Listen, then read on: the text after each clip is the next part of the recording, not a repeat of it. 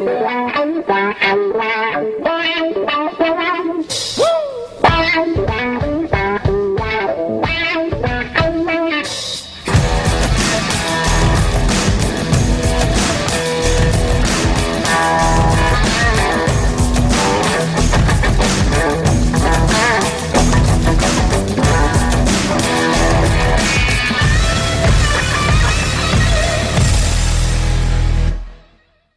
Welkom eh, bij de volgende aflevering van eh, de Eindbaas podcast. Eh, vandaag hebben we in de studio Jens Oldekalter. Jens Oldekalter kennen sommigen van jullie misschien als de auteur van het boek over Ernesto Hoost en Badder. Daarnaast is hij oprichter van de Bootcamp Club en is hij ook een uh, kickbox mag ik wel zeggen. En als het goed is, is hij net terug van zijn andere hartstochten schaatsen. Eh, leuk man, het tikkeltje onverwacht. Eh, Jens, welkom. Dankjewel. Hoi. Leuk dat je wilde komen. Ja, heel leuk. Ja, gedaan. Maar vertel, schaatsen. Jij bent zojuist eh, hebt op de ijsbaan gestaan. Ja, in de Biddinghuizen, Flevoland. Daar ben ik mijn eerste paar lange rondjes gaan trekken ter voorbereiding op de alternatieve Wijs, of, Elfstedentocht op de Wijzezee die eind januari plaats heeft. Oké. En eh, ja, daar kan je niet helemaal onbeslagen ten ijs, om Nee, even nee, een leuke woordspeling te Ja, dat, oh, lachen. Goed zo. komen. Ja, snap ik. Dus ik heb daar eh, een kleine 50 kilometer gereden die nu op dit moment aanvoelt alsof het er al 200 waren. Zoals uiteindelijk de bedoeling. Oké. Ehm, met andere woorden, er is nog een, een lange weg te gaan de komende zes weken. Kan ik me voorstellen. Maar hoeveel kilometers moet je uiteindelijk schaatsen op het evenement zelf? 200. 200 dus. Oh, wauw. En je hebt er vandaag 50 op zitten. Ja. Wanneer is het? Wat is je aanlooptijd voor je? Nou, ehm, ik heb eh 24 januari. Dan coach ik een hele goede vriend van mij die eh, voor zijn eerste kickboxwedstrijd gaat vechten. Oh, leuk. Kijk. En de dag daarvoor is, eh, is er ook een eh, zo'n alternatieve Elfstedentocht. Eh er zijn er drie in twee weken. Dus dat is een beetje verdeeld. Ehm, die had ik eigenlijk willen rijden, maar dat komt er niet zo goed uit. Want dan kom ik volgende dag kreupel en dan sta ik een beetje in de hoek aanwijzingen te geven. Ehm, terwijl ik niet meer op mijn benen kan staan. Dat vind ik ook vind ik zelf niet zo prettig, maar ik vind het vooral voor hem niet zo leuk. Omdat ik vind dat hij mijn volle aandacht eh, behoort te hebben. Ja. Eh, aangezien hij 40 is en het voor het eerst gaat doen. Iedereen die dit wel eens gedaan heeft, weet, no matter Maar als ik je goed begrijp, eh, de, een, je begeleidt iemand, Ja. die is 40 en die gaat voor het eerst kickboksen nu. Ja. Op een evenement eh, waarvan de opbrengst naar een goed doel gaat. Oké, leuk. Ja, heel erg leuk. Eh, heb ik vorig jaar heb ik daar ook iemand begeleid en dat doe ik dus nu weer. Hm. En, eh, ja, het is een heel bijzonder evenement. Nou goed, dus ik vind dat, eh, dat hij daar de volle aandacht moet hebben, ook van tevoren. Snap dus ik, eh, ik ga dan, als het goed is, een van die twee keer daarop. Welke dat wordt, dat moet ik nog even kijken. En heb ik ook nog een weekje langer om te Zo. trainen, dus komt ook goed uit. Sowieso als je boven de 30 bent, dan stap je volgens mij automatisch in een C-klasse, kickboksen. Toch? Dat nou, dit, is niet, dit valt buiten de, de, bon, de bonden om. En alleen er is het probleem dat zijn. eh, het is een beetje de bedoeling dat jongens van zijn leeftijd die nog een keer willen vechten, ehm, die krijgen daartoe de kans. Tegen een andere jongen die zeg maar in ieder geval 30 plus is en ook een beetje druk heeft in zijn, met zijn werk. Volgens en mij is het uh, eufemisme dat we daarvoor gebruiken de masterclass. Dan Ja, zit je in de masters. De, bij schaatsen heet dat de, de M1 combinatie. Ja, ja, ja, ja, ja, dat is fijn voor iedereen, zeg maar. Ja, dus, eh, dus dat. En, ehm, ehm, en daarna mag ik zelf Leuk. kijken of ik op mijn leeftijd nog eh, in staat ben om 200 kilometer te Nou, dat rijden. zou je wel lukken, toch? Je bent Ja. zelf behoorlijk sportief, volgens mij. Ja, nou, ik heb het ook een keer eerder gedaan, drie Hm. jaar geleden. Hoe ging dat? En, eh, dat ging eh, best wel goed. Alleen ik wil nu een, ruim een uur en een kwartier van mijn PR, zeg maar, afhalen. Oh. Al heb ik het één keer gereden, noem ik dat dan toch maar met PR. Ja, ja, maar dan is het ook gewoon een PR. dat is het ook. Wat is de gemiddelde tijd dat iemand schaatst? Over 200 kilometer. Ja, het ligt aan eh, of je even van Bentham heet of dat je Jens Ja. Oldekalter Ja, dat, is Ja. al, dat is al best een En hoe groot is dat verschil? Want, want wat jij nu, het even- ik ken het hele evenement niet, maar moet ik het zien als een soort van die, eh, is het zo'n Viking mud run alleen dan voor schaatsers-achtig eh, concept? Ja, alleen is het dan vrij vlak. Oké, ja. Dan- maar hetzelfde concept. Zo, maar- Verder is het helemaal hetzelfde. En als het goed ligt, ligt er weinig modder op de baan. ja, Ja. precies. En je hebt 200, 200 kilometer ijs. Dat is ook nog wel eh, veel Ja, dus het is zeg maar van hier naar, wat is het? Ehm, Eindhoven, Maastricht. eh, Waar is dit eigenlijk? De Wijzenzee. Dat is in eh Carinthië, Zuidoost-Oostenrijk. Oké, wauw. Tegen de Sloveense grens. Daar hebben we wel ijs. In dat hopen we dan, want Ja. dat is de reden dat we, daar, eh, dat we daarheen gaan dan, Oké. eh, Is het ik. een Neder- Nederlands georganiseerd? eh, ja, die pro- wat ik ervan begrijp, eh, wordt de provincie Carinthië voor twee weken, gedurende twee weken compleet gedomineerd door eh, Nederlanders. hmm. En vooral door de Nederlandse euro die die 10.000 Nederlanders eh, meebrengen. Oké. Ja. Want al die rijders nemen vaak ook nog een vrouw en een, en een gezin mee. En, eh, en die Ja. zitten daar gewoon twee weken lang. eh, eh, ik geloof dat wij de Nederlanders daar dan de, de grootste economische factor zijn in die periode. Ja, Voor de hele provincie, hè? Interessant. Dat Dus, is de eh, enige periode wanneer de dopperten worden gegeten. Ja, boerkop. Mooi. Ja. Lachen, man. Hey, nog even over dat schaatsen. Hè? Want ik wist Ja. stiekem natuurlijk wel een beetje dat je dat deed. En een van de dingen die me daarbij opviel, of wat ik je daarover heb ehm, zien slash lezen zeggen, mhm. is dat je het een van de mooiste, maar ook een van de moeilijkste sporten Ja. vindt. Dat vind ik Ja. interessant, want voor iemand die er vanaf staat, ik ben nou ja, niet echt eh, een kenner van het Ja. schaatsen. Ik heb wel Fries bloed, dus ik zou er meer van moeten Ja. weten, vindt men in de familie. Ehm, maar voor mij is het natuurlijk gewoon eh, als nou ja, niet-kenner, als leek. Het staan een paar gasten op eh, wat ijzers. En die gaan naast elkaar staan. Die gaan heel hard hun best doen om heel snel weer uit te komen. En dat Ja. komt allemaal natuurlijk uit spierkracht, eh, benen, lichaam en dat soort dingen in mijn perceptie. Maar volgens mij zit er dan ook nog wel akelig wat techniek bij als ik dat lees. Ja, en je vergeet de belangrijkste, die, die je ook in het kickboksen nodig hebt. Ja. Dan vraag ik het aan jou, Ja, namelijk de... De? Waar komt de stoot en de trap vandaan? de core, De heup. de heupen. Ja, Ja, nou, schaatsen is precies hetzelfde. Oké. En, ehm, alleen, het is natuurlijk een, om mee te beginnen eh, een totaal onnatuurlijke beweging. Kijk, fietsen, ja, dat, dat is een repeterende beweging. Als je Mhm. eenmaal evenwicht kan houden, kan iedereen fietsen. En dan is het eh, ja, de, een topfietser sowieso wat meer techniek met je knietjes, geloof ik, iets minder binnen Mhm. hebben dan, eh, dan een leek. Mhm. Maar ehm, dan is het gewoon gas geven en trappen. Ja. maar schaatsen, dat is een, een zijwaartse afzet terwijl je naar voren wil. Mhm. En op ijs. Dat glijdt, maar dat kan je ook wegglijden. En, ehm, ja, het is gewoon, ik weet niet hoe het zit, maar het is gewoon heel lastig. Ja, maar je, ik las dat je filmpjes kijkt, zeg maar. En waar, Ja. waar let je nou precies op? Dan kijk je naar hoe mensen starten, denk ik. Nou, ik- nou, ze- nou, starten, dat, eh, kijk, ik ga geen 500 meters meer rijden, dus mijn start is niet zo heel belangrijk. Met 200 kilometer, dan komt de slechte start, kom- die maak ik vast nog wel goed. Ehm, maar het gaat erom dat je een fijne slag hebt. En zoals net dan, als ik dan 50 kilometer rij, dat, dat, dat denk je dan, het is heel monotoon. Dat, dat is het ook wel. Maar ik probeer dan in een, in een soort trance te komen. En Mhm. dat, dat helpt dan ontzettend als je daarbij iemand voor je hebt zitten met een hele fijne technische slag. Ja. Dus ik ga dan ook rustig voordringen als er, als er iemand voor mij zit die zo'n slag niet heeft. Dan ga ik duwen en stiekem een beetje. Of ik vraag, in dit geval heb ik netjes gevraagd. Hmm. Mag ik even eh, voordringen? En zegt hij, hoezo? Ik zeg, nou, omdat je geen lekkere slag hebt. Ja. Kijk, die zegt, nou nee, hoor, je bent gewoon te lang voor mij. En dan, eh, hij had gewoon een hartslag. en, en, en ik helemaal para. Want voor, voor hem zaten twee gasten die echt, alsof ze met een Ja. joint in hun mond zo lekker over het ijs liepen te Hij zwieren. fokte met je flow state. Precies. Ja, ja. Ik, ja. Maar letterlijk. Dus ik zei, ja, mag ik even voor jou? Dan was hij een beetje beledigd. Ja. Toen ik zei dat ik zijn slag niet lekker vond. Nou, dat was dan jammer. ja. En toen heb ik eh, daarna heerlijk bij die, bij die andere jongens in die slag gezeten. Ja. En dat gaat dan, dat is zo lekker. Want dan kom je kilometers lang in een cadans. En het tempo ligt echt heel hoog. Dus je Mhm. gaat echt wel stuk. Maar dan zit je tenminste lekker in een, in een ritme. Ja, ja. En dan moet je af en toe wel afwisselen. Want je kan niet de hele tijd die andere jongens op kop laten rijden. Nee. In wind vangen, want dat is een beetje lullig. Dus af en toe moet je ja, want je gebruikt ze ook als een soort windschild natuurlijk. Ja, en eh, slim. als je zoekt, het liefst pak je zo'n zo'n beul van twee meter die ook nog kan schaatsen. Ja, die vind ik aan is. Ja. Ga je eigenlijk en, achter dan zitten? met, en dan met gevaar voor eigen leven verdedig je je plek achter zo'n vent. Ja, dan, gaat het goed. Dus, ehm, alleen er was een ernstig ongeluk gebeurd. Zo waar, bij schaatsen. Ehm, want dat ijs, als je valt, dan lig je vrij snel stil. Hm. En het is ook, als het een beetje slechter ijs wordt, net schuurpapier. Dus je er met je hoofd overheen gaat.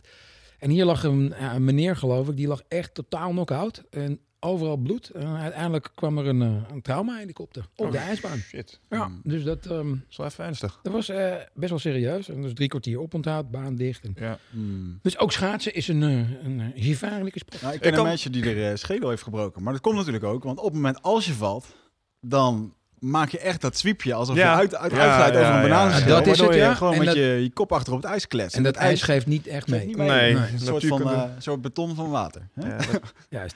natuurlijk kan, kan een bitch zijn. Ja, ik Ja. weet nog, ehm, ik heb vroeger lang, lang geleden op de basisschool EHBO gehad. En we kregen daar specifiek voor schaatsen, kregen we eh, nog wat extra uitleg. Want wat er schijnbaar heel vaak gebeurt, en het is een beetje ja, hilarisch op zich, maar ook weer heel pijnlijk, is dat schaatsers, als ze vallen, vallen ze ook nog eens op hun knieën.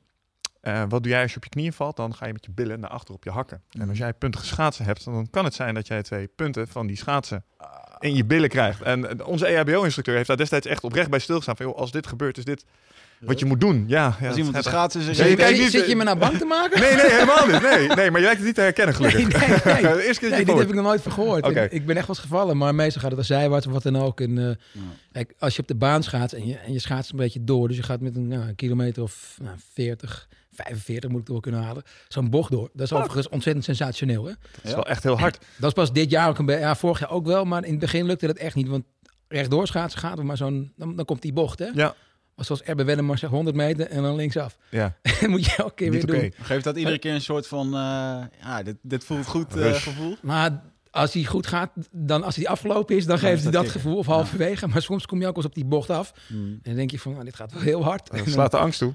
Ja, een beetje wel, ja. Ja, het is altijd wel weer spannend, want het gaat echt hard. En, eh, en als je hem niet houdt, ja, dan ga je gewoon glijden. En dan Mm, catch je zo die, eh, als het goed is, die, eh die softe boarding in. Ja. Eh, Oh, dan moet je altijd maar afvragen hoe soft die dan... ik denk dat het wel een van de meest mentaal zware sporten kan zijn, zo'n schaatsen. Want het Ja. is wel, ondanks dat het heel, het klinkt heel suf dat het eenzijdig is qua beweging, want het is natuurlijk helemaal niet. Er zit superveel techniek achter. Mm. Want ik sprak al een keer iemand die begeleidde jonge schaatsertjes en die zei van, joh, ik heb er nu een, die, is- die is 14 jaar en die schaats nu al sneller dan er een Rintje Ritsma dat deed Ja. toen die zo en zo oud was. Het, er, zit genoeg, er zit echt een huge bit Het of science echt achter. talent voor, voor die techniek, voor, die, voor die valbeweging. Want het is eigenlijk continu, en dat vind ik het mooie eraan, eh, het is zwieren. En dus je, je valt eigenlijk in je slag en dan neem je hem over. Dus je verplaatst je gewicht en door dat gewicht te verplaatsen ga je sturen.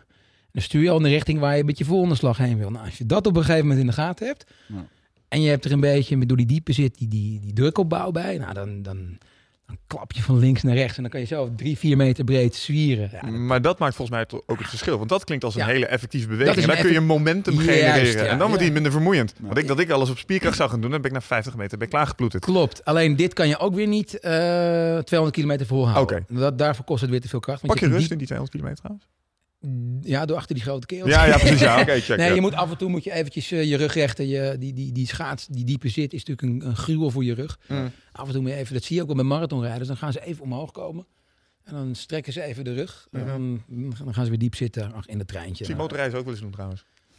Ja, ja, maar die hoeven alleen maar gas te geven. Ja, dat is waar. dat is toch wel anders. Ja. Mooi. Dus, Oké. ehm, maar om even over die intimidatie. eh, ja, ik, ik eh, rij nu eh, C3. Dat is zeg maar ehm, het, het laagste van het laagste. Oké, ja. ik vind het al heel wat. En ik word dan ook... Ik was laatst laatste. Ehm, gelukkig kwam ik erachter doordat een, een profrijdster mij erop wees. Die zei, laat eens even naar je schaatsen kijken. Dat, dat ik mijn schaatsen al te vaak had geslepen. En op die schaats zit natuurlijk een goede staallaag, Mhm. hardstaal.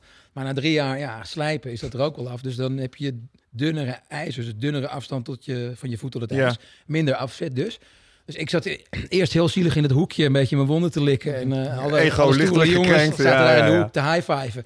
En één keer schoot ik overeind. Ik heb een excuus. Ja, fijn. Zelfrechtvaardiging. ja, ik snap het. Dus eh, ehm, ja, dat. Maar ik, ik ben... Ik, ik Had ik laatst ook een beetje. Herken ik wel hoor. ik zit achterin eh in het peloton. En ik hoop nu langzaamaan een beetje op te klimmen. Dat, dat, dat is even over mijn niveau binnen de Mm. wat serieuzere groep. Mm. En dus elke woensdag, elke... Nee, het is één keer in de twee weken. En ik moet zeggen dat ik daar... Nou, naar de woensdag wel Uitkijk. uitkijk. Maar, Oh, maar leuk. ook met een zekere Grappig. spanning. Ja, Ja, ja, ja. dus dat- geen, geen kickbox wedstrijdspanning. Daar zou ik het niet bij willen vergelijken.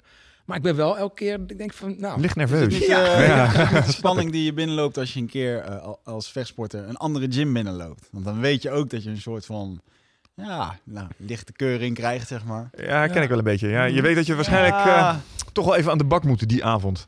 Ja, Maar ik ehm, denk dat jouw angst met name zit in het feit dat je op twee flinterdunne ijzeren... Ik ben niet bang om te vallen. Ik, ik ben gewoon nerveus over hoe het gaat. Ha- heb ik de kracht en, het, en de uithouding om, om aan te haken bij die ploegen? Meestal Hmm. flikker ik er van de 25 rondjes naar 15 af. Oké. En, ehm, Mijn gevoel zegt dat je je been het meest pakt hiermee natuurlijk. Hè. Dat is op zich logisch. Maar benen, billen, benen, billen. Die billen ook. Dat is Ja. verschrikkelijk voor je billen.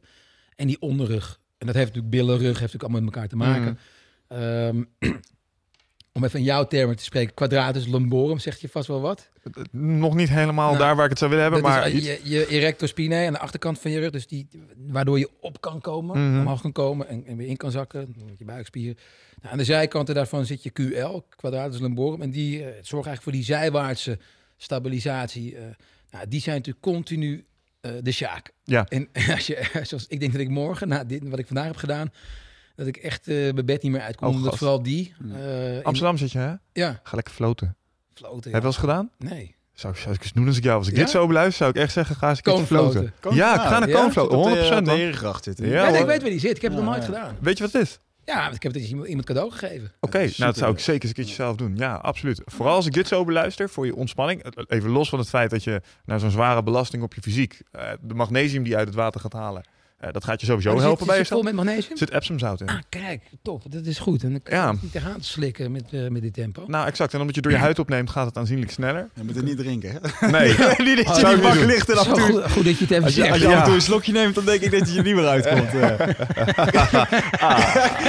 Al is het maar van, het eind van de dag, ja. al Nee, is het maar van die, van die zweter van 120 kilo Ja. die er van tevoren in lag. nee Maar- daar wil je niet over nadenken. Maar ehm, nee, op zich floten, het is, het is super relaxed. Ehm, tip die ik er wel bij heb is, als ze het hebben bij ehm, het floating center, is eh, vaak eh, zijn de, de uitbaters, die vinden, dat zijn ook meteen de puristen, die vinden dat je zo'n bak moet je inliggen en dan moet je gewoon helemaal gaan drijven. En dan moet je je nek helemaal achterover laten hangen. Ja. En als je dat niet gewend bent, dan heb je na 20 minuten, 25 minuten, begint het al best wel te voelen op je nek. Dat is best wel een belasting en eh, alles komt los en dat soort En, dingen. en Maar dan de meeste van die, voor. nou, de meeste van die floatcenters die hebben er ook zo'n luchtkussentje. Hebben ze er vaak naast liggen. Maar ze adviseren je altijd van neem dat ding niet mee die bak in, want dat is Mm. minder goed voor je nek. Neem dat ding lekker mee die bak in. Leg hem onder je nek, want dan is je eerste ervaring is wel prettig. Want anders gaat je nek dat? behoorlijk lastig krijgen. Maar ja, het doet zeker. Want voor je spierherstel is het echt Top. perfect. Wat wil je aandelen in de tent? Nee. Oh. Wat je zegt voor je nek, dat, eh, dan doe je gewoon je handen achter je rug. Dat Ja, vind ik dat kan ook. heel relaxed Ja. en ontspannend. Jullie hebben het vaak gedaan. Ik Ja. heb het nu eh, eh, vier keer gedaan. Waarvan ik de eerste keer, ja, je moet, toch, je moet eraan leren, je moet eraan leren wennen. Ja. Dat is gewoon het. eh, Maar dan stap je lekker op de trein en dan, eh, en dan loop je daarheen. En dan Nee, nee, ik ga niet zozeer naar. Ik ga meestal naar Float Center Haaglanden, wat een beetje de commerciële club is in Nederland die, Ja. dit, eh, die dit doet. Die hebben een aantal meer van dit soort centrums. huis. Oké. En ehm, Dan ga je echt speciaal voor richting Den Haag voor dat. nou ja, ik heb mijn kantoor in Zoetermeer zitten, Ah, dus kijk dan aan. eh, is dat makkelijk. Maar af en toe. eh, en ik heb echt een paar keer gehad dat ik eh, afgelopen periode is een, eh, is een wilde periode geweest als het gaat om eh, eh, werk, eh, privé en dat soort dingen. Mhm. En ehm, het is niet alleen voor lichamelijke stress, maar het is ook op het moment, ik ben daar een keertje echt opgefokt heen gegaan. Dat ik gewoon Mhm. eh, een hoop emotie en eh, dat ik gewoon dacht van, ik moet nu wel gewoon kantoor. Want je kent veel werk en Mhm. dan stapelt het zich op en op een gegeven moment ben ik er klaar mee.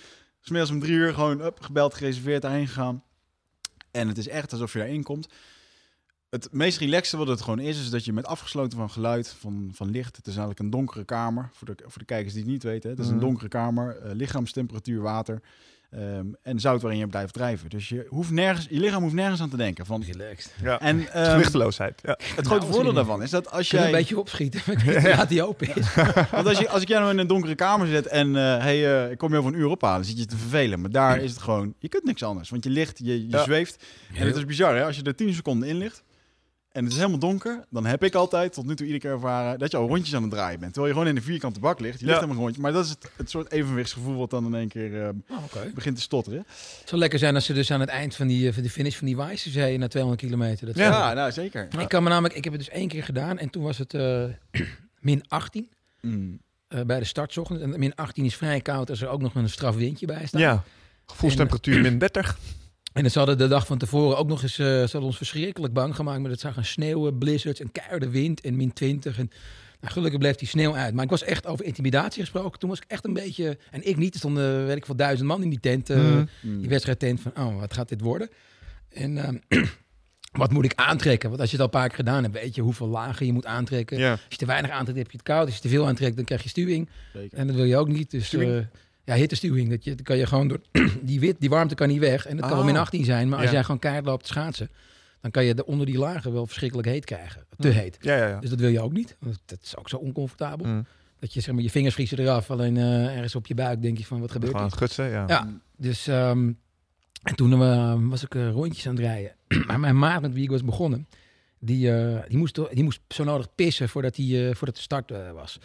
En daardoor kan je niet lekker aanhaken bij het treintje wat je zoekt. Want zo'n treintje, Ja. had het net al, dat is wel lekker als je dat Ja. hebt. Dus, eh, dus wij hebben net met z'n tweeën over dat gigantische meer eh, gereden. Waarbij je de één kant op wind, mee, en wind tegen had. En dan dacht je, nou, zo direct hebben we wind mee. Ja. Maar op de een of andere manier was daar zo'n soort rare thermiek... waardoor je terug ook wind tegen had. Dat schoot allemaal niet op. Er was daar een, een hotel aan, het aan dat meer. En die hadden die hele die spa soort van aan de waterkant gebouwd. Mm. En er zat een andere dikke vette kerel. Zoals om, vanaf acht uur in zijn ochtendjas. En Beetje te kijken naar In jullie. een jacuzzi zag je hem zitten met, met een krantje. En een beetje zo kijken naar ons. En elk rondje van 12,5 kilometer. Waarbij je ijsbaard met het rondje groter werd. Ja, ja, ja. ja. Zag je die kerel. En dan zei ja, nog maar 16 rondjes. En dan nog maar 15 rondjes gaan we het ook doen. En ik kan me herinneren dat ik het eerste wat ik deed toen ik daar af was... zoeken naar een spa. Want Ja. is het- Ja. je bent zo koud. Je Ja. bent echt zo verschrikkelijk koud.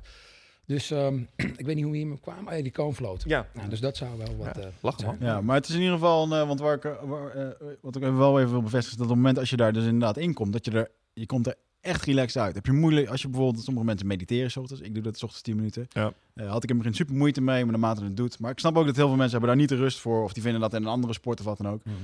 Ik durf te beweren dat als je 10 minuten in dat bad ligt, of, 20 of in ieder geval een uur, of eh, net hoe lang je erin gaat, Ja. en je, eh, de staten die je daarin bereikt, is volgens mij ook hetgene wat je wil bereiken als je 20 jaar op een berg gaat zitten in een oranje jurk. In Tibet. Dan En, ga ik eh, naar de nu. nou, maar je hoeft er niks voor te doen. En eh, dat wordt ook wel beaamd, want men heeft dat ook al wetenschappelijk ondervonden, eh, eh, gemeten hè, met hersenactiviteit en dat soort dingen. Plus het feit dat ik daar eh, emotioneel inging en gewoon relaxed uitkwam. Ja. Dat je gewoon even rust in je kop hebt en gewoon weer, ja, het is wel heel vaag, weet je wel, maar het is wel een... eh, Nou, leuk. Ik ga het zeker, eh, ga het zeker zeker doen. Je hebt me, je hebt Leuk, me man. enthousiast gemaakt. Eh, even over het mediteren. Hoe lang heb je, heeft het geduurd voordat je dat eh, een beetje je eigen hebt gemaakt? Uh, ik heb eerst heel veel verschillende ehm, methodes bekeken, zeg maar. Want je hebt natuurlijk de, eh, de Indiaanse methodes. Je hebt een, eh, die, die heel erg gaan op ademhaling. En eh, dan noemen ze een beetje dat... ja, je kunt ook wel ademhalen dat je er zelf helemaal duizelig van wordt, weet je wel. Heel Ja. heftig komt het dan. Ja, maar uiteindelijk ben ik toch een beetje op een manier gekomen. gewoon 10 minuten. Ik doe dat 's ochtends als ik wakker ben. Ehm, en dan gewoon alleen maar concentreren op ademhaling. En wat bij mij heel vaak het streven is, dan kijk ik naar wie is er de beste in dit vakgebied. En dan hoor je zo'n man praten en denk je, dat moet ik ook. En dan al heel snel kom je erachter dat die man dat al 20 jaar doet. en dat jij dat niet ja. ehm, eh, op een gegeven moment, als je een beetje uit je hoofd kan zetten dat je, want gedachteloos worden, want dat heeft iedereen natuurlijk helemaal nergens aan denken. Ja. Ja, man, daar zijn we niet voor gemaakt, weet je wel. En ehm Met andere woorden, dat lukt je ook niet tijdens meditatie? ene keer wel, de andere keer niet. Ik heb soms wel momenten dat ik denk van, oké, nou, dit gaat goed. Eh, maar vaak, eh, eh, weet je, ik sta iedere ochtend op met de, met de passie voor degene wat ik doe. Ik heb gewoon zin om op te staan.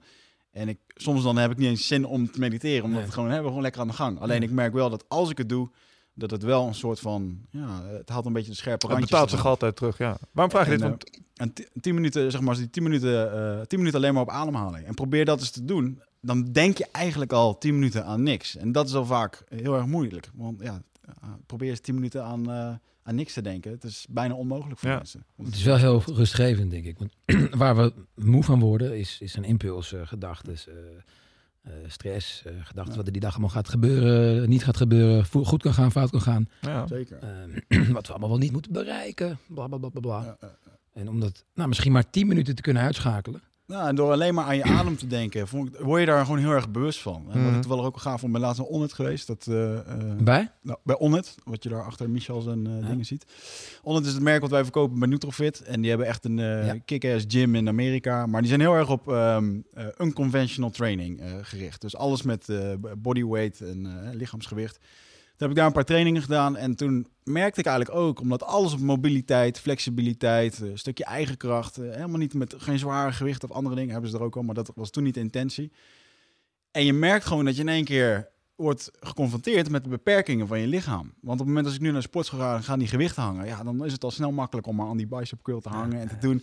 En als je echt een keertje door iemand wordt getraind met en dat je op een gegeven moment denkt van jezus, ik ben zo'n fucking stijve hark. Ja. Dit is Ja. echt niet goed, weet je wel. En dat is wel Ja. goed om daar gewoon bewust van te worden. En eh, ja, een beetje je eigen lichaam leren. Stijf is zwak, hè? Ehm, ja. ja, is dat zo? Ja, tuurlijk. Je moet het zo zien. Als jij ehm, heel sterk bent, Mhm. Wie- zeg maar de, de sterkste man van de wereld, maar we, we stoppen je in een, eh, in een bezemkast, Ja. waar je nauwelijks eigenlijk met je, met je armen over elkaar staat en je hebt nauwelijks bewegingsruimte.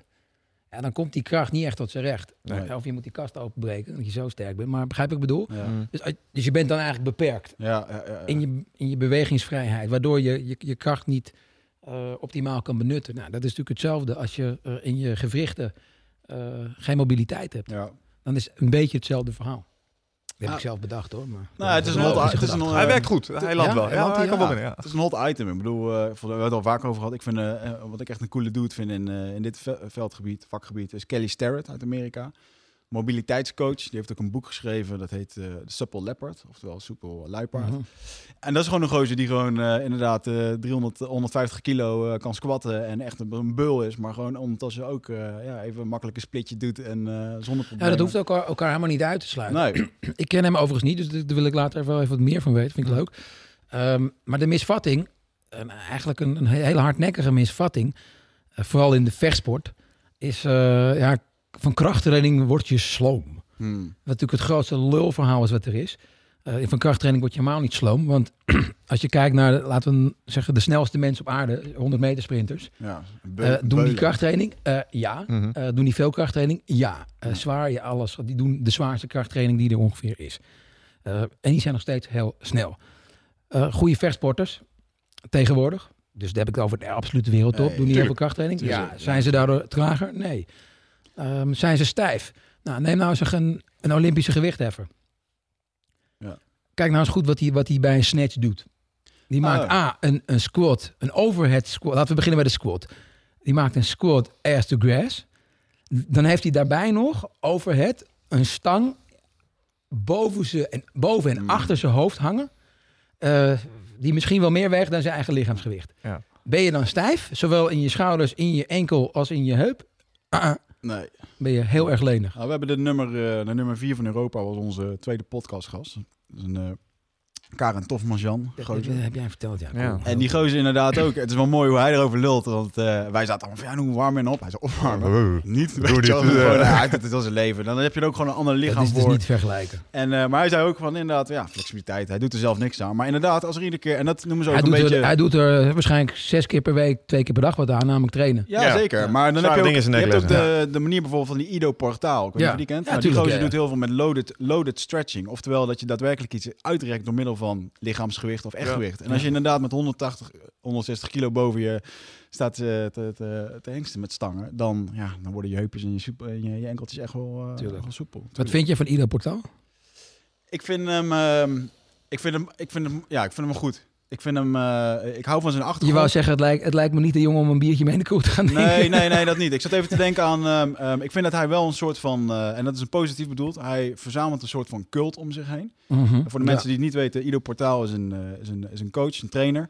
Die een hele aparte visie heeft op hoe je moet bewegen. En eigenlijk gaat alles terug naar. Ja, heel soepel zijn. eh, Movement. movement, Ja. echt mobiel. eh, maar ook, hij is, nou, hij is een fanatiek vechtsporter geweest. Hij combineert dat, vind ik, op een goede manier met eh, gewicht heffen, Ja. deadliften. En daar hou ik altijd van als trainers dat doen. Gewoon back to basics. Ja. Ehm, dus hij is, ik vind hem, ja, hij is een, een beetje van Hij alles. vindt het alleen niet compleet genoeg. Hij houdt van totale movement, zoals hij zegt. Ja. En als ik dan, maar als ik dan, ik, ik heb hem toevallig op Facebook, dan volg ik hem en Ja. dan zie je inderdaad, het is een beetje hetzelfde als een crossfit. Er zit ook een beetje zo'n cultgevoel achter. Ja, daar, En, maar eh, dat, dat is zo typisch in- inherent aan, aan de fitnesswereld. En daar word ik een beetje moe van altijd. mm, Die, die, dat hype gedoe erachter en, en, dat- en die cult. Weet je, en als je daar niet over zegt, dan eh, ontstaat er ongeveer een soort eh, keyboardoorlog ja. op internet. Eh, dat is zeker met CrossFit het geval natuurlijk. Als je Mm. iets over CrossFit durft te zeggen, hoe nou berg je maar. Ja. Maar ik vind, ik vind het wel bijvoorbeeld met zo'n Ido portaal. En ik ben zelf, eh, eh, eh, ik vind je moet kijken, om, om, je, om het uit jezelf te halen, moet je kijken naar mensen waarvan jij denkt van, hé, hey, dat vind ik tof wat hij doet, zoals hij leeft, zoals hij doet. Ja. En dan moet je je mee kunnen identificeren. En de mensen die daar zitten, die hebben dat allemaal alleen met Ido portaal. Dus als Ido portaal een scheet laat, dan doet de rest dat ook. Ja. Weet je wel? En dat is natuurlijk een beetje eh, ja, wat er automatisch bij komt. Maar ik vind eh, over het algemeen... Ik krijg er altijd een beetje uitslag van. Hoe, eh, hoe kundig ik Ido Portaal ook achter. Hoor. Ja. Van, maar, Ja, maar dat is alles Ja. met wat een beetje culty wordt. Hè, als je ergens een bandwagon hebt, dan zie je vaak dat ehm, mensen... bandwagon. Ja, bandwagon is een fantastisch woord. Get on the bandwagon, boy. Ja, maar dan kijken ze, dan is dat in één keer eh, het, het enige wat telt. En dat Ja. is het enige juiste. En alles wat ernaast bestaat is plots niet geldig meer. Maar ik denk juist dat je er overheen moet kijken en overal de groene blaadjes uit moet pikken. Nou, er, dreigt een gevaar van tunnelvisie, want dat is het enige juiste. En, eh, en over tien jaar is er, eh, zijn er ook weer op dat gebied beperkingen eh, aan te merken. of tuurlijk. toe- aan toe te wijzen. En er ontstaat een soort van ja, misplaatste patent op het gelijk, zou ik maar zeggen. Ja. Wat je eigenlijk altijd ziet als er mensen heel fanatiek met iets worden. Of het nou religie is of politiek. Of, Klopt. Goed, te komen we Ja, misschien. ja, maar Ja, ik vind, ja, nee, maar ik vind hem wel, waar. ik vind, ik vind hem heel uitgesproken in zijn dingen. Als ik hem kijk naar eh, de meeste trainers, die zijn een soort van bekend. Die lanceren zo'n programma en daar blijven ze een beetje omheen hangen. En als ik dan kijk naar die Ido, die reist wel heel de wereld over. Ik vind hem een soort van alternatieve gypsy die een beetje... Ja. Ja. weet je, hij blijft overal zijn dingen opspokkelen. Dus laatst zag ik hem weer met een of Ah, andere... dan een gypsy met heel veel geld. Ja, want hij is, hij is super duur. Sterker nog, ik had iemand laatst een trainer vroeg van, joh, is dat niks voor jou? Hij zo, dude, ehm, hij wilde mij niet eens hebben, omdat ik bepaalde bewegingen niet kon maken, weet je wel? Dus hij weigert ook gewoon. Ja, maar ik hoorde ook iemand die, eh, die had hem eh, gesproken, geloof ik. En, eh, die had hem een, eh, een personal session aangeraden. Mhm. Dat was dan 9000 dollar. Hoeveel? 9000 Oh, dollar. Ja, ja. Ja, doe even normaal, man. Ik doe het Ja. verkeerd. Ja. Maar Ja, ja, verkeerd als ik dit beluister. Ja, ja, het is natuurlijk een, eh, een commercieel eh, dingetje. Maar uiteindelijk is het ook zo. Wat hij doet, en daar snap ik hem wel uit vanuit ondernemersoogpunt. Zijn uren zijn niet... eh, eh, hij kan zichzelf niet replice- repliceren. Iemand Nee. anders kan dat niet doen. Nee. Ik merk nu al dat zo'n Kelly Starrett heeft dat ook. Die heeft ook zijn heel systeem, maar online. Die maakt iedere dag video's. En die heeft dus mensen waarbij je... eh, je kan voor 250 dollar kan je met, eh, met Pietje. Eh, maar je kan ook voor 1000 dollar met Kelly, weet je wel. En nou goed, dan... eh, ja, uiteindelijk willen we allemaal, allemaal een centje verdienen. En ik, Mm. daaruit snap ik hem wel. Ehm, Nou, ik heb zelf ook wel eens een achterlijk bedrag betaald voor, voor seminars. hoor. Maar dan vond ik het uiteindelijk wel waard. Maar Ja. geen 9000 dollar. nee, Nee. dat is wel echt superveel. Ken je Charles Polligwin? Nee. Nee? Nee? Nee, nee, ja, sorry. Niet? Nee. Wat is die? Vertel. Wat doet hij? Nee, het is een van de bekendste strength trainers in de wereld. Oké, nou ja, maar ik ben niet zo'n... Nee, eh maar uh, weet je, wat je toch wel met wat uh, namen kwam, dat ik van nou die ken je. Hij, hij is niet onomstreden hoor, daar niet van. Maar ehm, Hij is controversieel. Ja, dat, ja. Ja, nee, in de zin van, Ja, wat, dat- wat heeft hij? Nou ja, op een gegeven moment wordt iedereen dat, hè? Want je hebt altijd die fitties, hè? Je hebt, omdat iedereen zijn eigen bandwagon heeft en, en, en zijn following. dan vindt de andere following vindt die weer een eikel. Maar en, eh, als je de, de parallel met eh, CrossFit zou trekken, wat is zijn Kipling pull-up, zeg maar? Waarom is hij controversieel? Dat was eigenlijk de vraag die erachter ja, op een gegeven moment heeft hij natuurlijk ook wel be- bepaalde claims heeft neergelegd die dan weer door een ander worden betwist. Hmm. Kijk, hij is een uh, atletentrainer en eh, hij, hij hangt wel een beetje aan het, eh, aan het bodybuildachtige en eh, met een wel overigens een, eh, een grote track record eh, als atletentrainer. En dat is altijd wat hij zegt ook. andere trainers zeggen dan, ja, maar, eh, maar ik train eh, die Hollywoodster en eh, Brad Pitt en Angelina Jolie. Hmm. En ik, ja, oké, maar ik, tra- ik heb eh, 88 Olympische medailles qua atleten. En, Ja. en jij? hmm, En dat vind ik altijd wel een goed argument. Ja. En dan ja, de vraag hoeveel die er dan elk gezegd zelf getraind heeft. Of hij claimt bijvoorbeeld ook dat, ik noem maar wat, eh, Bas Willemsen Mm. of Jordan Bres, ken je Mm. misschien wel? Jordan Bres is de, de, zowel de krachttrainer van de ehm, Liga, mag ik niet meer zeggen, schaatsploeg, continu. Ehm, van Epke Zonderland en van Henk Grol. Oké. Dus iemand die in Nederland ook echt wel eh, op dat eh, vlak zijn, zijn sporen inmiddels heeft verdiend. Schaatsbekendheid. Nou ja, schaats, judo en, en turnen. Als, je ja. Epke, als je de krachttrainer van Epke bent, Ja, dan, heb, ja, ja. heb je wel wat, eh, dan kan je wel wat, denk ik. Ja. Ja, die is, eh, heeft ook een bepaald level onder, onder Polkwin gehaald. En nou, als, ehm, als hij dan, als Epke zeg maar een medaille haalt, dan straalt het zeg maar indirect ook een Polkwin af. Tuurlijk. Ja. En zo moet je dat dan, en dat, dat is hij ook dan niet te beroerd om dat ook te claimen een beetje. Maar dat mag ook, want indirect heb je daar, heb je daar een link mee. Ja. Ja, dat is. Maar daar leent internet zich natuurlijk ook uit, uitermate goed voor. Voor een stukje zelfpromotie. En, Hmm. eh, eh, en als je je eigen student ziet shinen, waarom zou je het niet... eh, tuurlijk, eh, weet je? geweldig. Ik heb er ook helemaal geen moeite mee, maar anderen, da- daar ontstaan dan die video's over. En, eh, Ja, ja, ja. ja. Als iemand eenmaal iets op een ander aan te merken heeft, zeker in die wereld, dan zullen ze er ook alles bij de haren bijslepen. Ik weet om- ook zeker dat eh, de basisschoolleraar die Jens heeft gehad ook zegt... Ja, maar Jens, eh, die heeft vroeger bij mij in de klas gezeten. Ja. En die is nu een bekende Nou, ik, Nederlander. maar ik, ik, ik weet niet of ik hoop dat ik, als hij daarbij laat, of we gaan Ja. verder vertellen. Ah, hij heeft nog een paar leuke anekdotes over je. was wel. Ja. Wie was jou, eh, gaan we die een keer opzoeken. Ja. Was je een brave jongen vroeger? Niet braaf, maar ik was niet, ik was niet denk ik heel vervelend. Want eh, hoe, wel- hoe ben je eigenlijk opgegroeid, zeg maar? Kan je wat vertellen over, jou, eh, over jouw ding en hoe jij was? En je, ja, ik, ehm, ik heb de eerste eh, nou, bewuste jaren van mijn leven woon ik in, in Amerika. Vlak boven New York, waar mijn vader was journalist. En die was, of was daar correspondent. Mhm. voor de Telegraaf. En ehm, dus ik heb daar op kindergarten, nee, nursery school eerst, dus kleuterschool, en daarna kindergarten. En na kindergarten kwam ik terug naar, ehm, eh, naar Nederland. Dus ik heb nog meegemaakt dat ik eh, als eh, trouwe, ja, soort van nep-Amerikaan, eh, Amerikaantje, dat ik elke ochtend eh, als echte patriot met mijn hand op mijn hart eh, de, de Pledge Allegiance eh, moest zingen met de Oh, hele ja. klas, voor de vlag, hè. Wauw. Hoe patriotisch. I pledge allegiance to the flag of the United States of America and to the republic. Dat doen ze gewoon echt elke Ja, ochtend. elke ochtend. Dat, dat, dat, dat- Indoctrinatie. ja, ja, ja, ja, ja. ja. En toen verhuisde je van Harlem naar Haarlem. Rot voor je. Ja, maar Haarlem is nu heel hip, hè? ja, ja. Nou, maar, ja. maar toen eh, moest je niet daar eh, op het station uitstappen. Nee, maar volgens mij, ja, ja oké. Maar het is nog steeds natuurlijk niet een, eh, ja, geen prettige plek volgens mij. Jawel, Haarlem, Haarlem is nu... eh, nee, dat is helemaal opgeschoven. Dat is helemaal opgeschoond ook. Nee, Haarlem Ja? is nu... Als je, daar, als je toen in de tijd in die ghetto wat vastgoed had Ja. En nu, dan had je nooit meer hoeven werken. Ah, Oké. Oké. Nee, dat is, die ontwikkeling is daar ook Ah, gaande oké, ik dacht dat het nog steeds zo'n eh, ja, echt zo'n neighborhood was. Nee, nee, nee, nee, nee, nee, nee, nee, dat is helemaal... Is daar ook de fascinatie met crime geboren, denk je? Nee. Nee, dat komt later Dat pas. is later pas, Oké, ja. ja. Nee, dat... eh, veel, veel later eigenlijk. Maar goed, toen kwam je terug in Nederland. Hand op je borst. En, Ja, eh, had mijn borst. Nou ja, toen... eh, dat, had je hier niet echt. En... ehm, Zat je ineens met het Wilhelmus? Ja, Wilhelmus en, eh, en ook Sinterklaas. Kijk, ik wist wel, dat, dat viel me eigenlijk pas ehm, vorige week op. Toen ik eh, bij, eh, bij vrienden was eh, met kleine kids. Die, die extreme verwondering, die aan angst grenzende Mooi. verwondering voor Sinterklaas. Eigenlijk is het een heel duister ritueel als je het van een afstandje bekijkt. Ja, ik zag dat- mijn neefjes in de woonkamer liedjes zingen. En daarmee roepen we de grote kwaadaardige Sinterklaas op het- die je mee kan nemen naar ja, maar Spanje. het geklop op de deur en die, die, die, die blikken in die oogjes. En, ja, geweldig. Echt, echt. Eh, Zeg maar, fight or flight is zijn meest pure vorm. Op het moment dat er op het raam wordt geklopt en je zit naast je neefje en die pupillen die gaan Ja. open, eh, ze gaan door het dak. Ze, gaan, maar ze zijn totaal begeisterd. Ja. Ik, eh, dat heb ik zelf niet helemaal meegemaakt. Want toen ik terugkwam, was ik, had ik precies zo'n leeftijd van... ja, wat, wat moet ik nou met die Sinterklaas? Ja, wat is het? wat is het? Are you guys kidding me? Weet? Ja, ja. Ik vond het nog wel heel spannend. En, en, maar dat op een gegeven moment iets in mijn schoen lag... s ochtends dacht ik ook van... nou, misschien heb mijn Maar vader hebben je ouders dat niet een beetje verkapt verkocht als van, nou, dit is de Nederlandse Santa Claus? Nee, nee, we deden er wel wat aan. Maar, we, maar eh, Santa Claus was bij ons... dus kerstmis vieren is bij ons nog altijd wel een ding. Ja, Omdat we dat daar vandaan hebben meegekregen. snap ik.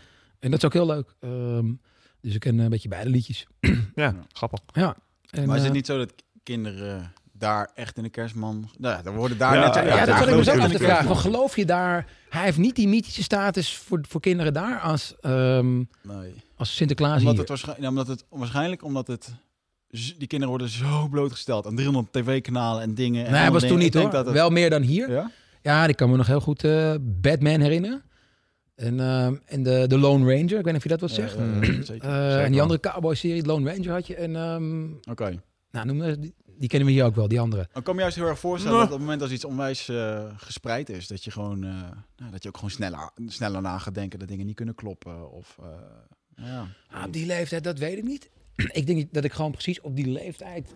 In, ik was nog net geen zes. Ik, ik- ik was bijna zes toen ik terugkwam, op een paar weken na. Nou Ja, die leeftijd waar Nederlandse kinderen ook al zoiets hebben van... hé, volgens mij is dat de buurman met een nepbaard, weet je ja, wel? precies. Ja. ik Ehm, was 14 hoor toen ik erachter kwam. Huilen die gasten. Ja. Wat? Wat vind jij me nou? Mooi. Ja, mooi. Nee, ik hoorde laatst van iemand die vertelde dat, dat, dat zijn dochter negen was toen, eh, toen het een beetje begon te dagen. Ik, ik, ik, weet- ik ken nog wel van de basisschool, toen was ik volgens mij een jaar of zeven. Dat op een gegeven moment zaten we in twee klassen. Groep eh, eh, vijf en zes was dan samen. En dat zat dan samen in één klas. Dat op een gegeven moment groep vijf eh, werd naar buiten gebonjourd. En groep Ja. zes eh, er werd toch wel gezegd van jongens... eh, Even medegedeeld Jullie dat. weten het al. En dan voelden wij ons allemaal van ja, wij zijn de ouderen. Wij, zijn, wij weten Ja, het al. ja, Nee, ja. we houden onze mond wel, weet je wel. dat Ja. En dan mooi dat je ook echt zo'n trots gevoel erbij krijgt van... en dat is de ja, reden nee, dat je je mond houdt. Ja. Ja. Anders zat er genoeg echt puisten tussen die het wel even willen verklappen. Ja, ja, ja, tuurlijk. Dus, Oh. eh, Achteraf mooi. beschouwd werd je ook gewoon bespeeld, bespeeld als een viool, hè? Mooi, Ja. mooi net. En, toen, en toen kwam je terug in Nederland en toen eh, was jij de American Kid on school. Ja, het viel wel mee. Eh, ik woonde in, ehm, in Haarlem. En, eh, Ook echt in Haarlem. Ja, Ja, dat zei ik Haarlem. ook Ja, goed. je het goed. het was echt een wilde rok, maar... Ja. En ehm, ehm, even kijken, toen kwam ik in Bloemen... Sprak, sprak jullie al Nederlands trouwens? Of was het echt... Ah, dat is wel eh, grappig, want ik sprak... Ik heb als bandjes gehoord later, die heeft mijn vader me laten horen. Hm. Dan sprak hij of in het Engels of in het Nederlands tegen mij. En ik sprak in het Engels terug. Gewoon echt gewoon goed Engels. En toen kwam ik in Nederland terug en toen had ik nichtjes die geen Engels spraken van mijn leeftijd. En Ja. nou, dat ging best lastig. En die zijn toen ook naar Amerika verhuisd. ik bleef hier. En toen was ik niet zo lang daarna dus jarig. En toen ging ik mijn vriendje uit Amerika bellen. Toby heette die. Dat ik een, ehm, een crossfiets, want die had hij al, inmiddels had hij die al, dat ik die ook voor mijn verjaardag had gekregen. en ik weet nog dat dat telefoongesprek niet zo lekker liep. En dat heeft mijn vader later ook nog eens verteld. Van, eh, eh, hey Toby, I eh, heb een crossfiets. het gaat Ah, dus heel snel. Ja. En daar tegenover stond ook weer dat, eh, dat ik wel weer Engelse boekjes thuis kreeg te lezen. Want ze wilden, mijn ouders wilden dat blijven stimuleren. En op televisie kwam je vrij snel met Engels weer in aanraking. Ja. Dus toen pikte ik dat ook weer heel snel op. Ja. En ja, ik durf wel te zeggen dat ik daardoor nog steeds eh, nogal goed, eh, ja, vrij goed Engels spreek. Hmm. Kijk, vloeiend, wat is vloeiend? Eh, grammaticaal wel. Ja. Maar qua idioom mis je wel eens wat, ja. Ja, maar ja, Maar zolang het geen steenkolen Engels wordt, dan is het... Nee, daar heb ik niet zo last van. Nee. Je moet daar continu mee, eh, mee geconfronteerd worden. Ik was toen, in, toen ik heb een jaar in Sydney gewoond en ik merkte nog Oh, dat leuk. ik eh, een half Going jaar... down the coast today, mate. Show you something truly ik Australian. zei toch dat die accentjes komt? Ja, ik was niet goed inderdaad, ja. Maar nee, toen eh, merkte ik dat ik na een half jaar, toen Engels werk, Engels dingen en eh, eh, ja, je dacht op een gegeven moment gewoon ook in Engels. Ik Ja. dacht dan lekker Oh, in ja. de supermarkt Ja. en dan gewoon in het Engels ja. dacht. En, eh, maar toen kwam ik er terug en toen eh, ja, was er snel eh, plat Brabants. eh. Plat Brabant. Want eh jij komt uit eh, Brabant weg? Of, eh Oorspronkelijk kom Os, jongen. Os? ah, hakken, Ja, gezellig. Met zijn stekers. Ja. Is dat zo? Nee, ik ben eigenlijk, eigenlijk, ik noem me Os. En dan, eh, eigenlijk ben ik gewoon in een lullig dorpje langs eh, opgegroeid, Hees. Nog de hees. Geboren in een bos in het ziekenhuis. Ja, dat is dan stom. Ik ben gewoon in het dus ziekenhuis geboren. uh, En Hully, en en Gully is dat. Hully, Gully, ons Ja. mam, naar de Mert. ja, ja. ja, dat is. Ja, dat is. Dat Dat is is, gewoon zo. ja, dat is gewoon- En eh, is gewoon. ging ik over die rondom heen. En eh, dat is een beetje het, eh, ja. Nee, maar uiteindelijk, eh, mijn, mijn, eh, mijn moeder die was er wel, wel fel op van geen, eh, geen accentjes, geen ons mam. En, eh, en, mijn moeder kwam uit een eh, netjes, Een keurig gezin. Niet in, eh, absoluut niet in Brabant opgegroeid.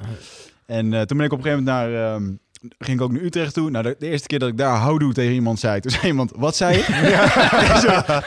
Houdoe? wat? toen had ik echt zoiets van, oké, ehm, dit moet dit niet. moet er veranderen. En toen heb ik eigenlijk, joh, ik ben er best wel, eh, ja, ik ben er eigenlijk ook wel een beetje streng voor geweest. Ik had zelf ook niet te veel. Maar Ja. ik merk wel, als ik met mijn vrienden even een tijdje terug woon daar, ben weer even onder mijn echte Osse vrienden geweest, ja, dan heb ik ook wel weer... eh, Maar Dan dat een met omgekeerde kracht of omgekeerde werking uh, verlogen jij je afkomst dan dus niet. Nou ja, ik, eh, ik Terug, ben het- terugwerkende kracht wilde ik Ja, zeggen. Ik, Ja, eh, dat ik, is- ik verlogen dat niet. Ja, ik ben er niet, ja, ik ben niet zo accentgebonden of. eh, Nou, maar je hebt mazzel, je hebt een zuidelijk accent. Dat is per definitie, komt het alweer een stuk vriendelijker dat over. is wel een beetje die zachte G. Veel mensen merken dat wel. maar Ja, die zachte G, die Brabander. Ja. Dan denk ik van ja, dude, ik ben echt. Ik had hem nog niet eh, gespot bij je. Nee. Hm, nou, bij deze dan. Maar Hoe ja, kom jij dan in Deventer terecht, als ik eventjes eh, mag vragen? Nou, omdat Deventer uh, onze uh, locatie verleende voor podcast uh, studio.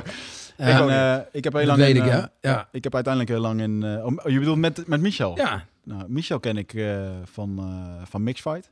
Ja. Uh, eigenlijk het forum wat hij heeft opgezet voor. Uh, ah, ik denk, ik mag de link leggen. Os Jiu-Jitsu. Uh, Remco nou, ja, ik heb, Remco nou, ja, ja, ja. ja, ja, goed, dus zegt, nou, ik- Remco is inderdaad mijn, uh, mijn leraar. Uh, Oké. en um, ik train denk ik vanaf mijn, uh, mijn dertiende. Wiggy is een bruine bander Braziliaan. Ik wou net zeggen, ik had al gezegd, dan moet ik niet met je gaan rollen hier onder tafel. En uh, Slecht dat plan. straks. Ik, ik moet het Ja, staan. ja, ik- dat ik doe je na ik- moet- Ik moet het staand Dat is houden. in het tweede deel. Ja. Um, nee, dus uh, ja, ik ben op een gegeven moment wel uh, ja, bij Remco terechtgekomen. En heb ik eigenlijk altijd al getraind. Op een gegeven moment is Remco uh, naar Amsterdam gegaan. En uh, ik train nog wel eens bij Remco. Ja. En uh, ja, blijf ook nog wel eens een os trainen. Dus ja, inderdaad, uh, wel leuk om... Ja. ja, een beetje... Hij, is de is baker- natuurlijk is de weet je wel. Ja, Dus, ook uh, indirect Ja, verantwoordelijk voor de Echt- vervuiling richting Deventer van dat uh, Ja, een pionier. En virus. toen, uh, ja, en Michel die ken ik... Uh, ja, ja, goed. Michel die komt natuurlijk Vind hem de beste trainer in Nederland op dat gebied? Absoluut, 100%. Ja? Daar heb ik, even, heb ik geen twijfel over. En dat komt gewoon omdat ik hem heb, ik heb hem gezien met, uh, met vechters uh, als een Lee Murray, en Gilbert Eiffel, een Heath Herring. En um, die rolde die gewoon op. Ja. En dat, Maakt en dat, echt een pakketje van. dat maakt hij Ja. echt een pakketje van. En dat heeft ook te maken, Remco, eh, weet je, vergis je er niet in. Hij heeft natuurlijk ook gewoon, zijn vader heeft de taekwondo naar Europa gehaald. Die was gewoon zo'n eindbaas dat hij ook gewoon nog eens een keertje de hoogst gegradueerde uh, niet-Aziat was. Ja, en dat heeft echt wel. Uh, ik, ik heb hem natuurlijk gewoon ervaren als. Hij was de oude man die altijd al beter wist. En, uh, echt een mooie oude vechtsportleraar, weet je Ja. wel.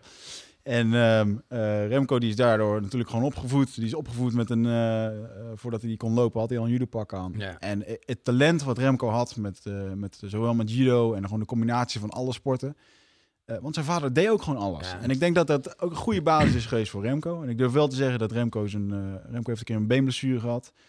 Iemand gegooid. En als je met 120 kilo uh, Mm. iemand gooit... en je been blijft staan en je draait er zo een rondje omheen... Mm. Dan, uh, ik zie je twee gezichten ver, ver. Ja. Dus ik hoop dat jullie, de, de luisteraars het ook hebben. Ja, dan, uh, uh, dat heeft een, absoluut een invloed op zijn carrière gehad. Op zijn, uh, op zijn, zeker op zijn uh, competitie. Het is nooit helemaal meer goed Nee. ge- gekomen. Nee, en um, um, ja, goed, uiteindelijk is hij natuurlijk... Uh, ik vind het ook wel, daar hebben we het een keertje eerder over gehad hier... dat hij zichzelf gewoon heeft opgegeven in advertentie een vechtsportblad voor de UFC toen destijds. De Ja, eerste Amerikaanse heeft het zelf kooivechter. gedaan. zo van, Ja, nou, dat- een baas trouwens. Nee, maar die, dat, dat is natuurlijk een, ook een moment dat je nooit meer vergeet. Hè. Dat is eh, Orlando Wiet. Ja. Tuurlijk. Ik, ik hoor dat, ge- dat, dat doffe op, Ja. klap op die, op die schedel met die elleboog. Dat, dat Ja. is echt... Ja. eh, Ja. En dat, nou, weet je, en dat vind ik wel... eh, ja, hij was toch gewoon een pionier. Ik was toen Ja. maar een mannetje. En ik weet nog op een gegeven moment dat hij een flyertje uitdeelde. Toen, toen trainde ik net hem. Dat ging dan over de Sporthalle Zuid, zo'n zo'n free fight gala. En eh dan moest hij een achtmans toernooi tegen zijn, ook weer die John Dixon en zo. Ja, dat vond ik fantastisch, weet je wel. Was gewoon, eh, en dan ging ook eh, die gozer, die zorgde er gewoon voor dat de drie touringcarbus uit Os daarheen gingen. En dan stond heel de tribune... Ja, ik weet en dan het is het feest. Als ja, was het- in kar is het os komen. nou ja, was natuurlijk super lachen. En ik vond het, en ook voor mij, ik was toen 14 jaar en ik liep op zo'n gala rond. En je ziet alleen maar stoere gasten eh, en eh, macho's en alpha males. En ik vond dat een fantastisch wereldje om naar te kijken als kleine jongen. Ja, ja, En, fascinerend. eh, En, zeker dat, eh, hey, en dat Remco daarin eh, eh, met zijn eh, ik denk dat hij er nog steeds in groeit. Eh, hij is er nog steeds niet in uitgeleerd, want er komen nog steeds ook mensen voorbij eh, waarvan Remco denkt van fuck, dat was echt goed. Ja. En ehm, ja, weet je, jiu-jitsu heeft voor mij een hoop gedaan in mijn leven. Ik vind het Mhm. een mooie sport. Het heeft me veel bijgebracht. Ook ehm, over dingen hoe ik dat nu denk. En eh, het heeft me superveel vrienden opgeleverd. En dat klinkt wel stom, maar veel mensen dat niet begrijpen. Ik kan één keer naar een gym gaan in Amerika. Ik kan er rollen met mensen. Die kan ik over anderhalf jaar tegenkomen op een toernooi Ja. in eh, eh, Zimbabwe bij wijze van spreken. En het is weer handjes klappen. en, een eh, band. ja, het is gewoon... En zeker dit fysieke contact. Ik wou het net zeggen, want het is anders dan als je Ja. gaat voetballen. Je, ligt, je zit aan elkaar.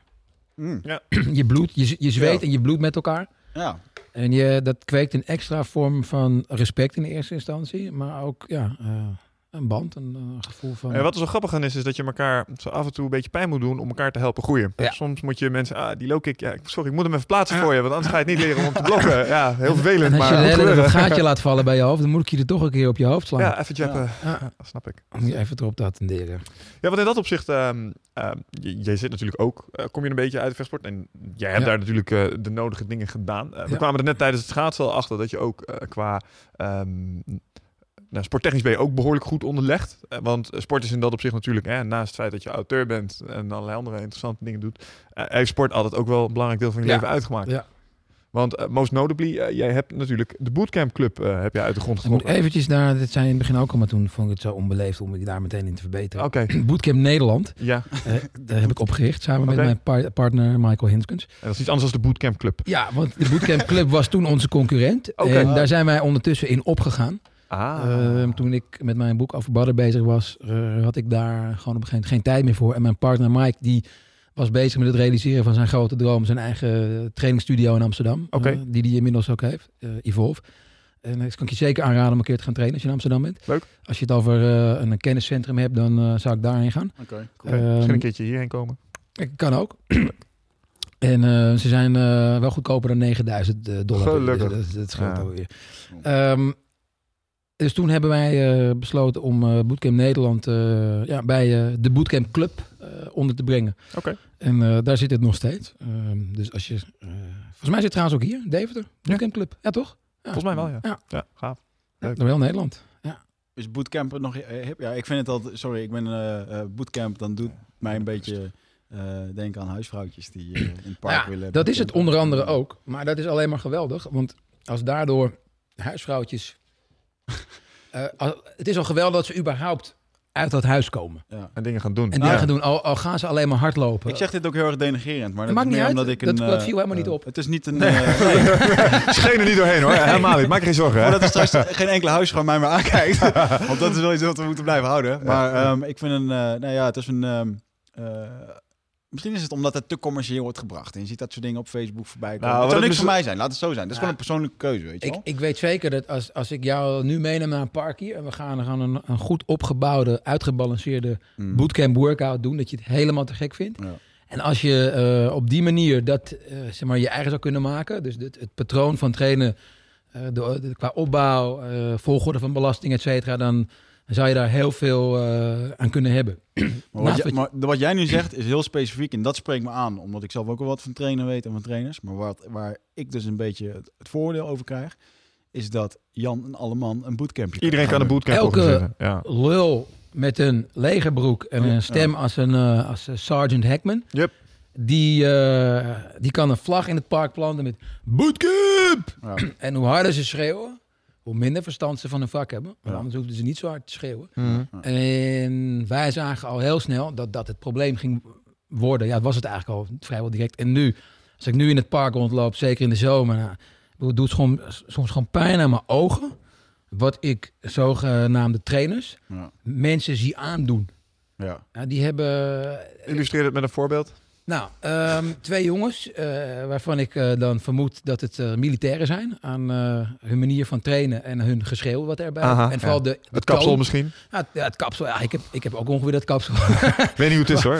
Maar ehm, eh, die zie je dan met ehm, ja, huistuin en keuken mensen, huisvrouwen en mannen van zeg 30 plus die het grootste gedeelte van hun week hoogstwaarschijnlijk aan hun bewegingsactiviteiten zien op een kantoor doorbrengen. Ja, dat is dus van Dus bureau heel- naar het koffieapparaat en terug. Juist. Ja. En eh, naar de eerste, eh, de eerste verdieping nog de lift nemen. Ja.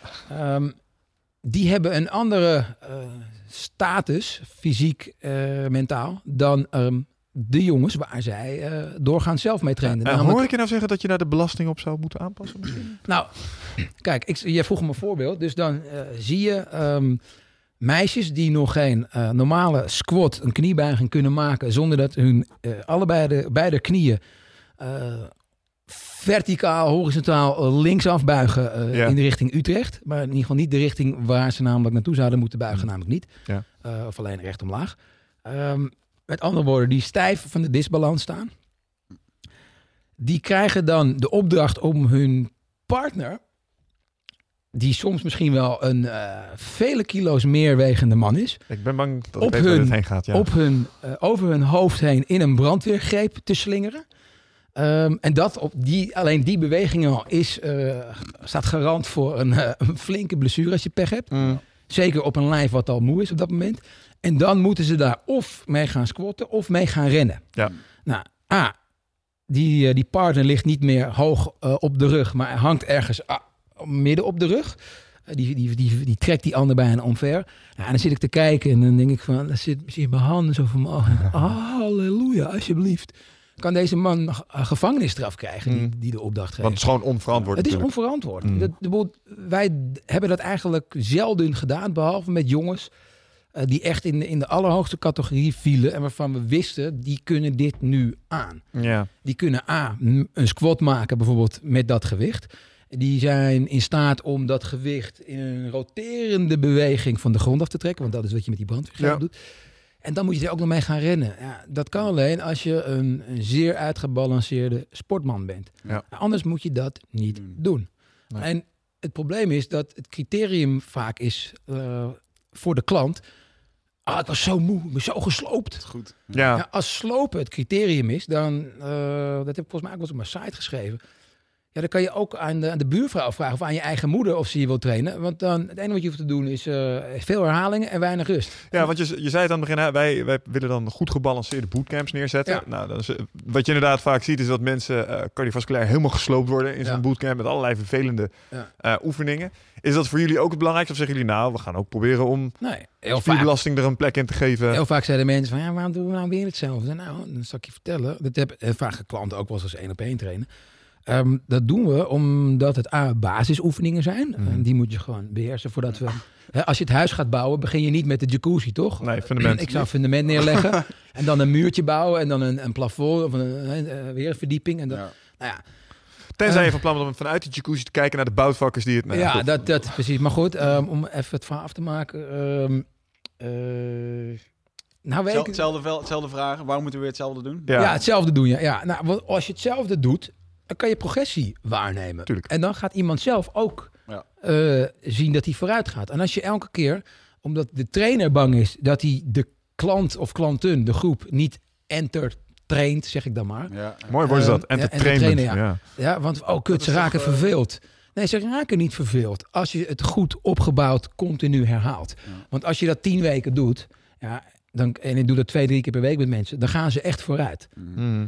En dan, van daaruit, kan je gaan uitbouwen. En dan kan je dus uit dat hele repertoire, uit dat, eh, al die verschillende receptenkastjes, kan je gaan pakken. Kan je, Ja. dit, kan je dit pakken, kan je dat pakken. En dan wordt het leuk. Ja. Want dan merken mensen van, hé, hey, we hebben een basis. En van hieruit eh, kunnen we goed gefundeerd ja, naar een hoger plan gaan werken. Ja. Nou, dat kost eh, tijd, geduld en je hebt er kennis voor nodig. Nou, Ja. En dat zijn vaak ingrediënten waar het nogal eens aan ontbreekt. Ja, ja, Ja. ja. Dus Zo ik. mooi eh, in het vroegere Romeinse Rijk, daar eh, werden de leraren, die waren echt, eh, was een eer als je leraar mocht zijn. Ja, dat zou het nog steeds moeten zijn. En eigenlijk, ja, ook bijvoorbeeld op school. Als mijn kind later naar school gaat en die krijgt een leraar. Dude, je moet fucking trots zijn dat je mijn kind eh, iets mag leren. En dat hij wat van jou kan leren. En niet op de En het, kind, automatische moet- en het kind moet ook trots zijn dat hij iets mag leren. Nou ja, en van iemand waarvan iedereen zegt van, what the fuck, die gast die weet het, weet je wel. Mhm. En eh, ik denk dat dat vandaag de dag, eh, overal worden diplomaatjes voor uitgereikt. En eh, ehm, om even terug... Ja, leraar is gewoon een, een exceptionele gave, denk ik. Je Ja. weet toch allemaal wel van vroeger. Iedereen, elk mens, kan zich uit zijn schoolperiode één of twee leraren herinneren die gewoon geniaal waren. Ja. Die zo, die alles hadden. Ja, tuurlijk. Ja. Als je een geschiedenisleraar hebt die, kan, die het kan vertellen alsof de Romeinse paarden door de, door de klas heen rennen. Ja. Ja, dan is dat vet. Ja, en dan is klopt. dat goed. Maar als je een wiskundeleraar hebt die, die, eh, die dat ook kan op, op zijn eigen manier. Want bij Mhm. geschiedenis is het makkelijk. Ja, ja, ja, Iets makkelijker, Ja, iets ja, jeugdige materie. ben Ja, ik dat klopt. met je ja. eens. Maar er is een stuk sociale factor, er is een stukje inzicht. Ehm, wat als jij nummer, eh, leerling nummer 500 bent die weer voorbij komt, weer met eenzelfde riedeltje. Mhm. Je moet wel Mhm. echt... En ik was ook een, ik was ook een fucking etter, weet je wel. Ik Tuurlijk, echt wel eh, bloed onder de nagels Niks aan veranderd hoor. maar nu zit ik niet meer op school, dus die heeft niemand Ja, ja behalve ik. En ja, nou, dan vind ik het toch wel een leraar, jongen. Het is een... ehm, ehm, ja, ik vind het knap. Als je een goede leraar Ja. bent, alle Mm. respect Ja, ik vind het zeker in deze tijd vind ik het knap. Ja. Ga Ja. er maar aan staan. Nou, wat ik bijvoorbeeld een. eh, eh, ik heb bijvoorbeeld op het SIOS gezeten. Toen was het nog in het. eh, Cool. eh, Waar? in Arnhem. Oké. En dat was toen ik. eh en dat praten we nu alweer bijna over 15 jaar geleden. En het was nog in de periode dat er nog maar. eh, was er één niveau. Je kon wel verschillende specialiteiten kiezen. Maar ehm, je kon wel. eh, ehm, je, je kon wel een. eh, Er werden, je kon verschillende specialiteiten kiezen, maar uiteindelijk merkte je wel dat eh, alles was in opkomst. Alles in één keer omtrent sport Ja. en dat soort Ja. dingen. En ehm, wat, ik daar, wat me daar wel opviel was, als je goed kon voetballen, nou, dan kon je, kon je op het SIOS komen. En eh, in alle eerlijkheid, ehm, ik ben eerst voor het SIOS afgewezen. En dat kwam omdat ik... eh, Niet ook een eh, voetballen. ik kon niet goed voetballen, muziek bewegen was ik het drama in. En volgens mij turnen en dat soort shit. Je moet gewoon basisoefeningetjes moet je doen tijdens zo'n testdag. En aan het einde van de dag moet je ook nog eens een keertje 9 kilometer, nee 3 kilometer moest je lopen. Moest je onder de 12 minuten doen. Man, als er iemand een slechte loper was, dan was ik het. Vond ik gewoon kut om te doen. Ja. Ik had, ja, ik had het binnen wel een paar keer gedaan. eh, op, No op een natural. loopband. En nee, absoluut niet. Ik ben echt niet zo'n hazenwindhond die er zo Nee. flawless erheen loopt. Hinde. En het mooie was dat ik toen ehm, eh, ben ik inderdaad eh, afgewezen. Nou, jammer, eh, maar ik wilde het wel echt. En eh, toen was er een soort van tussenjaar wat werd opgericht voor studenten die niet wisten of dat ze eh, de landmacht in wilden of naar het CIOS of, nog, eh, of naar een politieopleiding. En dan kon je dan op en dan kon je na een half jaar kon je beslissen, kon je de switch maken. Dus toen heb ik me daar maar voor opgegeven. En moest ik kreeg ik weer, kreeg ik weer dezelfde test. En toen werd ik weer afgewezen. En dan weet ik nog dat mijn, ja, ik was toen 15 jaar of zo. En mijn ma heeft toen letterlijk gebeld. Die keek toen in die eh, reglementen. En die zei, die, die zag in die reglementen, eh, we geven in principe een advies. Niemand wordt afgewezen. Maar ik kreeg dus gewoon een brief van, joh, je bent niet aangenomen, want je, bent, je bent stom. Werd er. en ehm, ehm, vervolgens heeft mijn ma gebeld en ik herinner dat gesprek nog dat ze zei van, eh, ik wil gewoon, ik eis gewoon dat mijn zoon wordt aangenomen. Want het staat hier dat jullie niet kunnen afwijzen. Dus hij gaat er gewoon heen. En die mevrouw zei, ja, maar ja, dat, eh, nee, dat kan echt niet. Nou, uiteindelijk eh, zat ik daar dus gewoon Goed hoor, binnen. zo'n eh, persistent mommy. Nou ja, en uiteindelijk zat ik daar. Het stomme was dat ik daar dus uiteindelijk ook zat. Binnen een dag moest je daar voor een groep staan. En dan zie je dus in één keer dat de mensen die daar inderdaad als een hazenwindhond konden lopen en hartstikke goed konden voetballen, echt gewoon geen benul hadden om voor een groep te staan, geen sociale interactie hadden. En dat was iets waar ik, ja, nou goed, daar durf ik mezelf op schouder te klokken dat ik dat wel beter had dan hun. En vervolgens was ik degene die eh, van een klas van 30 man zijn er uiteindelijk vijf mensen afgestudeerd. Omdat je eh, het eerste jaar je alleen maar aan het sporten. Iedereen krijgt scheenbeenvliesontsteking. Het is helemaal overbelast. En vervolgens moet je ook nog een keer allemaal dingen doen. Van de 30 man zijn er vijf overgebleven. En daar ben ik één van die diploma heeft gehaald. Weet je wel? Dus uiteindelijk, wat de fuck was die test nou voor, eh, voor maatmeting? Weet je, om mensen erop te krijgen. Maar goed, er was één niveau. En dat zorgde er wel voor dat het CIOS, vond ik destijds, een respectabele mbo-opleiding was voor eh, ja, sport en bewegen. En toen ik daarvan afging, kwamen er allerlei niveautjes. Waardoor je in één keer niveau 1, 2, 3 en 4 kreeg. En wat ben je bij niveau 1? Dan ben je assistent balhokmedewerker. Weet je? En ehm, ik heb toen een keertje met een leraar, eh oude leraar, kwam ik tegen in de trein. Daar had ik het met hem over. Hij zegt, joh, sinds, eh, sinds we zijn begonnen met die niveaus. Hij zegt, is het vechten in, vechten in de aula, dingen worden gejat. Er komt in één keer een heel ander niveau, weet je wel. Ja. En het is, Mm. ja, het is wel... En waarom? Iedere leerling die ze aannemen, daar krijgen ze subsidie voor, Ja, daar krijgen ze geld dat voor. Is, dat dat is de dood in de pot. Als je op die manier te werk gaat.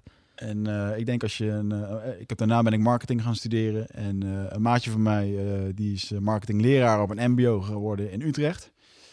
Ehm, ja, en die zegt ook, joh, gewoon inderdaad, leerlingen die bedreigd worden, hebben ze een mooi protocol voor. Van als iemand zegt van, eh, ik maak je dood, eh, wat dan ook. Oké, kom maar nu mee. En dan moeten ze meteen meelopen naar de directeur. Ja, hij heeft me bedreigd, dit en dat. Wordt meteen van school afgekikt. Dus geen, geen discussie meer over schorsing en dat soort dingen. Maar het is eigenlijk triest dat het moet, man. Dat heb ik niet meegemaakt, hoor, mijn middelbare school.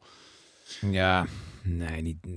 Wa- ik heb wel wat, ge- wat glazer meegemaakt op mijn middelbare school, maar het is wel een andere, andere tijd geworden, andere cultuur en een, eh, een gewelddadiger eh, Ja. tijdperk, denk ik. Ja.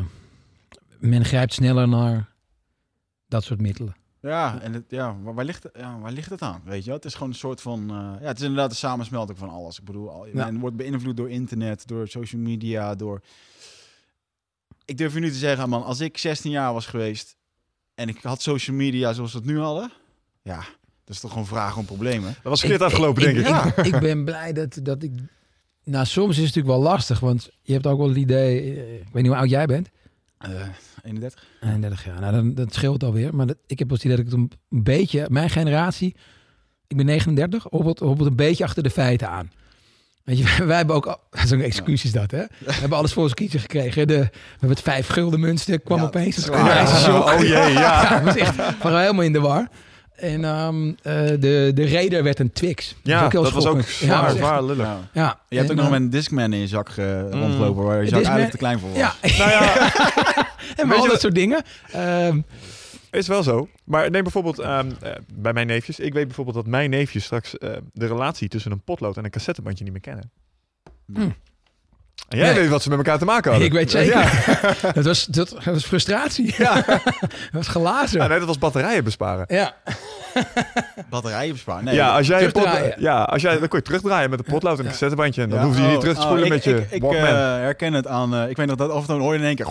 Nee, dat, daar, Ja, zo. daar, moest ik Dan aan klapte je denken. de ding open en dan haalde je zijn cassette eruit. En zaten al die ja, draden. ja. je ja, klopt. Zit een Ja. kilometer eruit om die sponning heen. Dat was dat weer inderdaad, ja. Ja. Vroeger al, Een ja. Walkman. Vroeger, vroeger, maar 39. Ja, Ja. dan zit je inderdaad op de grens van... Nee, eh, dus ik, ik had eh, na mijn, eh, pas even kijken, ik ben na mijn middelbare school een jaar gaan reizen. En ik was onder andere in Sydney waar jij bent geweest. En dan ging ik nog eh, naar een speciaal postkantoortje. Ging ik die, die blauw, lichtblauw, paarsrode enveloppen, weet je, met uh, Paravion of eh, airmail, eh, ging je dan naar huis sturen met geschreven brieven. Mm. Ja, Mooi. mail. Zoals mail toen nog was. Wat heeft een, eh, een jaartje reizen bij jou eh, gedaan? Toen. Was dat ook bij jou eh, het keerpunt? ja, ja. Deze reactie zegt alles. Ah, Nieuw onderwerp. Alles wat ik me van het voorgesteld. Alles, alles wat je durven dromen is daar uitgekomen. Ja. Mooi. Ja, even, re- even recht zitten. Nee, het was een... eh, ja, dat was een wilde tijd. Nou, Ja. wilde haren daarvoor. Ik denk dat dat trouwens wel een ding is. Ehm, je moet zeker je wilde haren kwijtraken. En een boel mensen doen het wel op die manier. Door gewoon een stuk van de wereld te gaan Ja, zien. Of, maar of dat nou de oplossing is, ik denk dat je net zo goed eh, op een andere manier eh, je wilde haren kwijt kan raken. Ja, maar het is wel een soort eh, rite of passage. Dat je op het moment, ik heb het Wigert ook zien doen. Op het moment dat je volwassen wordt, dat je toch de wereld intrekt. En dat daar een stukje feest bij hoort, dat is wel duidelijk. Maar op zich, de ervaring om alleen de wereld in te trekken, dat is natuurlijk ongelooflijk leerzaam. Want je Ja. gaat zo ver die comfortzone uit. Dat klopt. Ik denk dat daar de meeste groei Ja, zit het ligt ook in je intenties, weet je, als je gewoon lekker naar je school weg wil. Ik wilde gewoon weg. Ik ben Ja. gewoon eh, gaan reizen Ja. om weg te zijn van hier. En eh, eh, met bepaalde redenen. Ik had een schizofrene broer eh, thuis die eh, op dat moment Ja. op een hoogtepunt zat Ja. van eh, Ja, waar alles eigenlijk misging. Eh dus eigenlijk, eh, ja, het heeft gewoon tien jaar lang om hem gedraaid. En toen eh, op een gegeven moment eh, had ik, was ik er zo klaar mee. Toen kon ik eh, gaan studeren in Sydney. Toen dacht ik van ja, dit is een mooi jaar om weg te Ja. zijn. Mhm. En eh, ja, maar dat joh, is als- wel een hele andere motivering. Ja, nou buiten het feit dat ik ook wel echt wel van het, eh, van het reizen was. Ik had een keertje drie maanden in Azië rondgereisd en ik vond het helemaal fantastisch. Eh, maar inderdaad ook eh, ja, gewoon het weg zijn, de ervaringen. En eh, ik ben altijd wel snel. Ik had altijd wel snel dat Nederland gewoon te klein was. Ja, maar ook, kijk, want jij zegt, je wil de haren verliezen Mhm. door te reizen. Maar ik denk dat je bijvoorbeeld dan naar jouw situatie kijkt. Als je in je jeugd dagelijks wordt geconfronteerd met de, ook de donkere kanten van het leven. Mhm. Mm. eh, wat niet iedereen in zijn jeugd, sommige, sommige Nee. mensen wel, maar eh, een schizofreen familielid is denk ik iets heel heftigs. Ook Mhm. omdat het, eh, het is niet helemaal geaccepteerd in die zin dat je er niet zo heel makkelijk over praat of dat anderen erover willen praten. Kijk, als je fysiek ziek bent, wat heel verschrikkelijk is, Ja. eh, dan, ja, dan heeft iedereen vindt dat zielig als je Ja. moeder ziek is of je broer is ziek. Maar als je broer schizofreen is, ja, zeker denk ik als je jong bent, ja, wie heeft daar een boodschap aan? Want niemand snapt het echt. Eh, Ah, niemand- mentale aandoeningen hebben ook nog een beetje taboe, hè? Ja, dat bedoel ik. Dus het is, het is gek. een beetje, een beetje raar. Dus er wordt, er wordt niet zo makkelijk over gesproken. Klopt. Zal ik zeggen dat het een... eh, want ik ben nu dan 31, mijn broer is twee jaar ouder. Dit begon een beetje op zijn tiende. Toen, eh, als je blauw en rood had, dan, ko- dan koos hij geel. Hm. En ehm, ja, dat viel altijd al mensen wel op, zeg maar. En eh schizofrenie wordt op een gegeven moment... eh, eh, dat kan zich ontpoppen naarmate er erger gebeurtenissen in iemands leven gebeuren. Hij heeft een flinke hartoperatie gehad. Katalysatoren. Eh thuissituatie met eh, eh, een stiefvader destijds, dat liep niet lekker. En dat heeft wel eh, dingen getriggerd, eh, denk ik. Want het is op een gegeven moment een combinatie van alles. Hè. Het is niet Ja, één ding. tuurlijk. En op een gegeven moment, eh, toen was er ook gewoon nog niet heel erg veel onderzoek naar dit soort dingen. Dus men zei wel van, joh, ja, het zou dit kunnen zijn. Misschien een lichte vorm van autisme. Of, eh, maar goed, ik was er nog te jong voor. Ik, ik kreeg Mm. het helemaal niet mee. En ja, zeker man. Hey, we waren een perfecte familie. We hadden eh, een alleenstaand huis. eh, we hadden het goed voor elkaar. Eh, mijn vader is twee, weken na mijn, of twee maanden na mijn geboorte overleden. Dus die heb ik nooit leren kennen. Mm. Eh, kreeg, mijn moeder kreeg toen een vriend. 7 tot 16 jaar. En uiteindelijk, ja, we hadden een prima leven, weet je wel. Het ging eigenlijk wel goed. Maar op een gegeven moment merkte je gewoon dat, de, dat er continu in het huis was er strijd, weet je wel. Spanning, Altijd was er ja. eh, op een gegeven moment gezeur. En op een gegeven moment ehm, eh, is, mijn, eh, is de vriend van mijn moeder destijds die is weggegaan. En toen kreeg mijn, ja, kreeg mijn, moeder moest natuurlijk ook gewoon werken. Hm. En toen heeft mijn broer een beetje een, dat was een beetje de omslag dat hij wat vrij spel kreeg. En daar is het wel echt gruwelijk, ja, daar is het wel fout in gegaan. En ik heb op een gegeven moment, dan had mijn broer dus een psychose. En dan heb ik dus letterlijk gewoon eh, mijn broer drie keer overgedragen eh, aan de politie in één maand tijd. Ik heb hem En letterlijk hoe oud was jij toen? Ik was toen, eh, denk ik, 18, 18 17. Ja, 18 en je vormende jaren dus, weet je wel. Dus dat, Nee, en op een gegeven moment had ik dus ook echt gewoon, stond er gewoon iemand in de tuin bij ons, eh, bloempotten, bakstenen, dingen naar binnen te gooien. Letterlijk met het schuim op zijn bek en zijn pupillen gewoon gitzwart en on- bijna ja, gewoon bezeten. Zo zag het eruit. En- broer. Mijn eigen broer. En eh, dat op een gegeven moment de politie, en dat ging dus zo, dan gooide hij alle ruiten in en dat soort dingen. En vervolgens werd het dan, eh, ja, dan stond in één keer eh, de politie weer op de stoep. En nou, als je een alleen- alleenstaand huis hebt met een hoop, hoop glas en dingen, dan is het teringwerk om op te ruimen Ja, politie was weg. En dan belde hij gewoon weer aan. Weet je? Want op een gegeven moment mocht hij dus ook gewoon niet meer in huis. Nou, dat soort situaties zijn allemaal voorgekomen. Ik weet nog dat ik jarenlang heb gehad dat als de bel ging, sloeg mijn hart over. Dus, Mm. weet je wel, gewoon continu die stress en dat geouwe hoer. Dat op een gegeven moment de politie tegen mij zei van... joh, weer de volgende keer als hij komt, trek hem in de hoek... en je geeft gewoon een paar eh, trappen in elkaar... en wij knijpen een oogje dicht. Hm. Ik heb ook nog een keertje... Goed advies, zeg. Nee, ja, maar dat, ja, dan kom je dus inderdaad met politieagenten in aanraking. waarvan het ook niet meer weten, Die, ja. die Ja. er ook iedere dag mee tegen. Ik heb zelfs een keertje gehad dat die echt ook een heel, hele vage situatie, want daar kom je dan in. Wij stonden op een gegeven moment op een bepaalde code dat als er iets bij ons gebeurde, ehm, dan wist de politie van oké, dan moeten we acuut heen, want daar is altijd Oh, wat. Je stond op het prioriteitenlijstje. Ja, maar dat is Ja. eigenlijk al te gek dat dat zo moet. En op een gegeven moment weet ik nog dat die... eh, ehm, ik doe de deur open, hij stond weer aan de deur.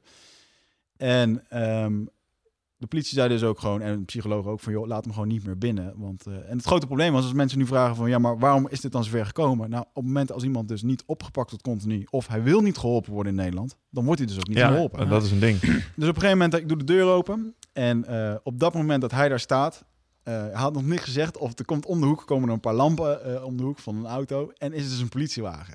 En hij kijkt om en hij zegt, ja. Hij dacht dus dat ik die Ja, ja, politiewagen ja. had. En hij slaat me vol in mijn gezicht. Oh jee. Dus nou, die politie komt daar. Moet je je voorstellen dat je als je politieagent kom je om de hoek rijden in je auto. En je ziet daar meteen twee mensen daar aan elkaar trekken en doen. En nou, uiteindelijk lag ik dus even in termen. heb ik hem ja, op de grond gegooid. Voor de zoveelste keer lag ik bovenop. Nou, vervolgens heeft de politie mij in de boeien geslagen. Omdat ze dachten dat ik iemand in elkaar aan het slaan was. Omdat ik daar. En ik heb toen letterlijk. Dat is nog een moment dat ik echt. Dat ik er zo klaar mee was. Dat ik, ik merkte nog. Ik weet nog dat ik bovenop me zat. En dat ik op een gegeven moment. Ja, ik, en we Hmm. waren gewoon aan het vechten. En dat ik echt dacht. Het is een gedachte die door me omhoog schoot. Dit is het moment dat je echt iemand zou kunnen vermoorden. Ja, Weet ja, je wel? ja. Gewoon, dan maakt het niet meer uit. Ja, maar dat is dus, eh, en dat is hoe je, dat is fucking traumatiserend, zeg maar. Dat je in zo'n staat komt, zeg maar. Dat, dat Ja. doet iets met je. Dat, ik bedoel, dat, dat draag je verder. Maar het kan je ook vormen in dat opzicht. Want je hebt in dat opzicht wel ontberingen gekend, al redelijk vroeg in je leven. En Nou, op een gegeven moment is het zo, is werd het Maar zo wel, wel opeens... veel onveiligheid ook, denk ik. Ja, nou, de continu die onrust. Gewoon heel Ja. irritant. Dat in Mhm. één keer stond hij weer onder de carport, stond hij te Maar dat is, dat is onveilig, toch? Dat je Dus- nooit in je, in je thuisomgeving je veilig waant. Er is altijd stress, Zeker. de dreiging daarvan. Ja. Ja, zeker. Nee, super, super irritant. En daarom wil ik ook gewoon weg, want dan had ik dat niet. Ja. Ja, Eh, nou, heel ik heel wel. lullig naar mijn moeder toe. Maar goed, dat heeft natuurlijk ook... Ik heb gewoon tegen mijn moeder gezegd van... joh, je moet me kiezen tussen hem of mij. Ja, lekkere keuze die je Ja. krijgt Mm. van iemand van 18 jaar, weet je wel. Dus dat zijn allemaal dingen. ehm, maar op een gegeven moment ging ik alleen maar denken van... ja, ik moet nu gewoon weg uit deze problemen, want het is niet meer mijn ding. En ehm, uiteindelijk heb ik eh, tien jaar lang geen contact met hem gehad. Ehm, en eigenlijk best wel, ja, gewoon, gewoon kloten. Want als iemand die schizofreen is, schizofreen is, is een ziekte die zich alleen maar ontwikkelt. Op een gegeven moment is hij ook schizofreen geconstateerd. Er zijn een hoop extra dingen gebeurd. Hij is een paar keer opgenomen. En dan komt heel die stapel komt in één keer naar voren. Hm. En dan in één keer krijgt iemand een veroordeling en wordt hij gecontroleerd en dat soort dingen. Dus hij zit nu gewoon, eh, nou, het is geconstateerd. En, maar het is wel triest man, om iemand zo te zien, eh, af te takelen, weet je wel. Ja. Eh, maar uiteindelijk heb ik hem wel dit jaar weer, eh, dit jaar heb ik hem weer eh, ontmoet voor het eerst in tien jaar. En, eh, Ja, wel een momentje natuurlijk. ja, nee, dat was echt een. en dat is niet. ja, daar heb ik ook al lang over moeten doen. Ja, Want, ik heb het wel bewust opgezocht. En, maar ik heb het echt. Ik heb tot twee jaar terug. heb ik nog gehad dat als ik bij mijn ma zat te eten. En hij belde op van joh, ik kom zo even langs. Eh, dat ik gewoon zei, ik ga weg. want Ja, snap ik. ik niet. Gewoon- Maar ja, je bent natuurlijk ook niet meer de Wigert die je tien jaar geleden was natuurlijk. Hè? Ik bedoel, je hebt in dat opzicht natuurlijk ook wel behoorlijk ontwikkeld. ja, nou ja, ik heb wel een hoop gedaan om. eh, ja. Ja, snap ik man. Wat, wat is, ja, weet je, wat is een. eh, Heel, even een vraag, even terugkijken. Hoe, hoe oud was je toen je met vechtsport begon? eh, 13 jaar, 12, 12, 13 jaar. Want ik vraag dat omdat ik me misschien kan voorstellen dat je ergens ook een soort van een structuur zocht, een houvast. Iets waar je eh, jezelf in kwijt kon, Ja. aan op kon trekken. In, juist in die periode. Mhm. En, Ja. dat, en dat vechtsport daar misschien nog wel beter eh, voor geschikt is dan bijvoorbeeld eh, voetbal of tennis of hockey. Heeft er zeker voor geholpen. Ik denk dat ik ook altijd heel erg op zoek ben geweest naar een vaderfiguur. Juist. Die, ja. die Ja. rol heeft Remco absoluut. voor, voor een groot, die heeft hij voor een groot deel heeft hij dat ingenomen in die periode. En ehm, eh, er zijn meerdere mensen die, dat, eh, die daar aan bijgedragen hebben. Die, die zo'n zo'n beeld van mij, eh, waar ik me een soort van omhoog heb getrokken. En Remco heeft, eh, ja tuurlijk, ik, ben- ik was er dag en nacht op een gegeven moment. Ik kreeg op een gegeven moment, ging bij hem werken. En eh, ja, weet je, dat is een, gewoon een super toffe periode geweest. Ja, maar ik denk dat je ook een heleboel van de stress die je zeg maar opdeed in de thuissituatie daar gewoon heerlijk Ja. hebt kunt ventileren. Zeker, ja, Op absoluut. een En gecontroleerde bedoel, manier. Ja, absoluut. Maar ook, ook weer het weg zijn. Van waarom ga je zo vaak sporten? Ja, dan ben ik lekker ik weg zelf, hier ja, thuis. Ik ga niet. eh, dus dat is gewoon een. eh, Dat was je eerste reis. Wat zeg je? Dat was je eerste reis. Naar Os, van Hees naar Os op de fiets. Nee. Nou ja, en op een gegeven moment... eh, eh, ja, je bent als mens ook heel erg... ehm, je, je praat het snel goed voor jezelf. Hè? Want op een gegeven moment, ik weet nog dat ik, ik kreeg mijn eerste vriendinnetje. Ik ging toen ook drie maanden in Creta werken als, als propper. Ook fuck. was dat, was ik 18 jaar, ging ik naar Bob Saloon in Creta, Gersonisos. Ging daar dan... eh, maar goed, ik was in ieder geval weg, weet je wel. En toen heb ik daar een meisje leren kennen. Dat is mijn eerste vriendinnetje. En, eh, ja, Greta. En dat eh, nee, dat nou? en eh, toen weet ik nog dat ze zei, van op een gegeven moment ging ik heel vaak naar haar toe. Toen zei ze op een gegeven moment van, ja, maar anders kom ik wel een keer naar jou toe. Ik zeg, nou, Een keertje misschien. Ja. lijkt me niet Gezellig. verstandig. En het mooie was nog dat zij toen zei, ja, maar ik heb ook wel een broer en die is ook wel eens vervelend.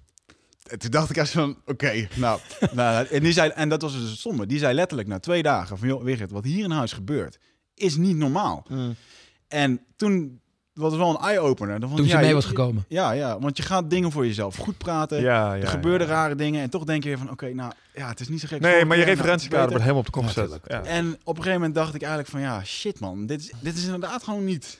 Niet en je hebt daar af en toe gewoon een. eh, En dus daarom heb je altijd heel snel wat in een huis gebeurt, heb je geen idee van. Als ik nu een krantenbericht lees van zoon steekt eh, moeder Mm. dood en eh, loopt vervolgens rond met weet ik veel wat in de tuin. Ja, daar zit meer achter en dat is niet één dag, weet je. Dat is gewoon jaren aan, aan ervaring en dingen. ja, snap ik. Dus ja, ja. Helder. Maar goed, ehm, Maar dat, dat, dat is hoe we op het reizen kwamen. Ja, nee.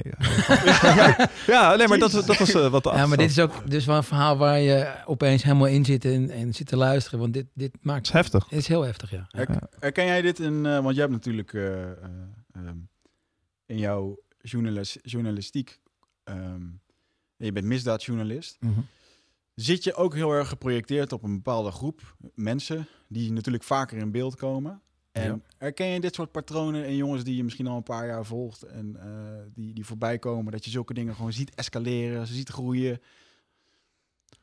Nou, vooral wat je net op het laatst zei, van als jij een krantenbericht leest, met het voorbeeld wat je net gaf, dat je, dat je meteen al denkt van wat is de context daarachter. Hm. Want Dat heb ik inmiddels ook wel. En, ehm, eigenlijk bij, bij alles wat je hoort, eh, het geldt voor ieder verhaal, eh, een relatie van, een, eh, van, van iemand die stuk gaat. Of, eh, en dan hoor je één kant van het verhaal. Ja, die, eh, die gozer was altijd zo slecht voor zijn vrouw. En ja, het zal wel, maar wat, wat is de andere kant van het verhaal? Weet je? En dat heb ik als journalist eigenlijk wel, dat zit er steeds meer ingebakken. Hm. Het is nooit meteen wat het, wat het lijkt. Het is altijd anders. Er zitten altijd meerdere eh, ja, kleuren in het, eh, in het Hmm. palet. Ja. En, en daar ga je heel erg naar op zoek. Ja. En wat, hoe is het gekomen? Ehm, dat, dat uiteindelijk dit eh, de, het eindverhaal is geworden. Ja. Maar er zitten allemaal verschillende verhalen die dat hebben opgebouwd en die ertoe hebben geleid. Eh, als ik nu terugkijk naar mijn, bijvoorbeeld nu de situatie van mijn broer en waar die in zit. En, eh, maar ook andere mensen die bijvoorbeeld in eenzelfde soort situatie zitten, die afhankelijk zijn van instanties. Ja. Denk aan een, een, een- of een jeugdzorg, of GGZ, eh, doe misschien verslavingsdingen. Dan denk ik altijd van, damn jongen, die mensen die zitten zo vast in een cirkel. Ja. En het is, die zitten absoluut in een, eh, in, in een, in een stramine. Want s ochtends komen die met eh, bijvoorbeeld een verslavingsverzorgingskliniek. Weet je, wel. er komt iemand 's ochtends binnen, die komt daar weer zijn ding ophalen. Ja. Die meid die daar achter de balie zit, die zit gewoon van 8 tot 5 te werken. Ja. En die heeft echt nul eh, gevoel met wat die gasten daar Nee. krijgen of doen. En ja, weet je, het is absoluut niet het probleem. op Maar het zou ook wel zo moeten zijn. Maar stel je voor dat je daar alle dagen zit. Dan ga je op, op een gegeven moment ook redelijk snel een stukje eelt op de ziel bouwen, denk ik. tegen alle ellende die je op Nou, maar je, je werkt daar met eh, de methode die je wordt aangeleerd. Mm. Dus ehm, die mensen die worden daar eigenlijk al van tevoren geïndrukt in, of het eigenlijk ja, gewoon getraind van joh, je moet dit doen, je moet dat doen. En, maar de hele kern van heel dat, eh, eh, hoe gaan we met wat is verslavingszorg? Het is gewoon een soort van opvangnetje voor, Ja. ja. ja, voor, de- voor het bodem, eh, bodem van de put, bij wijze van spreken. Klopt. En of je daar echt heel erg constructief uitkomt, ja, ik, eh, eh, dan moet je van sterke huizen komen, goede omgeving hebben. Want vaak de mensen die daar al komen, ja, eh, en ik heb het bij mijn broer zien gebeuren, dat eh, je, je, je wereldje wordt steeds kleiner, want Mhm. mensen vallen weg. Ja, eruit komen. ehm, kan, kan je eruit komen, is de vraag. Of, of is het iets wat altijd blijft en waar, waarmee je ja, dat met labmiddelen, zo goed en zo kwaad als het gaat, steeds moet toedekken. En, en, en, Ja, ik, denk dat het aan je, ik denk dat het aan je ding ligt. Heb je een verslaving, heb je een mentale ziekte, of heb je gewoon continu de verkeerde vrienden om je heen en ben je heel erg beïnvloedbaar, ben je niet zo slim. Er zijn zo ontzettend ja, veel. nou ja, eh, factoren, ja. Ja, klopt. Hoe gaat het nu met je broer, als ik mag vragen? nou, die zit nu in een eh, eh, begeleid wonen project. Oké. En eh, ja, dat gaat nu goed. En eh, eh, als slikt ze medicijnen, wordt nu ook bijvoorbeeld eh, ja, zo, eigenlijk zo afhankelijk van die medicijnen dat hij ze niet slikt, dat hij, eh, dat hij er ziek van wordt. Maar die kreeg ik waarschijnlijk pas bij een goede diagnosestelling. Ja, dat is dus op zijn 23ste. Terwijl dit is even dus op zijn tiende waren we al aan het dansen met z'n allen. Mm. Eh, en toen begon dat. En eh, eigenlijk op een gegeven moment, eh, toen hij, wel grappig in deze content, is dat hij op een gegeven moment dacht dat Peter R. de Vries achter me aan zat. Ehm, en dat is dus... Daar, daar nou, zou ik ook skits over worden, hoor. Nou ja, ja precies. nou, ehm, Ja, ja. als je die, nee, maar, je komt niet zomaar spreken- op die manier in zijn lijstje. Dus, Nee, eh, nee, nee, nee. Nee, maar goed. Maar op een gegeven moment merk je wel dat het een... eh, eh, dat zijn mensen met, die schizofre- schizofrenie hebben, die hebben bepaalde beelden. Want uit schizofrenie betekent niet dat je een tweede persoonlijkheid heeft, maar het betekent gewoon dat je een andere perceptie hebt van de waarheid. mhm. En als jij gewoon echt letterlijk heilig gelooft dat iets zo is, Ja. ja, poeh, dan Breng je daar maar eens vanaf. Breng me nou eens vanaf. Ja, en dus, snap ik. eh, uiteindelijk is het gewoon een eh, ja, lange weg gegaan. En, eh, maar ik ben Maar blij hoe, dat is ik hem... zijn, hoe is zijn kwaliteit van leven nu, als je dat zo kan vragen? Kan hij bijvoorbeeld een relatie aangaan? Kan hij samenwonen? Of die zegt begeleid wonen? Maar... Hey eindbaas en luisteraar, dankjewel dat je zit te luisteren naar deze podcast. Ik onderbreek hem eventjes voor een hele belangrijke boodschap. Of misschien liever gezegd een uitnodiging. Want op 24, 25 en 26 mei, dan is er weer een nieuwe editie van Rite of Passage. Dat is mijn retreat voor persoonlijke ontwikkeling. En speciaal voor de mensen die op zoek zijn naar, ja, naar helderheid. Of dat ze lastig bij hun gevoel kunnen komen. Dat ze moeilijke beslissingen moeten maken. En dat ze zo ontzettend in hun hoofd zitten ja, dat ze er eigenlijk gewoon niet meer goed uitkomen. Of dat ze misschien al heel lang in een, ja, een soort van oud gevoel zitten. Dat ze dat gevoel willen transformeren. Of misschien wil je gewoon een oud stuk achter je laten. Ergens een punt achter zetten. En ja, zoek je misschien heling op iets wat, wat je te lang hebt weggeduwd of, of hebt vermeden. Ja, daarvoor wil ik je uitnodigen op 24, 25 en 26 mei om in een retreat mee te doen waar de inhoud van het programma geheim is. Waar de belofte is dat het oncomfortabel wordt. Want jij begrijpt als geen ander dat als je die volgende stap wilt maken, ja, dan zul je uit de comfortzone moeten komen. En ik garandeer je, laat mij dat proces begeleiden met jou voor drie dagen. En je leven zal daarna nooit meer hetzelfde zijn. Eh, Gemiddeld beoordelen de deelnemers het met een 9,2. En daar ben ik ontzettend trots op. Er is ook een money back guarantee. Heb je de drie dagen vol, volbracht en vind je het niks, krijg je gewoon je geld terug. Dus het enige risico wat er is, is dat je gelukkiger kan worden. Ik zie je Bride of Passage. Ga naar wichertmeerman.nl en klik op Retreat. Ja, het is een soort van...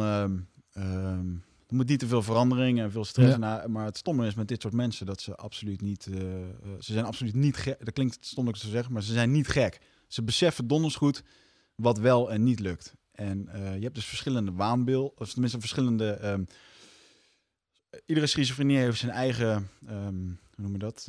Iedereen heeft zijn eigen pakketje als het ware. Mhm. En bij de ene is dat bijvoorbeeld grootheidswaanzin. Ja. In combinatie met, eh, met faalangst. Of als je dat soort dingen gaat combineren. Dus bijvoorbeeld als jij grootheidswaanzin hebt. En je denkt dat je hele grote dingen gaat doen.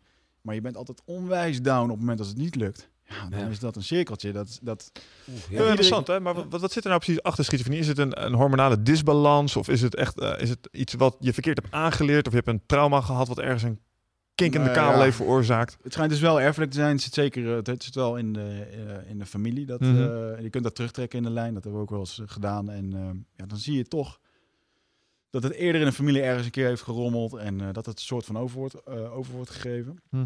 Ehm, ik denk persoonlijk dat het heel erg situatiegebonden is. Ehm, en het mooie is, ik heb hier behoorlijk wat over gelezen als het gaat om shamanistische cultuur en dat soort dingen. Hm.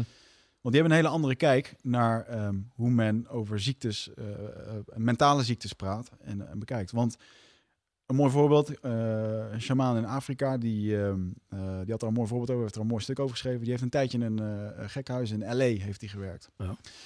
En eh, dus het is gewoon een wetenschapper die, maar ook die opgegroeid is met shamanistische cultuur en dat soort dingen. En Hm. ehm, Hij is wetenschapper. hij is wetenschapper en hij is daar, eh, hij is dokter en hij werd daar neergezet. En hij, zijn ervaring was van, joh, de mensen die hier binnenkomen, die zijn volgens jullie gek. En die worden hier gewoon nog gekker gemaakt. Ja. Want je, je wordt echt beïnvloed waarmee je bent. Dan mag dit niet, dan mag dat niet. En eigenlijk wordt alles gedaan om die mensen maar een beetje rustig te houden. Terwijl de reden waarom ze eh, anders zijn, is omdat die hersenen 300 rpm gaan in plaats Ja. van normale 120. Ja. En als je die dus in een hokje zet van je mag niks en dan ook nog met de medicijnen erbij, ja, dan gaan je hersenen gewoon geen gezonde dynamiek, nee. En zijn visie daarover, en dat vond ik een hartstikke goeie. Dat was dat op het moment als je in een commu- community leeft, dus niet in het, in, het, in het zelfvormige idee waar wij in leven, maar als je in een community-achtige vorm leeft, dan betekent dat ehm, dat als jij bijvoorbeeld, als we met 100 mensen op een berg leven en al, iedereen die draagt daar wat bij. Want op het moment als jij in die kleine community niks bijdraagt, dan ben je ook niet van waarde voor zo'n community.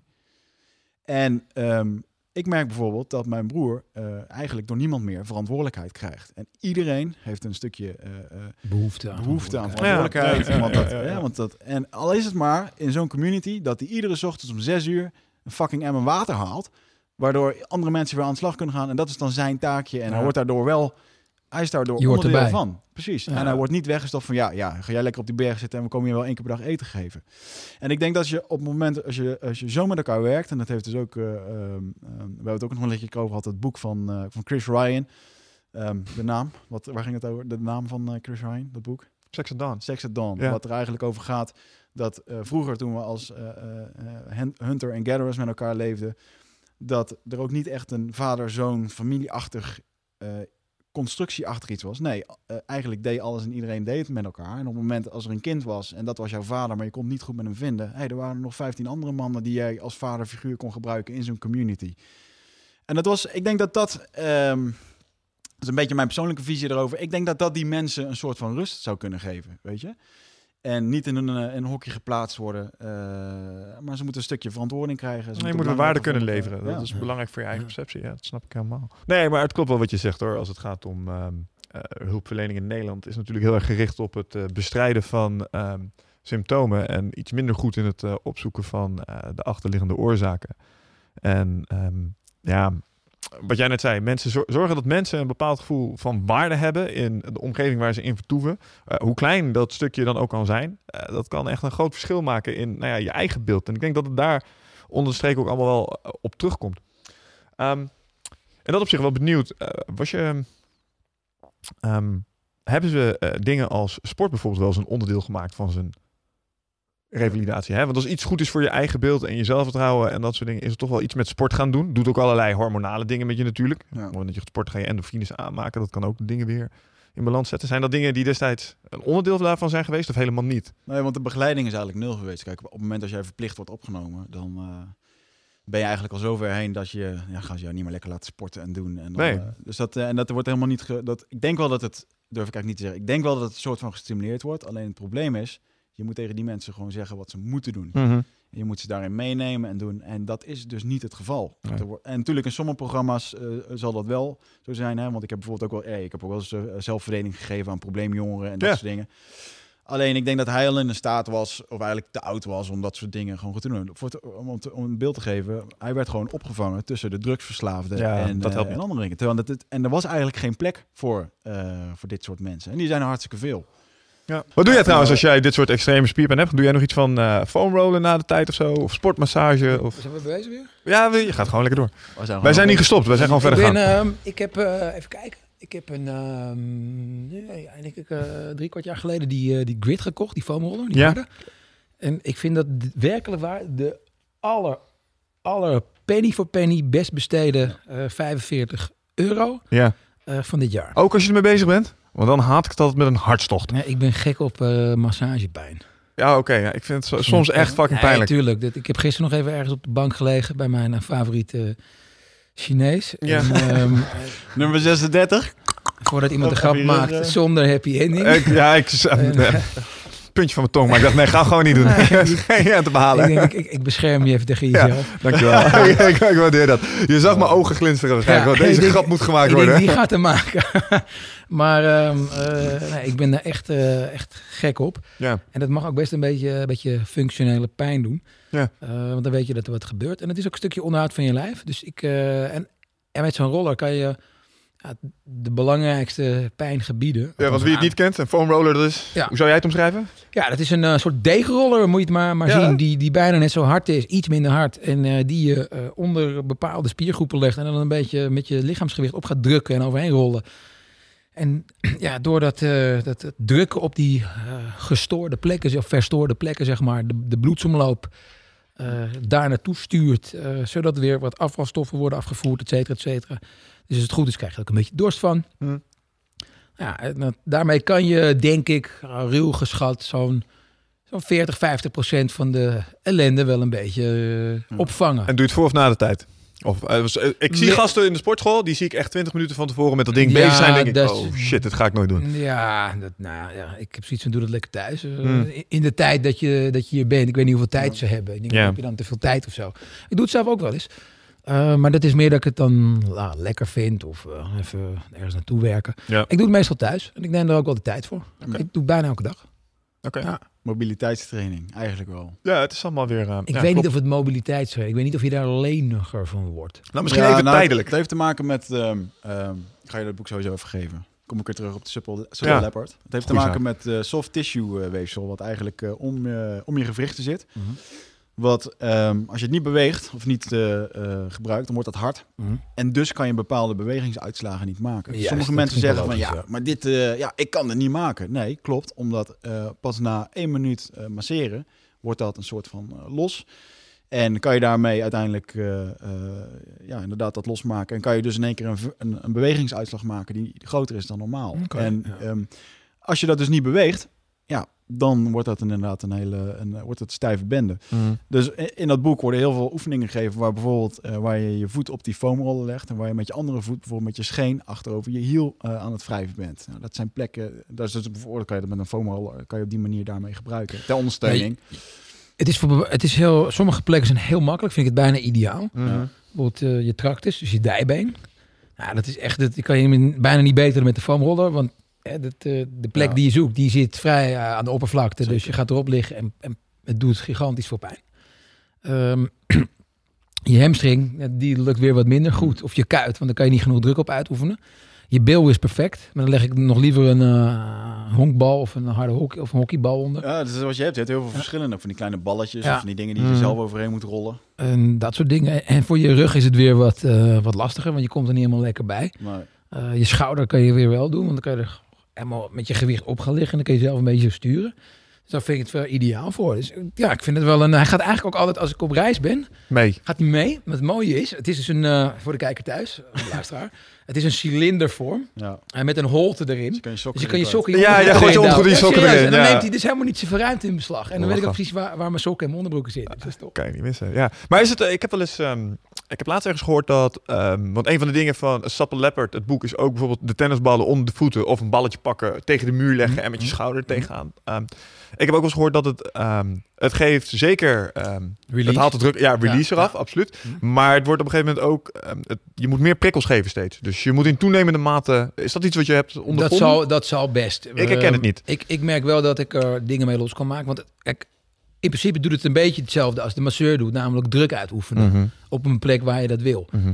Ehm, je kan het alleen niet zo doen als met een duim of hè, zo gericht en zoveel kracht. Maar je komt een eind. Het zal best dat het, het lichaam went aan alle prikkels. Ja. Dus die moet je steeds eh, opnieuw of meer eh, in grotere mate toedienen. Het zal wel. Dus ik, ik, ik weet dat niet. Ik neem dat direct aan. Maar ik vind het zelf vooral gewoon prettig. Ah, maar bij sporten zie je dat toch ook al wel een beetje? Het, het- het- zeg maar, het lichaam is natuurlijk een patroonherkenningsmachine. Dus als jij Ja. vijf weken dezelfde workout doet, Ja. dan merk je dat je lijf daar Maar ik merk wel, als meneer Wang, mijn, eh, mijn Chinese vriend, mij net zo hard masseert als een half jaar geleden. Ja, doe nog steeds ligt te pijn. schudden. Ja, Ja, fuck it. maakt Ja, het helemaal niks uit. Dus, wat dat betreft. Ja. Ja, helder.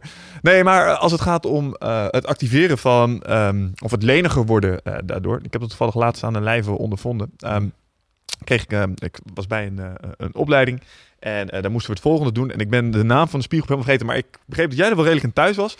Navel 2 centimeter buiten, 2 centimeter omhoog. Even goed indrukken, zeg Ja. maar. En je, ehm, je moest in eerste instantie je tenen aan proberen te raken. Mhm. En in een aantal gevallen kunnen mensen dan plots, als ze dat even doen, en ze pakken de onderkant van de ribben ook, kunnen ze gewoon in één keer een stuk dieper doorzakken. Dat heeft te maken met het activeren van je. Nou, je hebt wel eens dat als je, als je, die, eh, als je gewoon naar voren valt, Mm. laat vallen om je, om je tenen aan te raken, Mhm. je hamstrings te rekken. Dan heb je, ik weet niet of jij het al hebt, maar dat je, je buikspieren beginnen te verkrampen. En dat dat eigenlijk de beperking is. Ja. En dat heb ik soms wel eens. Ja, dat zal er dan ook wel Ja, mee het, te ja, maken ik hebben. weet het niet. Dat is een, eh, het lichaam is een interessante eh, casus hoor. Daar, Ja. daar raak je nooit over uitgepraat.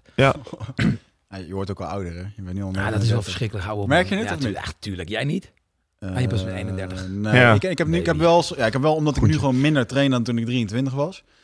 Maar ik heb wel het idee, dat ik heb het idee dat ik, ik ben nooit sterk geweest.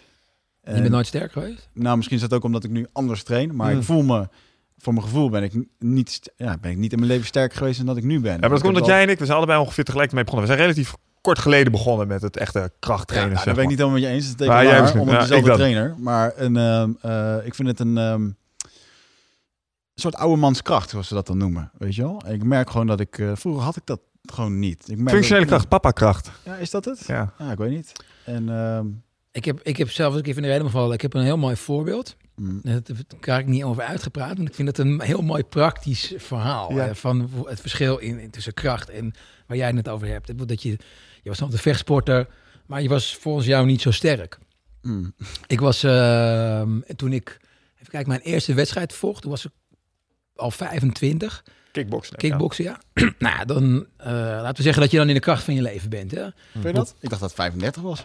Nee man. Wat hou je jezelf voor? Ja, nee. Dat doe ik ook namelijk. Nee, ja, het, is maar hoe je het bekijkt, maar tussen je 18e en je 22e heb je het meeste testosteron. Dus dan Ja, zou je hè, ja. het Ja. zo gaan bekijken. Maar laten we zeggen dat je op je 25e ben je echt nog, ehm, dan ben je wel, zou je slopen. Ik ga even terug naar het sterkste. Volgens mij ben je het sterkst op je 35ste. Misschien dat ik Mm. dan wat heb gelezen of heb gehoord. Maar goed, even... Ah, anyway, ehm, ik was heel fit en eh, conditioneel natuurlijk helemaal top en ook best wel sterk, bla bla bla. Ik kon me 86.000 keer opdrukken, Mm. bij wijze van spreken, want dat moest altijd in de training.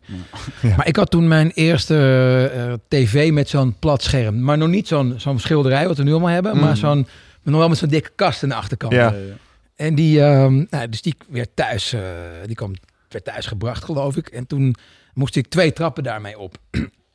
Eén trap in het, eh, in het pand en dan één trap in mijn eigen huis. Ehm, en ik had mijn armen zo om die, die hele kast heen gevouwen.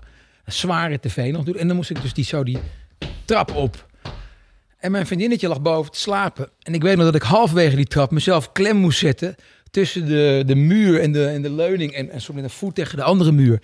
Omdat ik het gewoon, ik hield die bak niet meer. En ik dreigde achterover te, te lazeren. Oh shit. met, met dat gewicht op me. En ik denk dat dat eh, niet heel goed was uitgepakt. Dus nou, zij werd net op tijd wakker. Kon er een soort van drie vingers onder krijgen. Waardoor ik net in staat was om wel die trap op te komen. En eh, zo, blij dat ik het ding uit mijn klauw kon laten vallen. Ja. Toen ging ik even kijken. eh, ik denk dat het vier jaar geleden was. Had ik een jaar of, nou, noem eens wat, met die, met die bak gedaan. En ik dacht, nou, ik ga ook maar eens een hè, Never the Early Adapter Ja. zo'n schilderij kopen. En die, eh, ik woon inmiddels in een ander huis op drie hoog. Dus dat, die grote kast die moest eh, naar beneden. En ik dacht, nou, ik was niet vergeten.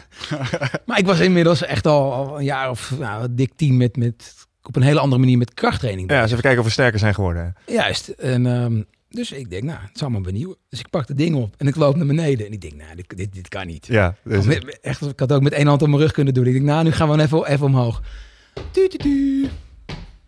Omhoog. ging gewoon Klaar. goed. Gewoon niks. Echt helemaal niks. Lachertje. Ja. Dus dat, en toen was ik nou, eh, 35. Ja. Het waren tien jaar later. En dat is het, voor mij is- was dat zo'n essentieel verschil.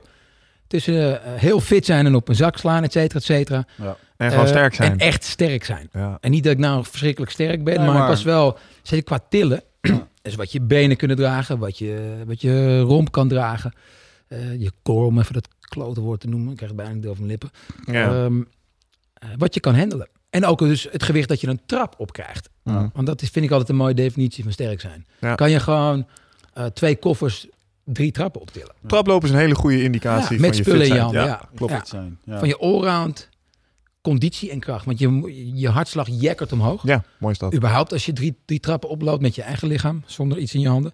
Maar als je dan ook nog eventjes twee goede boodschappentassen hebt, dan maakt het al direct het verschil. Vind ik altijd de leukste manier om eh, de fitheid van collega's te testen. Lekker tegen ze aan gaan beginnen te blaten als je aan het traplopen bent. Dan hoor je ze al regelen. we hebben een beetje meer moeite om eh, de zinnen eruit te krijgen. Ja, Oh, dat is vaak de eerste indicator dat mensen die overgewicht hebben, die in één keer, oh, komt de trap niet meer op. Komt Ja. de trap niet meer op. Mijn vader heeft een, eh, die is helaas overleden aan een eh, hartstilstand. Maar hij was ervoor ook al eh, patiënt.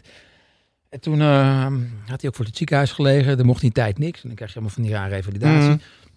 Maar dan weet ik nog dat daarbij de, mm, het traplopen, dat was in eerste instantie echt verboden. Want dat was de, Ja. de belangrijkste hartaanjager, zeg maar. En die, die hartslag moest natuurlijk eh, laag blijven.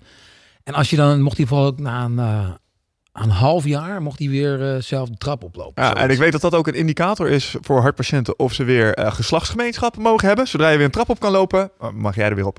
Eh, die, die dwarsstraat wil ik even Ja. in dit geval niet in. dat snap ik. Maar dat, ja, dus traplopen is echt een, dus je, je eigen lichaamsgewicht omhoog verplaatsen. Gaaf man. Helder. Ja, ik denk altijd bij, eh, bij de leeftijdsdiscussie, denk ik altijd maar, eh, hou ik mezelf Randy Couture altijd maar voor. Die op zijn 45ste nog eventjes het kampioenschap naar zichzelf Ja, toetrok. die ook. Of Bill Pearl. Ik weet niet of je die kent. Nee, Een is oude- hele oude legendarische bodybuilder. Oké. Ja, die, als je kijkt naar dat soort gasten die het bijhouden. Nou, neem Arnold Schwarzenegger nou. Hmm. Bedoel, ja, maar die is nu dik in de 60. Ik bedoel, wat je verder ook van hem vindt. Maar Ja. ik denk als hij zijn shirt uittrekt... Dat je, dat Oh, niks tegen op die man. Nee, maar dus, dus door gewoon te blijven kracht trainen, te blijven tillen. Dus het lichaam te blijven, eh, de functie te blijven geven die het in eerste instantie Ja, toegewezen heeft functie gekregen. Ja. Ja. En ehm, ik heb wel eens gelezen ergens in een onderzoek dat ehm, muscle mass is de, ik geloof ik, de number one biomarker voor een gezonde oude dag. Ja, Klopt. Zeker. Ja. Dus het zegt heel veel, oh, dus the ability to, eh, ja, to keep your muscle mass. Maar dat gaat op een gegeven moment ook, dat wordt gewoon een soort van opgegeten met de jaren, zeg maar, dat wordt minder. Dus is dat moet je dus blijven moet voordat je je pensioen ingaat, moet je gewoon zorgen dat je een shitload of body mass Ja, hebt natuurlijk. eigenlijk. Ja. En het, het ook En- bijhouden. Ja. Wel kan- blijven trainen, ja. Je kan nog steeds ehm, eh, op je tachtigste kan je een dikke squat maken. Ja. Ik heb een, eh, een oude stiefvader, 83. Die, eh, ja, die begint nu wel echt wel minder te worden fysiek. Maar die, eh, heb ik, eh, die, heeft, die heeft in 5, of 63 nog de, de Elfsteden toch gereden. 85, 86, 97. Altijd atletiek gedaan in zijn jeugd. Is gewoon een atleet. Weet je, die duikt op Mm. zijn tachtigste nog het first het zwembad in. Ja. Dus je ziet daaraan dat tot die hoge leeftijd, door het maar bij te blijven houden, Mhm. eh, kan je een heel eind komen. Ja. En nu doet hij dat wat minder en dan Ja, maar je kan het ook nog op late leeftijd eh, eh, oppakken. het Want... is nooit te laat. Nee, ik wou net zeggen, dan hoor je, eh, dan, dan praat je met eh, andere instructeurs en dan hoor je van die mooie verhalen over dat ze dan eh, oma's hebben en die zijn de 90 inmiddels al gepasseerd en die gebruiken eh, liftjes om in bad te moeten komen. Ja. En die worden dan voorgesteld aan de wondere wereld van krachttraining, bijvoorbeeld middels kettlebells of iets Ja. dergelijks. En plots mag het liftje op marktplaats, omdat, nou ja, oma begint weer functie te krijgen op plekken waar ze die al lange tijd niet heeft gehad, gewoon omdat ze het is weer gaan belasten. mij is dat een onderzoek uit een, heb ik wel eens gelezen, uit een Italiaans bejaardenhuis hebben ze dat getest. Oké.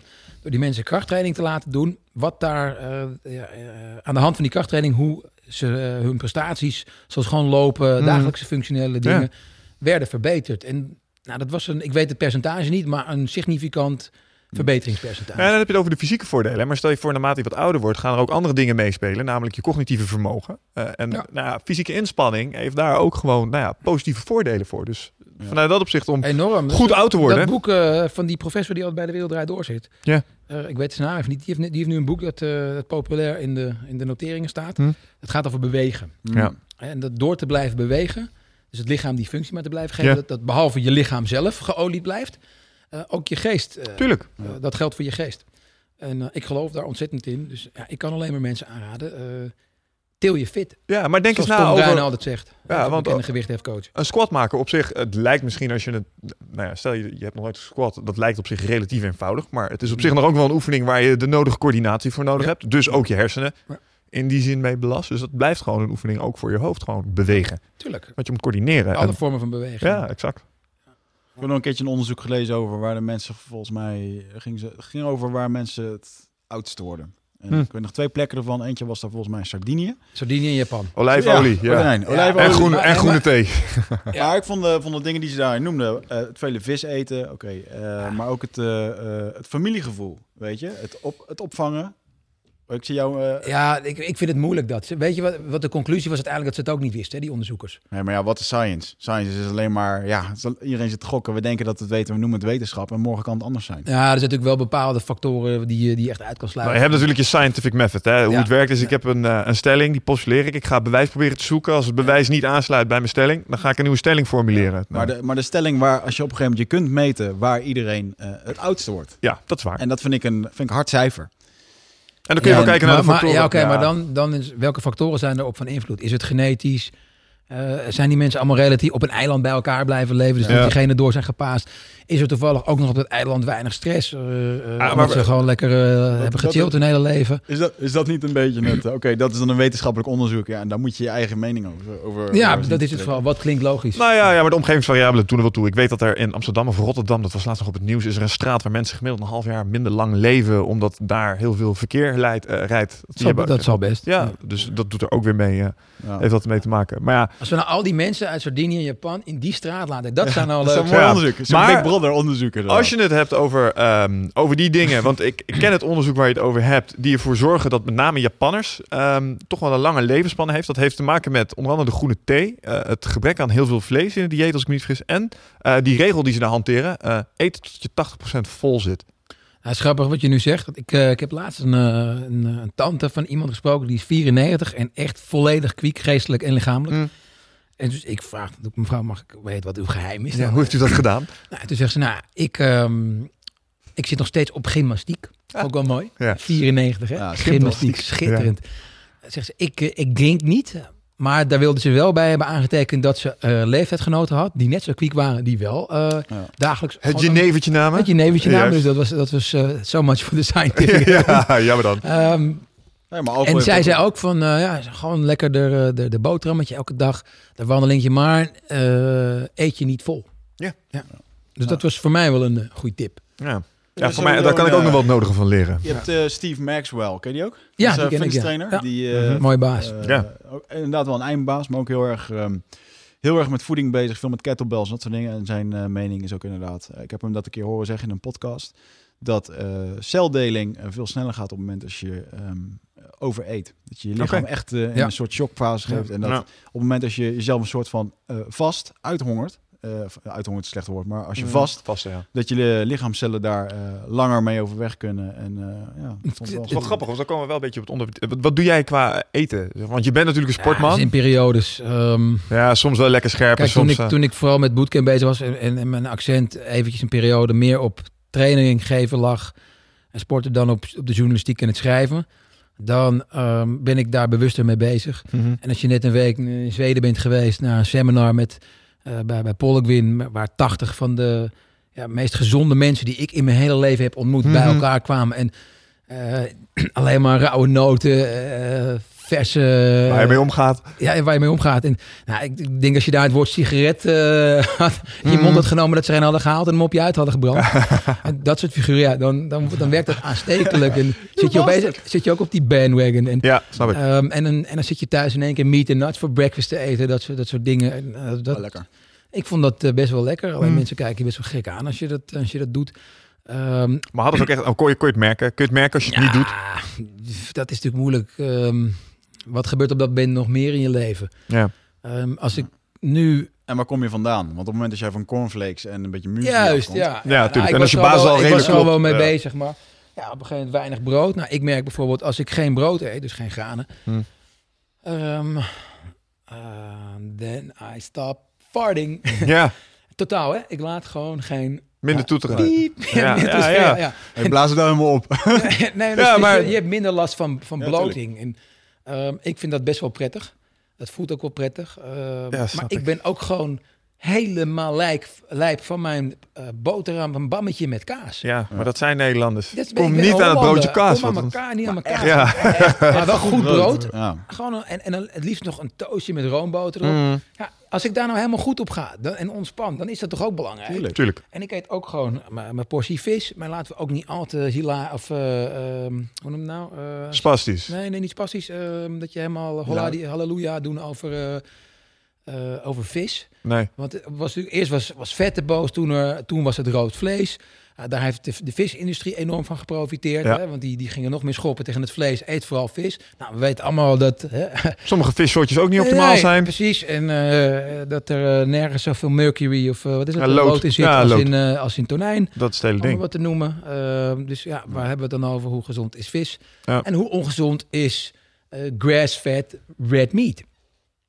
Nou, ik, ik heb nog geen onderzoek gelezen dat zegt dat dat niet gezond is. Nee. En als je daarna, iedereen loopt altijd te zeiken over vlees, eh, rood vlees. Kijk, alles wat te voor staat, om even je oma's wijsheid eruit te halen, Tuurlijk, te halen dat zal ook wel hiervoor gelden. Maar als je nou eens een keer een goed artikel over ehm, rood vlees wil lezen, dan zou ik, ken je Johnny Bowden? Ah, De, de Rogue Nutritionist. Dat is een, die gozer is op zijn dertigste totaal verslaafd aan alles geweest wat je maar kan bedenken. Oké. Volgens mij zijn zijn tanden nog net De zijn- Nutritionist. De Rogue Nutritionist. Rogue. ja. Oké, ja. En, ehm, maar dit is echt, dat is een wetenschapper ook. Hè. Is, een, Mm. is een dokter en, en die schrijft geniaal, maar ook op een, op een hele leuke onderhoudende toon. En hij heeft de, um, een, een blog geschreven, een, een vrij uitgebreid verhaal, de, de Red Meat Scare. Want het was naar aanleiding van een onderzoek in 2012. Ja. Waar we allemaal, als ze dood moesten zijn, hide the, the women in, uh, hide the children for, for red meat. En hij zei van de Red Meat Scare, what should we make of it? En ehm, eh, hij eindigde die zin met van... eh, eh, allemaal voorbeelden uit zijn eigen eh, praktijk en zijn eigen leven en wat het Ja. voor hem deed.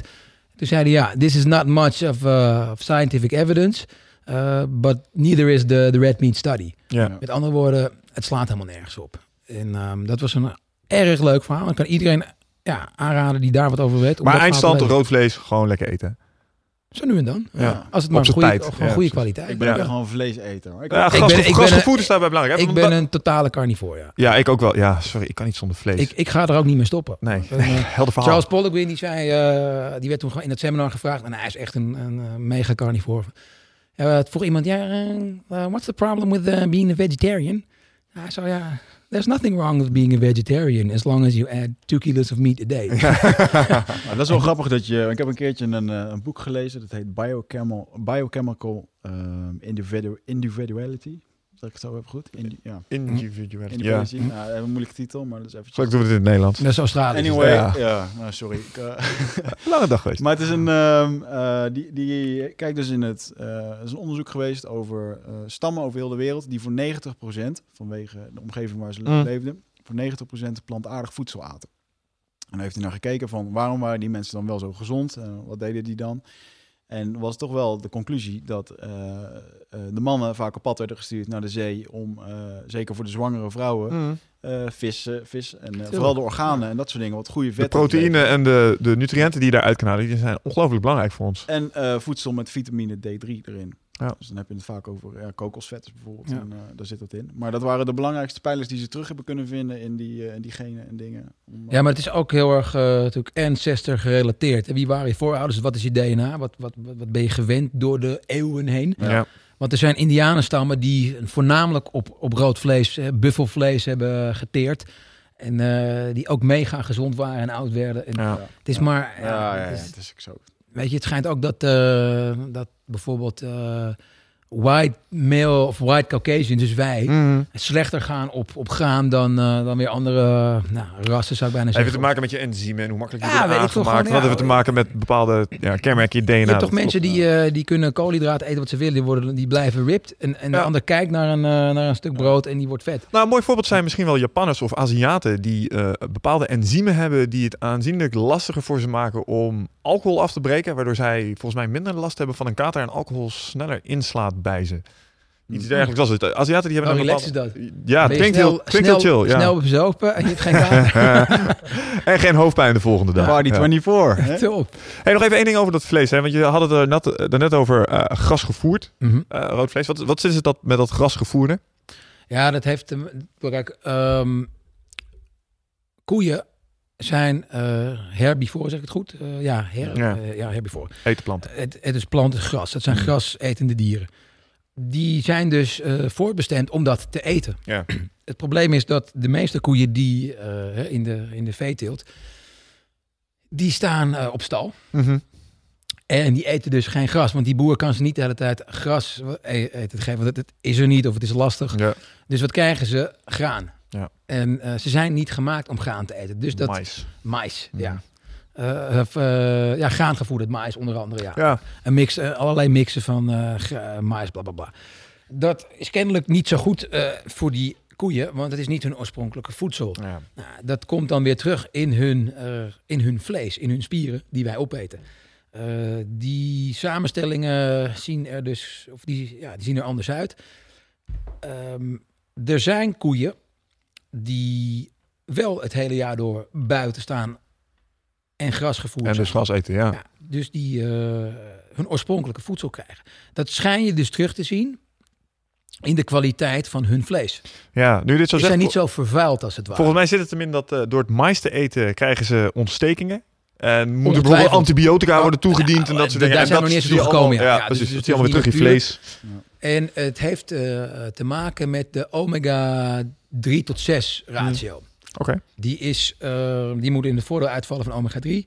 En die schijnt bij grasgevoederde, uh, bij grasgevoederd vlees uh, veel beter te zijn dan bij uh, cornvet, dus okay. graangevoerd. Dat was trouwens wel even een interessant weetje. Jij zegt um, binnen omega 3 en 6 moet het voordeel vallen ten voordele van? Omega 3. Dus daar moet het zwaartepunt liggen? Ja. Oké, okay, want? Ja, dat weet ik even niet okay, meer. Maar ja, soms, maar weet je wat gek is? Uh, je zit ergens heel erg in. Mm. Um, ik zit er nu gewoon wat minder. Ik lees ja, van, ja, nu ik. dagelijks gewoon minder elk voedingsblog wat, er, wat ik vroeger uh, mm. helemaal leegvrat. Want ja, ik, dat is gewoon een kwestie van verdelen. En ik, ik hou het echt nog wel een beetje bij, maar ja, dat, is, dat is, wordt steeds moeilijker. Ja. Dat vind ik soms best jammer. Ja, ja want je had, het net al, je had het net al een beetje over de verdeling. Eh, zeg maar, eh, soms liggen in jouw leven het zwaartepunt ligt op het trainen, het voeding en het lesgeven. Ja, ja. En dan soms ligt het zwaartepunt weer op het journalistiek. Ja, als ik uh, kijk in onderzoeksjournalistiek um, ben je vaak oneindig op pad en heel spontaan. Mm -hmm. Uh, en dan is het broodje wat je pakken kan. Slecht planbaar werk. Veel broodjes eten, denk ik. Het is niet te doen. Het plannen. Ik, ik las een keer een, uh, een interview met Joel van der Heuvel. En die zei dat hij uitzonderingen daar afspraken altijd onder voorbehoud maakt. Hm. Want ja, als er, uh, ik noem wat, hij komt hier nu naartoe. En, uh, en er gebeurt iets ja, waar het hele land van op zijn kop staat. Wat ja. de hele misdaadwereld. Dan, ja, dan, en het is zijn vakgebied. Dan moet hij daarover kunnen, ja, bereikbaar voor kunnen zijn. Tuurlijk. Ja. Um, het zou natuurlijk lachen zijn als hij dan hier zit. Ja. En dat hij dan hier live uh, gewoon alles zou mooi zijn. Ja, het zou mooi zijn. Ik weet niet wat mensen bellen of zo. Nou, het, is, het is uit zichzelf al druk genoeg op momenten. Ja. Um, dus je hebt heel vaak dat je ergens langs de, weet ik veel, A87, eh, ik weet niet of die bestaat, dat je weer bij een tankstation eindigt. Ja. Omdat je, ik noem maar wat, ik kom ergens, eh, bijvoorbeeld bij iemand thuis. Ik mag daar opeens binnenkomen, wat ik Mm. helemaal niet had verwacht. Het kan best zijn dat als ik het morgen weer probeer, dat diegene er A, geen zin meer in heeft, niet Mm. thuis is, Mhm. in de gevangenis zit, Ja. eh, het land uit is, dat ik hem gewoon, of, of een ander telefoonnummer heeft, ik kan hem in ieder geval niet meer bereiken. Dus als ik hem, hem of haar heb en die wil met mij praten, ja, dan, dan, eh, dan ja, zorg ik Jij moet je dat kansen nemen ja, hebt. maximaal ja, benut. Ja, ja, ja. Ik ga niet als ik bij iemand thuis ben en iemand er niet zelf over begint. hey, heb je een broodje voor me? Ja, dat doe je niet. Even de koelkast Dus kijken. soms- ik zit soms zes uur lang. Gewoon, ja, je, hebt, je hebt mensen die zeggen nou niet weer wat drinken of eten. Ja. En dat, is, dat neem je ook helemaal niet kwalijk. Ehm, of het komt er gewoon niet van. Mhm. Zit je zes uur lang eh, zonder dat je iets eet. Dus op het moment dat het dan klaar is, dan start je je auto, dan trap je je rechtervoet in op zoek naar het eerste beste tankstation. En hier raus je helemaal leeg. Cravings. ja. Met M&M's en tuurlijk. sausijsbroodje, wat er maar voorhanden is. Dus dan, eh, of je zit bij een, eh, ik spreek nog eens bij een wegrestaurant af of bij een Ja. McDonald's. Nou, dan kan ik drie uur lang eh, van die Big Mac afblijven. Maar op een gegeven moment merk ik dat ik flauw begin te worden. Denk ik, ja, Ja. Maar daar heb je op een gegeven moment ook niks meer over te zeggen. Dan geef je reptiele brein gewoon een signaal af en dan is het gewoon juist, gaan ja. met die banaan. Ik ben, en ik ben ook maar een, Tuurlijk gewoon maar, mens. een cookie monster. Ja, ja. Oh, ik ben ook gek op cookies. Ja. Grappig. Dus Oké. dat, ehm, ja, het schiet er wel eens bij in. En ik was eind voor, voordat de zomer begon, ehm, zei er iemand tegen mij die ik daar altijd op aansprak. die zei toen hij mij in een t-shirt op een stoel zag zitten. Hé, hey, wat zie ik nou? Ah, kijk hem nou. ja, die oude net personal trainer. Nou, die zag gewoon door mijn t-shirt heen iets van een, Ja, een van een laagje. reservewieltje. Ja, nou ja. Oké, Ja, en, toen, en toen was ik op een gegeven moment op het water op een boot. En had iemand een foto gemaakt. En ik stond voorover gebogen om en om de touw te pakken. Ik zag later die foto en ik denk, Oei. nou gaan we, nou gaan we volledig op de rem Jij staan. was, jij was de reddingsboei. Ik was de reddingsboei. en ik woog 91 fucking kilo's. En ik ben normaal, ik ben nu 5, 85. Mhm. Ehm, en dan ben ik nog steeds niet helemaal ripped. Dat hoeft ook niet. Maar ik doe ook, ik doe ook nu minder krachttraining door het Ja. schaatsen. Doe ik, want ik durf gewoon geen benen meer te trainen. Ik hoor je trouwens ook om rip te worden krachttraining, dus geen cardio. Dat, dat ook natuurlijk. Eh, ik, ik ben niet zo van de cardio, maar ik moet nu cardio hè, voor die 200 kilometer. Ja. Ehm, dus dat is allemaal is ook weer interessant. Hoe gaat dat? Oh, gelukkig train je benen veel, dat helpt. Jawel, maar ik, je traint ze altijd in een bepaalde hoek. Ik Ja. zit zelden nog onder de 90 graden. Ehm, en ik denk dat zou ook interessant zijn, nu door het vele schaatsen. Wat zou ik nu squatten spontaan? Ja. Ik Ja. denk dat ik binnenkort maar eens even ga meten. Dan ga En je. dan ga ik dat- jullie op de hoogte Ja, dat vind ik wel er interessant. gaat. Want volgens mij Allemaal je daar leuke, leuke weetjes. Ja, maar ik leuk. merk wel, door eventjes, ehm, tip voor de mensen thuis. Het is geen wetenschap. Hoe ik die 6 kilo er in, in no time af heb gekregen. Mm. Tuurlijk, ik ben vast wel ietsje meer gaan trainen of hetzelfde. Maar ik heb vooral de, de rommel eruit gegooid. eh, en de alcohol. Ja. En, want ik, mag el, ik drink bijna elke dag wel een wijntje. Soms sla ik het over. Mm. Ik ben geen groot drinker. Je zal mij zelden totaal bezopen ergens tegenkomen. Ehm, ik nok meestal na vier, vijf drankjes nok ik hem af. Mm. Eh, of, ik, of ik nok hem, ik ga niet naar huis, maar ik, ik ga aan de spa. Ja. Want ik vind het niet lekker om helemaal bezopen te zijn. Af en toe wel. Ehm, Soms moet het kunnen. Het moet kunnen. Maar het verschil tussen één wijntje op een avond of twee, drie of vier, Ja. Ja. dat maakt zoveel uit. Ook de volgende dag in termen van Tuurlijk. wat je uit je kop krijgt, denk Je, ik. je slaapt minder goed. En, Ja. en je slaap, als je ergens, als je wil afvallen, moet je goed slapen. Ja. Ja. Begin ermee. Je herstel. Hormonale. eh, Ja, we zeggen nu zo in één keer volmondig, ja, ik denk dat ik wel weet welke kant eh, je ermee op wil. Maar waarom is het zo belangrijk wat jou betreft? Die slaap. Slapen. Ja? Ja, dat voel je wel. Als je mag kiezen tussen niet meer eten of niet meer slapen, dan kies ik voor eh, niet meer eten. Ja. Ja, want slaap is gewoon, de, dat is het allerergste wat er is, is een slaaponthouding. Ja. Je voelt gewoon, dat, er kan toch helemaal geen zak met, geen kilo vitaminepillen, shakes, weet ik veel wat, goed eten op tegen acht uur slaap. Als je na acht uur hebt, zeven, acht uur slaap Hmm. en je wordt uit jezelf wakker, maar zo'n, het het komt zelden voor dat je nog echt uit je, uit je bed springt, hè? Ja, Zo'n soort jong kippie. Eh, maar dat je echt voelt van, nou, ik ben helemaal opgeladen. tijd dat om kan te gaan. alleen, ja, de tijd om de dag af te trappen. ja, precies. Ehm, dat gebeurt dus helaas minder. Want je, als ik s'nachts opsta, ik moet naar de wc of zo, dan denk ik echt, ah, zo voelt het dat je 80 bent. Ja, Dan kwam ik laatst Gianni Romme tegen. Iedereen hopelijk wel bekend. Ja. eh, voormalige gouden medaillewinnaar, schaatser. En daar raakt, die is nu 42. Eh, die rijdt nog elke dag met die eh, topdames mee. En, Ja. die, en die kan hij nog aardig... eh, Bijhouden ook? Nou nee, eh, hij kan ze aardig eh, zijn enkels laten zien. En, dus die is echt nog wel heel fit. Heeft een body fat per- percentage van van 8%. Dat is ook een beetje DNA. Hm. Ehm, maar die Sommige zei- mensen hebben er gewoon mazzel die, dat zei hij Ja. ook. Dat, is, dat zijn gewoon, daar moet ik mijn ouders voor bedanken. Maar hij vertelde wel dat hij ook, ja, s'nachts of 's ochtends als hij opstaat, dat alles kraakt. En dat hij zeg maar vijf minuten nodig heeft om even doorgesmeerd te Ja. raken. En dat, dat- dus ik denk, nou, blij dat hij dat ook heeft. Ja, dat ligt niet alleen aan mij. Nee, ja, nee, precies dat, ja. Dus, Oké. eh, Ja, want de reden, ik, we hadden het net al eventjes over die, eh, over die balans in je leven. Ik, ik heb het gevoel dat je nu iets meer bezig bent met je, eh, met je journalistiek en met je auteurschap. Natuurlijk zitten daar ook wel, ehm, en dat is misschien ook wel de eh, parallel die je kunt trekken tussen het trainen en eh, dat type werk. Daar zitten ook wel de nodige doorzetmomentjes in.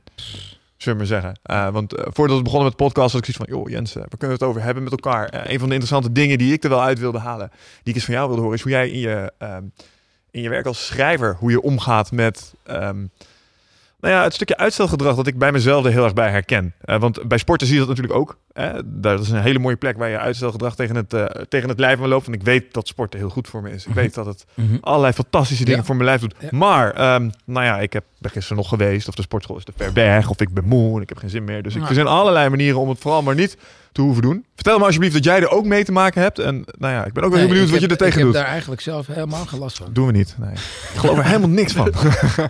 Nou, ik had het vandaag nog eh, eh, op de ijsbaan. Ik was achter een kerel aan het eh, aanrijden die, die dus een hele mooie slag had. Mhm. Maar die ook al ehm nou, een jaar of 14 ouder was.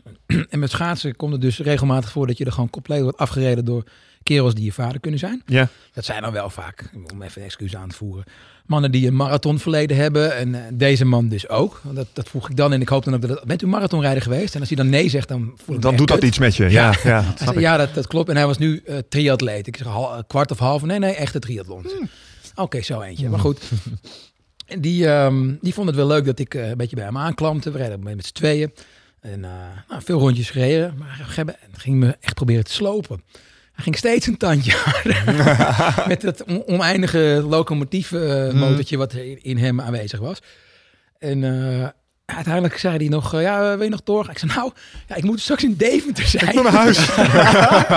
ik was onwijs blij dat, eh, dat ik een excuus had om Ja, ja, ja, ja, die dat baan op ik. te stappen. En maar dan, dan zit je ook tegen jezelf van, ja, wat nou, wat nou, wat je? Je, gaat toch nu niet dat excuus gebruiken. Dan Ja. je gaat minimaal no- nog een rondje of twee rondjes. En, terwijl je eigenlijk niet meer kan en wil. Ja. Ehm, je, kan ook, je kan je ook ontzettend kloten voelen. Mhm. Als je, dat, als je dan afhaakt. Ja, Terwijl je helemaal met je Toegeven schaatsen eraan. toegeven. Ja, dat stemmetje van, ja, het is zwaar. het is Het is vermoeiend. Het ja. is vermoeiend. En je moet nog een David, dus je moet nog een klein beetje ik moet fit een beetje zijn. fit, wat je ja, hebt gezegd. ja, nog, ja, weet je, ja, ja. allemaal van die dingen. Oh, elk Ja, daar was ik wel een beetje schuldig aan, ja. Ik zet er- Elk excuus in het arsenaal van het schip ga je, ga je erbij halen. Maar dat En, moet je ook ehm, zien als een spier die je traint. Ik bedoel, eh, dat is, dat, is een, nou, dat is een stukje consistentie. Als je weet dat je Die- het één keer hebt gedaan, doe dat vaker. Wordt, Ja. eh, in het leger zeggen ze dat in de, in de Gironische spier zit hier. Maar je hebt bijvoorbeeld een, eh, in het, eh, de, de oude Spartanen, die eh, hadden een trainingsmethode, heb ik al eens gelezen, waarbij ze water in de mond kregen. En dan moesten ze in één keer, eh, weet ik veel, mijlen gaan lopen of allerlei dingen doen. En dan mochten ze het water niet doorslikken. Hoe verleidelijk is het als je je water van mond bek hebt en je loopt met... eh, Ja. Nou ja, als je, als je verkouden bent, heb je wel een probleem, denk ik.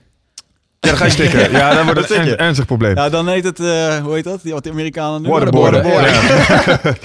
maar ik vond het wel goed, want als je dat dan doet en je loopt met 30 graden rond, en eh, nou, dan is het wel... eh, Ja, maar met sport is het op zich wel, is het ook wel, eh, is het misschien makkelijker, zeker in een setting waar je net zat, eh, de, de schaats iemand naast je en die vindt ook iets van wat je doet. Dus op Ja. het moment dat je opgeeft, nou, dan Ja. vindt hij daar misschien iets van, dus trek je er zelf heen. Maar eh, ik heb wel eens, nou, jij hebt me wel eens verteld dat als jij boeken schrijft, dan zonder Ja. jezelf graag af. Ja. Ehm, dan heb je misschien ook wel niet de stok achter de deur van iemand die je ehm, aan het werk zet en ben je dus helemaal overgeleverd aan je eigen Ja. discipline. Klopt. Ik kan me voorstellen dat het ook nog wel eens tot situaties leidt dat je denkt van, nou, ik had meer uit deze dag kunnen halen als Ja. ik nu gedaan heb. Ja. Ja. Maar gek genoeg heb ik dat als ik echt in de schrijfbasis zit en ik trek me daarvoor terug Hm?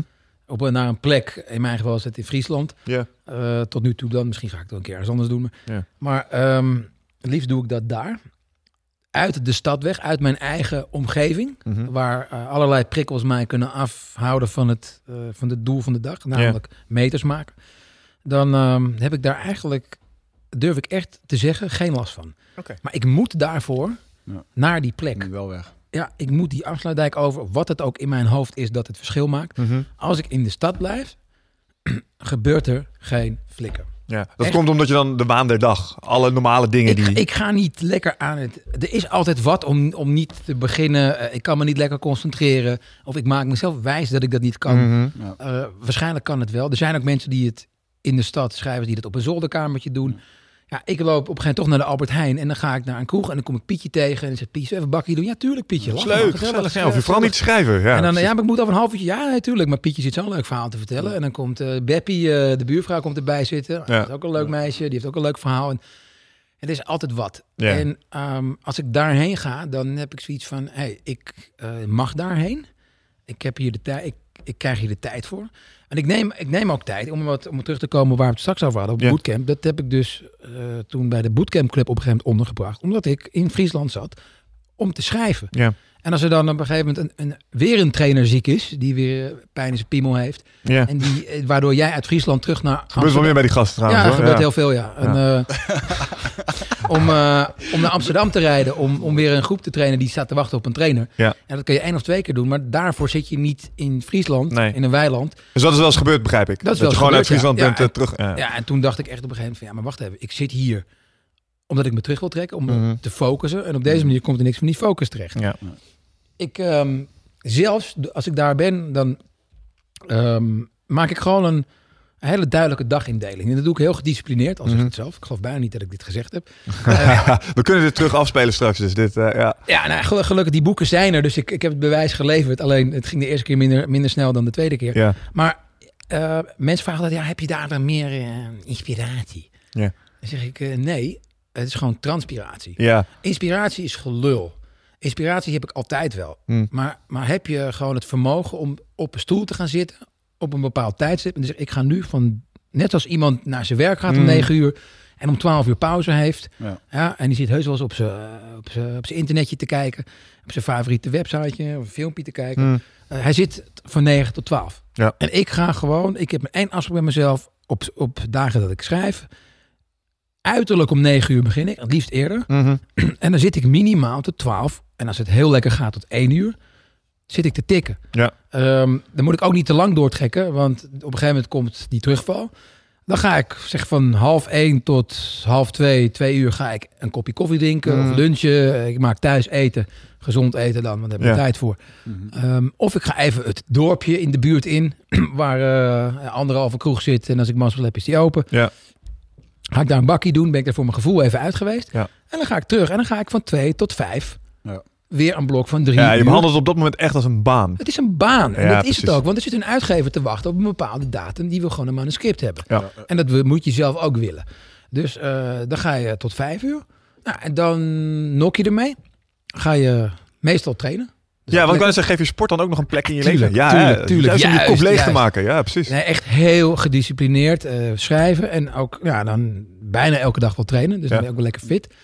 Ehm, en dan ga je... Zijn er sportscholen in Friesland? Nou, ik zal je vertellen dat de enige sportschool in die hele streek op 800 meter van mijn huis zat. Daar heb je het op geselecteerd, of niet? Het is niet dat ze... dat is Maar echt- hebben ze er een squad rack? Ja, Friese, Nee! dacht ik al. En, Friese knol op je nek. Ja. Ja, ik, ik, heb, ik, ik weet dus precies in een straal van 30 kilometer iedere sportschool met een squat rack. Dus Mhm. ik rij ook wel eens naar een, eh, een wat grotere plek toe. Waar ze dan een, eh, een sportschool hebben met een echt squat rack. Ja. Ik ben er ook... Zijn dan mensen thuis, waarom heb je een squad rack nodig? Nee, maar ook de, bel- ik heb een keer naar een, eh, sportschool gebeld, eh 10 kilometer verderop, 12 kilometer verderop. Hallo, ja, met Jens, hallo. Ja, wat kan ik voor u doen? Heeft u een, eh een squat rack? Een rack? Ja, die, die hebben we. ik zeg, weet u het zeker? Ik bedoel dus niet een Smith machine. Een Ja. Smith machine voor de luisteraar is een, een squat rack met een eh, voorgefabriceerde eh, zeg maar, beweging. Zit. Eh, bewegingsuit- Die zit vast in een rail en die doet de coördinatie die je eigenlijk zelf zou moeten doen. Ja, Dus en je kunt hem vastklemmen. Ehm, dus dan rij je naar die sportschool toe en dan heb je er helemaal zin in. En dan kijk je door het raam van de pa- parkeerplaats naar binnen en dan zoek je het het squat rack en dan zie je alleen een Smith-machine. Ja, jammer. Nou, zie je, ze hebben boven nog een verdieping. Dus het, het komt wel goed. Misschien, ja. Misschien ja, maar je voelt al aan dat het eigenlijk niet goed komt. Dus dan kom je binnen. Ah, waar is het squat rack? Ja, daar. En dat is een Smith-machine. Nee, dat is een rack. Ja, Nee, dat is een Smith-machine. Ja, wat is het probleem? Ik zei, nou, dat je... Nou, laat maar. ja. lang verhaal kort, ja. Lang Geen maar squad kort. rack. Dus, ja, geen squat rack. Helder. Dus dan moet je, je de hele, hele streek aan door, eh, aan doorfietsen om, eh, om bij een squat rack te komen. Hm. Nou goed, eh, we dwalen af. Ehm, trainen en als af, afwisseling van het werk. Ja. Dat, gaat, dat, dat is voor mij ideaal. Als, ik dat, als die sportschool er niet zat, zou ik dat echt wel jammer vinden. Ja. Zou ik gaan lopen buiten, wat dan ook. Maar je wil ook wel eens gewoon naar de sportschool toe. Tuurlijk. Dan heb je ook een beetje aanspraak, een beetje aansloes. Ehm, het enige is... of, sorry, dan ga je daarna naar huis. Dan ga je koken en dan eh, kijk je journaal. En even een beetje tv of wat dan Mhm. ook. Je leest een krantje. En dan om 9 uur, s'avonds, ga je weer zitten. Tot 12 uur s'avonds. Ja. En als het even kan, niet later dan dat. Tenzij je in een hele extreme goede flow zit. Ja. Want als je tot twee uur doortrekt, dan sta je weer 's ochtends niet om 8 uur op. Ja. Of half acht. Ja. Ehm, dus, en, dus eigenlijk doe ik gewoon een paar maanden lang, week in, week uit, dag in, dag uit, dit ritme. En niks anders. En ik smokkel niet. Ik ben één keer naar TIA af geweest. Ja. Toen had ik een schuldgevoel van een week.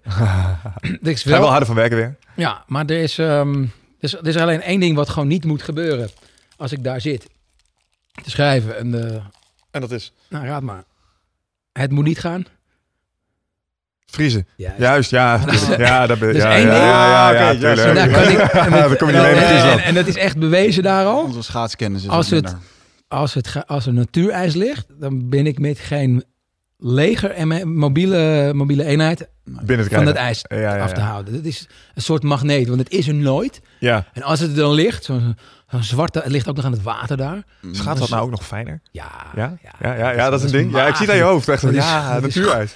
De, het geluid van natuur is een beetje met het bobbeltjes ijs of, zo, of juist zo'n strakke zwarte plaat. Mm. Dat je zo zo'n spiegel aan het rijden bent. Ja, dat is, dat is met dat gekraak. Dat is het Ja, ja, mooiste, ja, ja, ja. letterlijk het mooiste wat er is. Ja, maar überhaupt gewoon kan doodeng als je op zo'n bevroren plas bent. Nou, ik heb wel eens op een... Ik heb Mijn mond vol, sorry. Ja, dat maakt niet uit. Op een plas gereden, op een dinsdag. Een zwarte, gitzwarte plaat, maar die nog niet helemaal... Daar kon je nog niet met 15.000 man overheen Was, rijden. was geen goed idee, nee. Maar dat het zo hard kraakte dat ik nog maar wat harder ging schaatsen. Maar ik dacht, als dit misgaat, Dan hebben dan we is er helemaal niemand die, me- die Jens komt halen. Eh, onder dit ijs vandaan, nee. Nee. Oké. Het Dus, lijkt me ook wel ehm, echt een, eh, een brute Ja, dat is nee, laten we daar vooral niet al veel doorzakken. Ja. En dan weten dat je zo met je handjes tegen het Ja. ijs... en dat je geen adem kan halen Nee. omdat je met je lip tegen het ijs zit... dat je volgens je lip vast zit aan het ijs en dat je Ja. daardoor... eh, Dat lijkt me heel frustrerend. Kun je van die koud zwemmen workshops voor, tegenaan doen, maar dan ga je nee, gewoon niet ja, inderdaad. Maar Wim Hof gaat er ook gewoon aan. Hoor, dat Ja, precies. Mooi. Eh, maar het is wel een, ehm, ehm, als ik jou, je hebt wel een, eh, vind ik wel mooi, want je hebt van tevoren een planning. Ik ben de afgelopen jaren ben ik super veel bezig geweest met hoe je jezelf eh, goed kan organiseren, ook hoe je doelen kan halen. Ehm, Ja. eh, en één ding wat heel veel terugkomt in al die managementboeken van al die Mm. managementleraren, is gewoon eh, zorg dat je georganiseerd de dag ingaat, weten wat je gaat doen de volgende dag, Nou, dat vooral. S'avonds bedenken wat je de volgende dag gaat doen. Ja, wat je eruit wil halen. zodat je inderdaad je, je lijstje hebt om, Ja. eh, om, dat, om dat af Ja. te werken. Ja.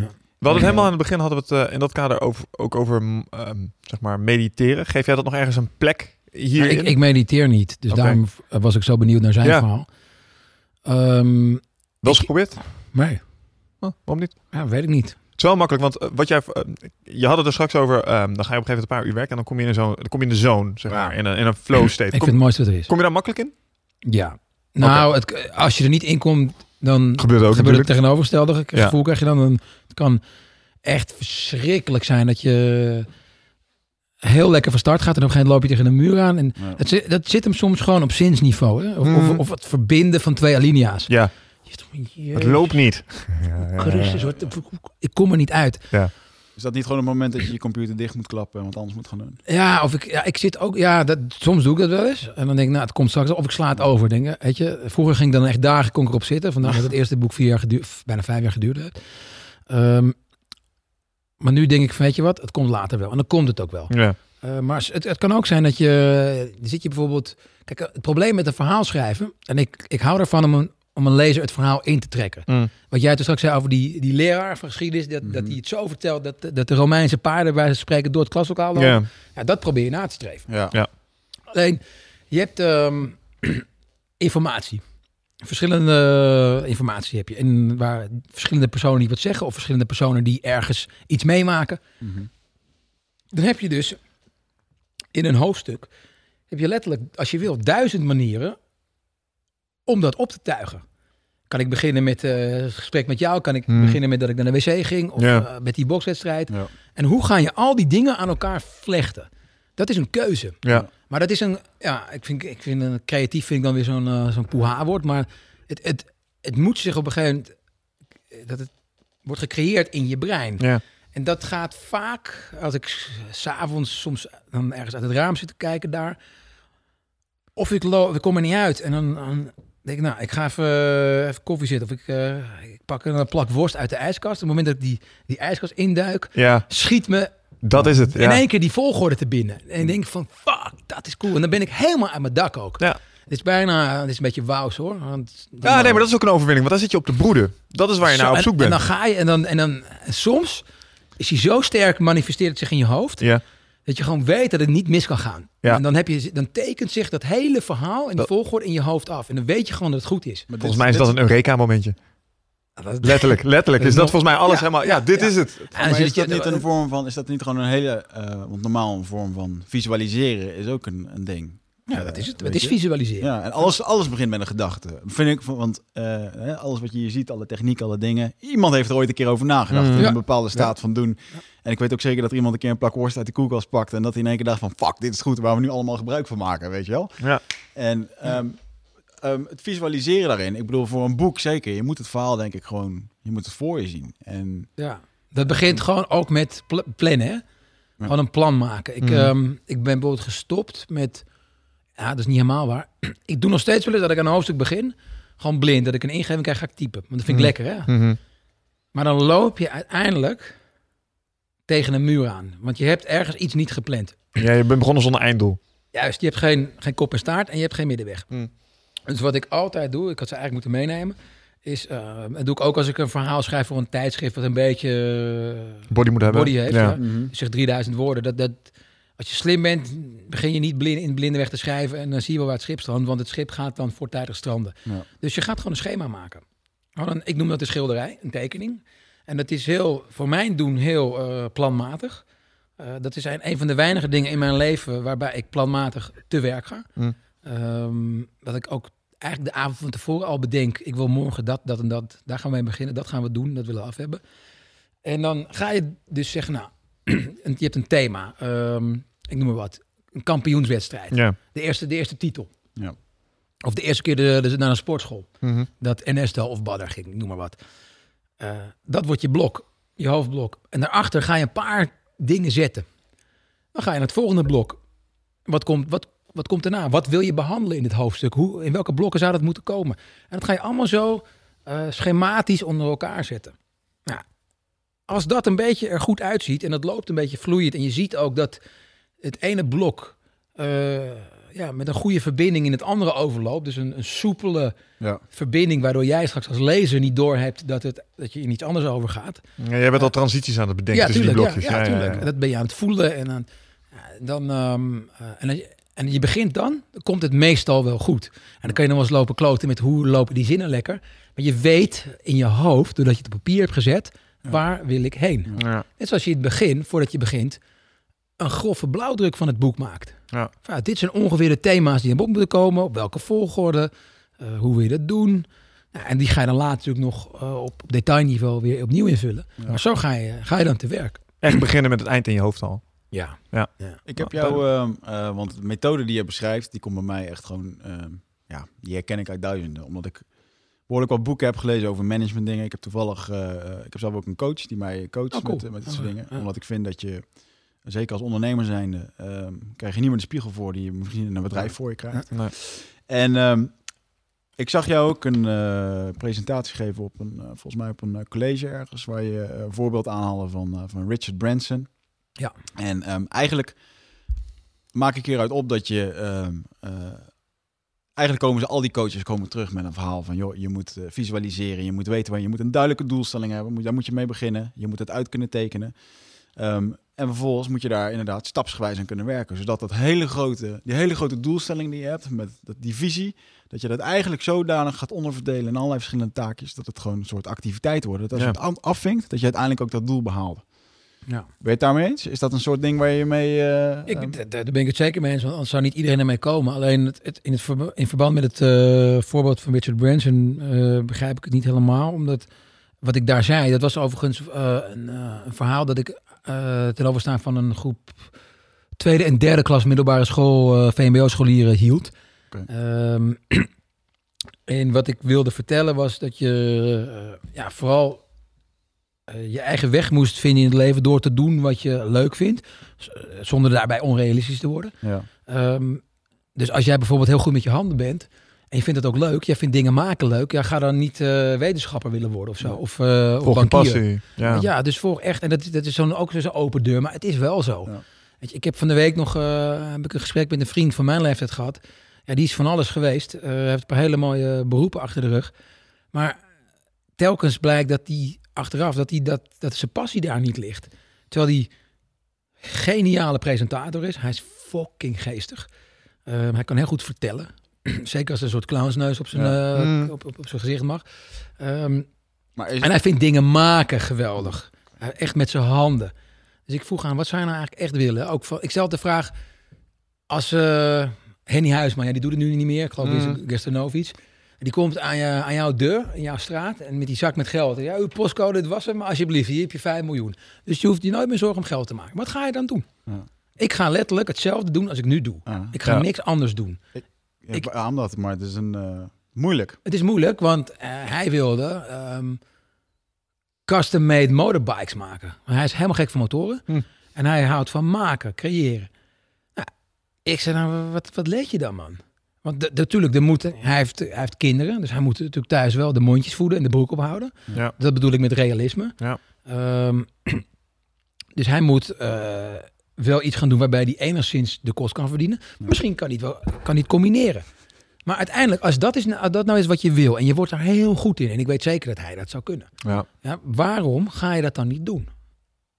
Ja. Want dat maakt je gelukkig. Alles wat hij tot nu toe heeft gedaan, maakte hem eigenlijk diep ongelukkig. Ja, maar dat vergt een bepaalde moed. En eh, dat, is, niet voor, dat ja. is niet, niet voor iedereen makkelijk. Want Nee, in sommige gevallen betekent je passie volgen dat je wel je gespreide veilige bedje achter je laat. En dan moet je die comfortzone uit. En dat is waar een boel mensen denk ik op stuk lopen in Ja. eerste instantie. Ja. Maar om dat, om dat duidelijk te hebben, en dat was toch wel mijn reden waarom ik bijvoorbeeld die Richard Branson aanhield, dat hij bijvoorbeeld een week eh, afgezonderd cursus geeft op het eiland van hem, waar die mensen of ondernemers helemaal opnieuw reset qua denken en doen. Ehm, want er zit op een gegeven moment inderdaad een, eh, je hebt twee verschillende co- soorten condities. Je hebt gewoon een conditie gevoed door je hersenen, eh, van ik moet opstaan en je moet dit en, Mhm. en ze verwachten dit van me. En je hebt echt dat brandende eh, motivatiegevoel wat gewoon uit je hart komt. En dat kan ik alleen maar eigenlijk voor de mensen die dat moeilijk vinden om, om dat voor te stellen met je eigen baan. En die zullen er een hele hoop zijn. Want ik geloof dat 80% niet gelukkig is in de baan die die, eh, Nee. die, die heeft. Nou, 80% is geld aan het verdienen, omdat het moet. Precies. En op het moment als je echt s ochtends opstaat en, want en dat gevoel waar je het beste mee kan eh, vergelijken is denk ik als je eh, jarig bent Ja. en dat je gewoon vanzelf wakker wordt en denk je yes, nu gaat nog iets gebeuren. En dat gevoel kan je ook met werk hebben. Ja. En ik denk dat een hele hoop mensen, ja, die zullen dat, dat is jammer dat dat vlammetje, dat is ook een spier die je als het ware Ja. Ja. traint. Hè? Je, moet dat, je moet daar zelf achteraan gaan. Het zal niet altijd leuk zijn. Nee, dus natuurlijk niet. Ook, ook werk wat je wel leuk vindt, is soms gewoon maar werk. Ja, En heeft stress en deadlines. Ja en- hoor. Ja zeker. Tuurlijk. Maar ik denk dat, je, eh, dat mensen ook niet beseffen dat eh, joh, je leeft nu in de beste tijd ooit. Ja. En 300 jaar geleden eh, werd je gewoon op een brandstapel gegooid als je niet in het systeem paste. Door te Ja. zeggen van ik ga wat anders doen. Klopt. En je kunt vandaag de dag gewoon custom, motor Ja. custom motorbikes maken als je dat wil. En Als je dat wil, wel, ja. wat, wat is nou, als je kijkt naar die, eh, die gastcollege die je dan geeft, wat is de hoofdboodschap die je daar, wat is, wat is het belangrijkste wat je die mensen tussen de oren probeert te zetten? Ah, dit dus, dat ligt aan wie je voor je hebt. Kijk, als ik, Ah, de doelgroep waar je het net over had. Ja, dit, dit zijn scholieren. Dus Ja. die, en, en dat is in het kader van eh, een, een project. Dat is op het Eiburg College in Amsterdam. Een hele gemeleerde school. eh, van Hmm. VMO tot met VWO. En, eh, en heel multicultureel. En die hebben daar een, een project dat heet Be a Businessman. Dus dat stimuleert jonge kinderen om ja, ondernemer, iets ondernemends te gaan doen. Hmm. En wat, dat maakt dan niet uit. Goed initiatief trouwens. Ja, heel goed initiatief. En ook al willen ze helemaal geen ondernemer worden later, dan hebben ze er toch even over na kunnen denken. Ja, ze ze ja. moeten ook echt een, een project eh, moeten ze gaan doen. Ze moeten iets uitkiezen en daarbij eh, gaat die school dan, eh, die benadert, die heeft heel veel ondernemers in zijn netwerk.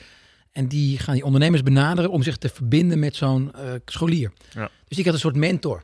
Gaaf. Nou, en het kader daarvan ehm, was ik daar.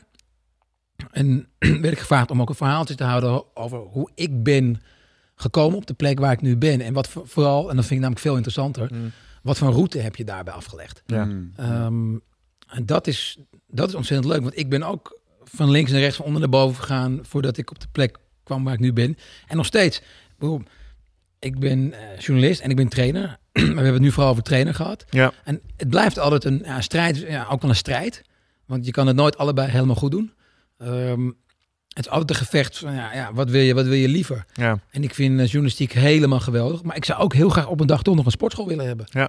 Gewoon een echt een hele leuke, eh, vette gym, een rauwe gym. ja, maar waarom niet allebei? In dit specifieke geval werkt het. Zou zou kunnen, maar nu, nu heb ik daar gewoon geen tijd voor. Ja. Eh, of misschien ben ik niet in staat om die twee dingen te combineren. Oké. Ehm, dat, zie ik, dat zie ik nu niet gebeuren. Misschien later, ik hoop het. Kan er ook de droom. Mijn droom is het om eh, meerdere bedrijven te hebben en die te kunnen runnen. Ja. Ik bedoel, dat is de. Ik heb niet één ding waar ik me helemaal op wil storten. Ik denk dat ik dan ook. eh, terwijl- Nee, ik ben ook vrij best snel verveeld. En eigenlijk is mijn passie daarbij gewoon, eh, dat durf ik wel te zeggen, dat mijn passie het, het creëren van dingen is en het succesvol te laten maken. Weet je, door in, in, in bedrijfsvorm. Ja. Dat is eigenlijk. Ja, maar dan, dan moet je wel in staat zijn om dus heel goed te kunnen multitasken, daar de rust en het overzicht voor te hebben. Overzicht houden is dan belangrijk. ik, ik ben een onwijs focusmogol. Uh, ik kan heel goed focussen als ik iets heb waar ik echt, waar mijn hart voor, uh, voor gaat kloppen. Vastbijten. Vastbijten, ja. Ja. Maar dan, dan ben ik ook uh, een soort, soort tunneldier. Het oogklep, want Ja. voor de rest is er niks op dat moment. Is het dan ook door die? Ja, Ja, gewoon is gaan, echt- vol erop. Echt vol erop. Ik kijk echt niet meer om en dan, dan boeit het ook allemaal niet meer. Roekzichtloos. Ja, dat probeer er niet te zijn, maar dat, dat, dat zou je misschien soms wel eens kunnen zeggen, ja. ja. Ga je over lijken in dat opzicht? Nou, verlijken vind ik zo'n rot woord.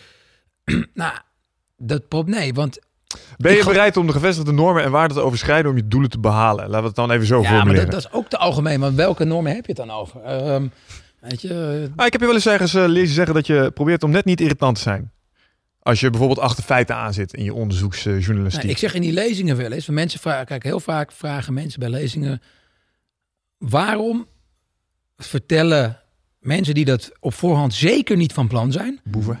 Nou, boeven of, of mensen die in de omgeving van boeven uh, bivakeren of, of mensen in het bedrijfsleven, maakt niet uit, dingen die eigenlijk voor jou verborgen moeten blijven. Waarom Ja. gaat die deur open? Ja. Terwijl mensen die deur eh, op voorhand dicht willen houden voor jou. Nou, daar heb je verschillende sleutels voor. Ja. En dan zeg ik altijd, eh, de belangrijkste is gewoon aardig doen. En niet slijmerig, Mhm. gewoon oprecht. Oprecht. Wees oprecht, ja. Gewoon wees oprecht. Toon interesse eh, in datgene waar je voor komt. Toon in de interesse in de, degene aan wie je dat vraagt. Mhm. Mhm. En, dan, ehm, en vraag het netjes in Ja. eerste instantie. Wees gewoon beleefd. Wees gewoon beleefd. En direct. Gewoon, ja. Bo, Dat, daar, daar kom je het vers mee. Ja. En ook zelfs aan een, eh, aan een, eh, een crimineel die daar helemaal niet zit te wachten. Als je iets aardig vraagt, met het oprecht enthousiasme. Ik wil echt niet zeggen dat hij... eh, hij gaat echt niet tegen jou vertellen dat hij, dat hij moord gepleegd heeft. Hoor. Ehm, eh, zo simpel is het natuurlijk niet. Maar hij wil misschien wel met je praten, terwijl hij zich heilig had voorgenomen om dat niet te doen. Ik heb Mhm. wel eens met, met, een, eh, met een crimineel gezeten. Een gesprek van drie uur. Mm. En, en toen we stopten, toen ik de rekening vroeg in het, in het Mhm. tentje waar we zaten, toen stond ik op om, om te betalen. En toen gingen we zitten en toen duurde het nog anderhalf uur. Dus vier en een half uur in totaal. Ja. Ja. En toen hij uiteindelijk naar huis ging, dacht ik, nou, ik dacht dat dit eh, eerst een, eh, niet langer dan vijf minuten ging duren. Ja. Want ik had hem telefonisch benaderd en nou, met heel veel Pijn en moeite. bijna moeite aan de koffietafel kunnen krijgen. En uiteindelijk Hm. was, het een, was het een geweldig gesprek. En ik ga dan ook naar huis.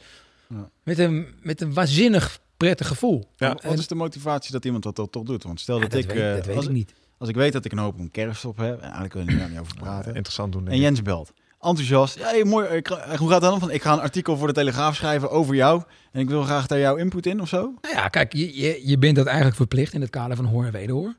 En ehm, Hoe bedoel je, wie is wat verplicht? Jij bent verplicht om die persoon ik te vragen. ik ben Ja, ja. verplicht om, eh, als ik een verhaal voor jou ga schrijven en, Hmm. en er komen daar wat dingen in, eh, ik- of ik schrijf op, ja, eh, Michel wa- waanzinnig goede radiopresentator, eh, ja, dan ga jij daar niet over struikelen. Nou, Maar als ik zeg, ehm, eh, Michel eh, is een fraudeur en een, eh, iemand die niet zo nauw met de letter van de wet neemt, en, en, en om deze en deze reden, deze feiten, mhm. eh, want dat heb ik van een ander gehoord.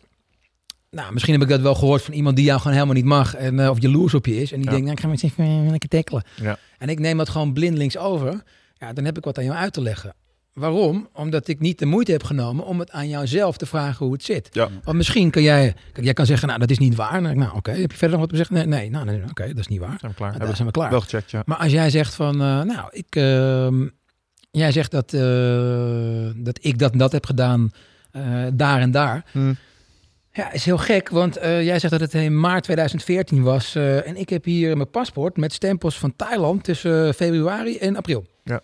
Eh, dus ik kan helemaal niet daar geweest. Ik was, ik was in het buitenland. En ik was daar met die en die. Vraag maar na. Eh, ik zat in dat, dat hotel. Hier heb je de afschriften, om wat te noemen. ja.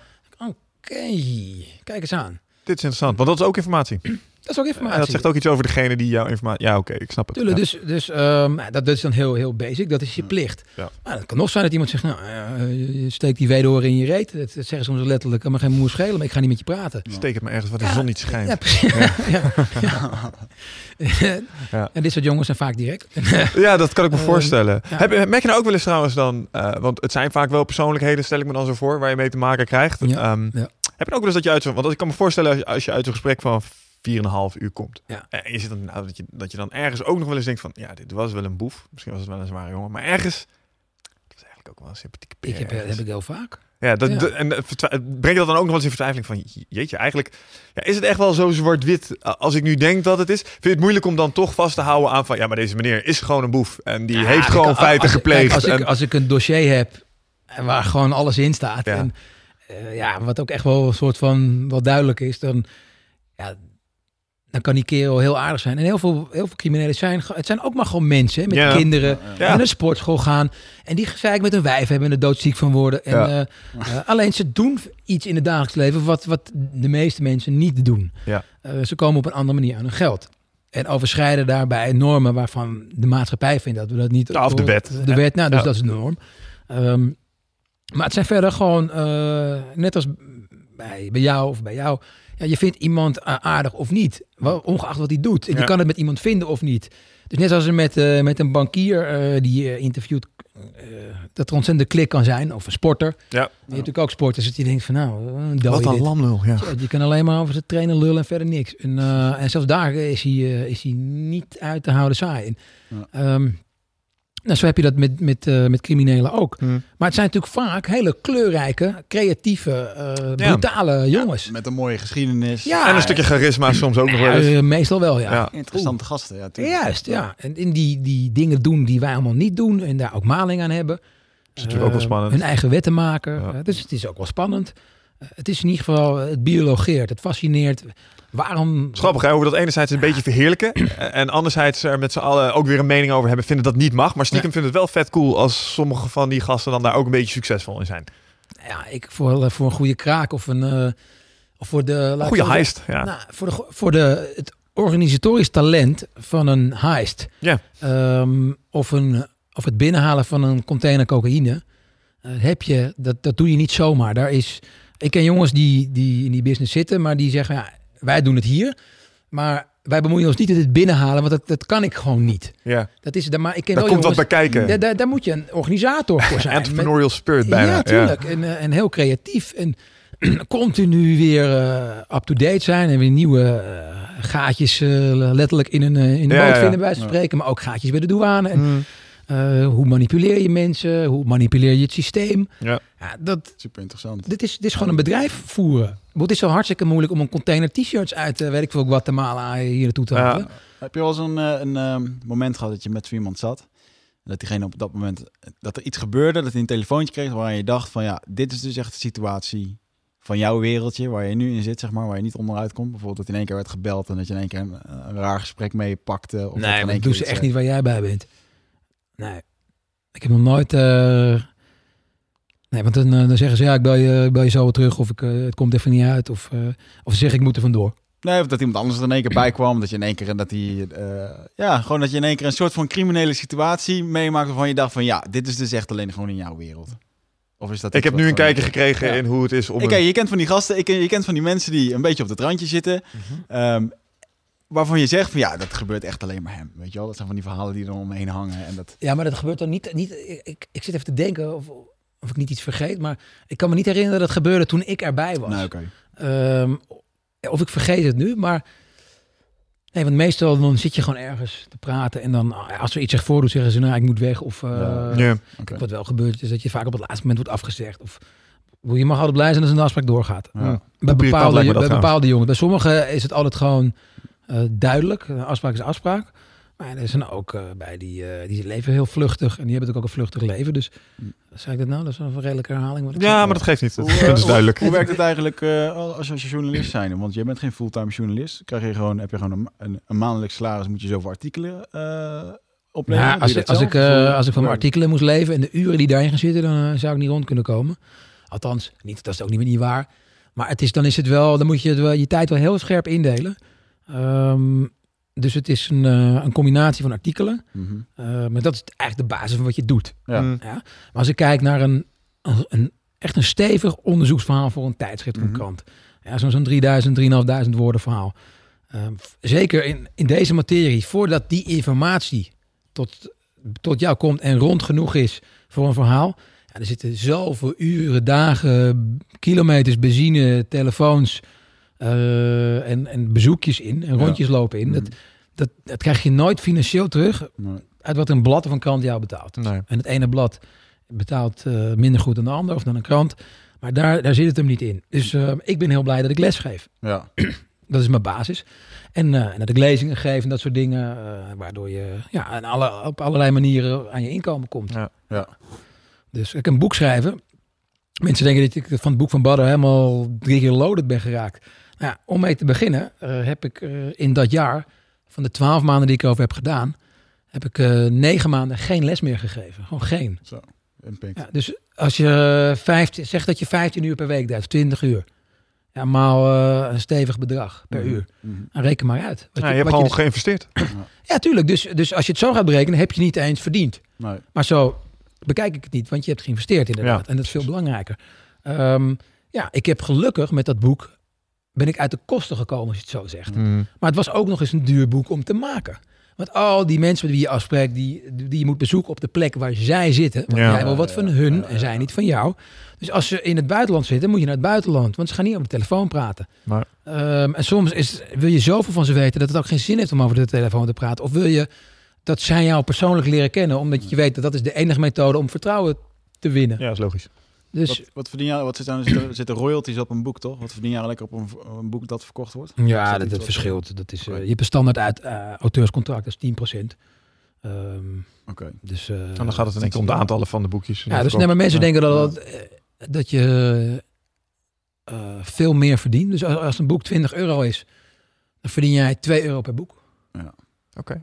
Ja. Maar veel boekjes verkopen om daar... Dan moet je Ja, maar dat is, daar zit ook een stuk ondernemerschap dus gewoon Dat in. is ondernemerschap, ja. Ja. En ehm Ik absoluut. denk niet dat veel mensen zich dat realiseren. Want de Nee, perceptie, eh, ja, misschien komt het ook een beetje door wat we dan zien bij eh, boeken die echt heel succesvol worden, zoals Harry Potter en dat soort dingen. Dan denkt iedereen, oh, als je een paar boeken goed verkoopt, dat is wel echt wel de manier om geld te verdienen. Niet dus. Nee, ehm, het, is, het is voor de meeste schrijvers. eh, als je in Nederland 10.000 boeken met een journalistiek, eh, of 10.000 exemplaren verkoopt van een journalistiek boek, Ja. dan heb je het al heel goed gedaan. Ja. En dan, maar dan, ja, dan verdien je 20.000 euro. Nou, als je daar echt, eh, als je er geen baan mee hebt, je bent een jaar fulltime bezig geweest, nou, dat is sappelen. Ja, Ehm, dan heb je geen modaal inkomen. Maar goed, Nee. het opent wel weer deuren voor lezingen en voor dingetjes. Jawel, maar dan moet het wel ook wel weer een goed boek. Tuurlijk, het- Ja. een boek creëert draagvlak, maar het is ook maar net hoe goed het boek wordt ontvangen. Ja. Want je kan ook helemaal afgezekerd worden op een boek waar je heel lang over gedaan hebt. Het boek van Ernesto, ja, ik durf bijna niet te zeggen, maar daar ben ik bijna vijf jaar mee bezig. Dat was een verschrikking. Ja. Ehm, dat was de, Ja, het was echt heel zwaar toen ik je tegenkwam in Las Vegas, toen jij je boek voor Ernesto toen Hoogst begon ik er net aan. eh, Goh, had jij het moeilijk toen Ja. je aan dat zwembad lag. toen begon ik er net aan. Ja. En eh, het is maar goed dat ik toen niet heb geweten wat voor een eh, weg er nog eh, zeg maar voor me lag. Want dan, eh, Was je direct gestopt? Nou, ik weet niet of ik, ik ben blij dat ik het niet wist, laat ik het zo zeggen. En eh, om je een voorbeeld te geven, dat het uiteindelijke manuscript, wat in het, dus de versie die, in het, boek, die het boek is geworden, Mhm. was 101.000 woorden. Hm. De eerste versie, twee jaar daarvoor, was 190.000 woorden. Wauw. Dat is dus een, ik heb dus een dubbel boek gemaakt. Dus er Mm. stond 90% was kak, ruis. Ja. Ja, gewoon eh, onnodig. Niet Maar dat, dat moet je leren, want ik was veel te onervaren. Je hebt een heleboel darlings moeten killen, zoals ze Nou, dat dan wel ik- zeggen. Ik heb een, een heel boek aan darlings moeten Ja. killen, namelijk 90.000 woorden. Massamoord, ja. En dat, dat, eh, dat is een verschrikkelijke leerschool, harde leerschool geweest. En, maar die, die op dat moment, toen ik klaar was, zo rauw op mijn dak was gevallen... dat ik dacht, dit ga ik dus nooit meer doen. Want ik kennelijk, als het, eh, het duurde het zo lang... Mm. niet weten dat je dus dat meeneemt... Ja. maar ik heb me echt vaak afgevraagd, was het het wel waard? Los van het feit dat het een hele bijzondere reis was. Ja. Eh, maar ook financieel werd het natuurlijk een drama. Ehm, en het, het was ook een blauwe plek op je arm de hele tijd. Als iemand vroeg, eet je boek al af? En, Ja. eh, Ah, weer kijk. stomp op je schouder. Gaas weg. Ja. En, ehm, Leave me alone. Gaat ja, Ja. En toen ging ik aan, eh aan Badder beginnen. Toen merkte ik al vrij snel van, hé, hey, ik, ik ben veel doelmatiger bezig. Mhm. En ook Badder was hon- 102.000 woorden, geloof ik.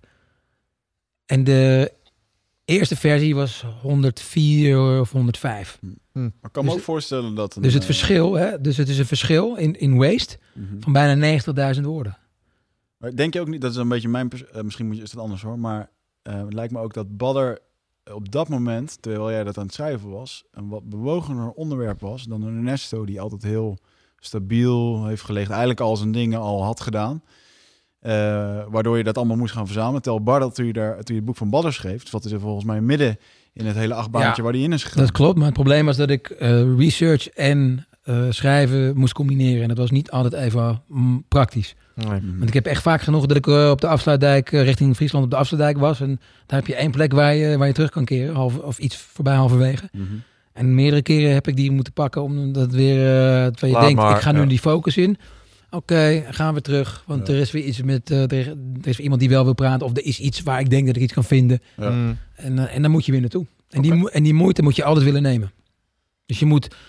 Ik ben ook een jaar lang bijna ehm, altijd alleen op pad geweest. Ja. Omdat ik dan de vrijheid had om te gaan en staan waar ik wilde. Te, zolang als ik dat wilde. Ja. Eh, en zonder dat ik daarbij aan iemand eh, ja, verantwoording moest afleggen. Dus het kon ook wel zijn, en dat zei ik er wel eens met iemand. Nou, Oké, we gaan op pad vanavond, maar het kan gebeuren dat ik in één keer wegloop. Ja. En dat je me niet meer ziet. En dat ik ook niet, daar, me daar niet voor ga verantwoorden. Ja, niks persoonlijks, stek je niet aan. Maar, Nee. eh, ja. Want als ik met jou zit te eten aan het raam en er komt iemand voorbij lopen of fietsen waarvan ik denk, waar, waar, waarnaar ik al een half jaar op zoek ben en die neemt nooit zijn telefoon op, Ja. dan ren ik gewoon naar buiten. Al is het min 10 en zit ik in mijn t-shirt.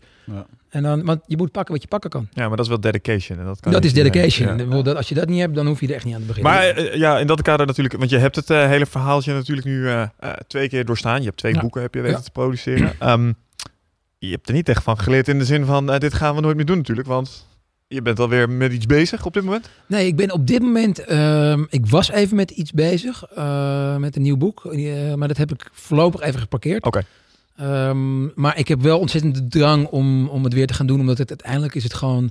Ja, ik vind het hele proces, het vind ik het vetste wat er is. Vind ik echt, ik vind het zo geweldig. Het proces van een boek maken. Het is ook een, het is natuurlijk een verschrikking, ja. maar het is ook weer helemaal geweldig. Ja. en uiteindelijk, ja, als dat laatste de overhand heeft, dan, dan is het gewoon. Ik kan me voorstellen als dat boek helemaal gelanceerd wordt en je ziet de eerste recensies en de dingen en dat... eh, Het ligt er helemaal aan hoe de recensie is natuurlijk. Ja, nee, natuurlijk, maar de eerste reacties zijn tof, spannend, weet ik veel wat. Weet je wel, straks iedere keer is dat toch weer... Ja, dat is eventjes, maar ehm, je valt ook in een gat. Een soort even- postnatale depressie ja, bijna. letterlijk, letterlijk, ja. ja, ja. Ja. Eh, je bent volledig gesloopt. Leeg. Je bent echt meer dan leeg. En je wordt even geleefd, zeker bij zo'n boek, als het, Mm. als het, als het eh, zeg maar ontzettend eh, ontploft. Ja, want je had een soort mediacircus natuurlijk ook, hè? Ja, normaal. En, ehm, dus daar, dat, daar moet je continu heel scherp zijn. Hm. En dat woont je ook uit. Je bent eigenlijk al... Ik heb een jaar lang gewoon non-stop aangestaan. Ja. Eigenlijk geen dag niks gedaan. Ja, misschien eens een keer omdat het moest. Ehm, en je bent continu scherp. Dus dat, dat, dat vraagt iets van je. Zullen jouw cortisolniveaus eruit hebben gezien? is slecht. Ja, denk En, ook ehm, en ik weet nog dat ik eh, twee weken nadat het gelanceerd was, werd ik gevraagd om in Groningen op de universiteit een lezing te geven bij de masteropleiding journalistiek, dus postdoctoraal eh, Hmm. opleiding. Ehm, ik ging 's ochtends daarheen met de trein. En ik dacht, dan kan ik het nog even het laatste extra goed voorbereiden. Mhm. Toen liep ik langs de ACO en toen zag ik mijn eigen boek in, in torens en stapels en op nummer 1. En, en ik keek zo en het deed me helemaal niks.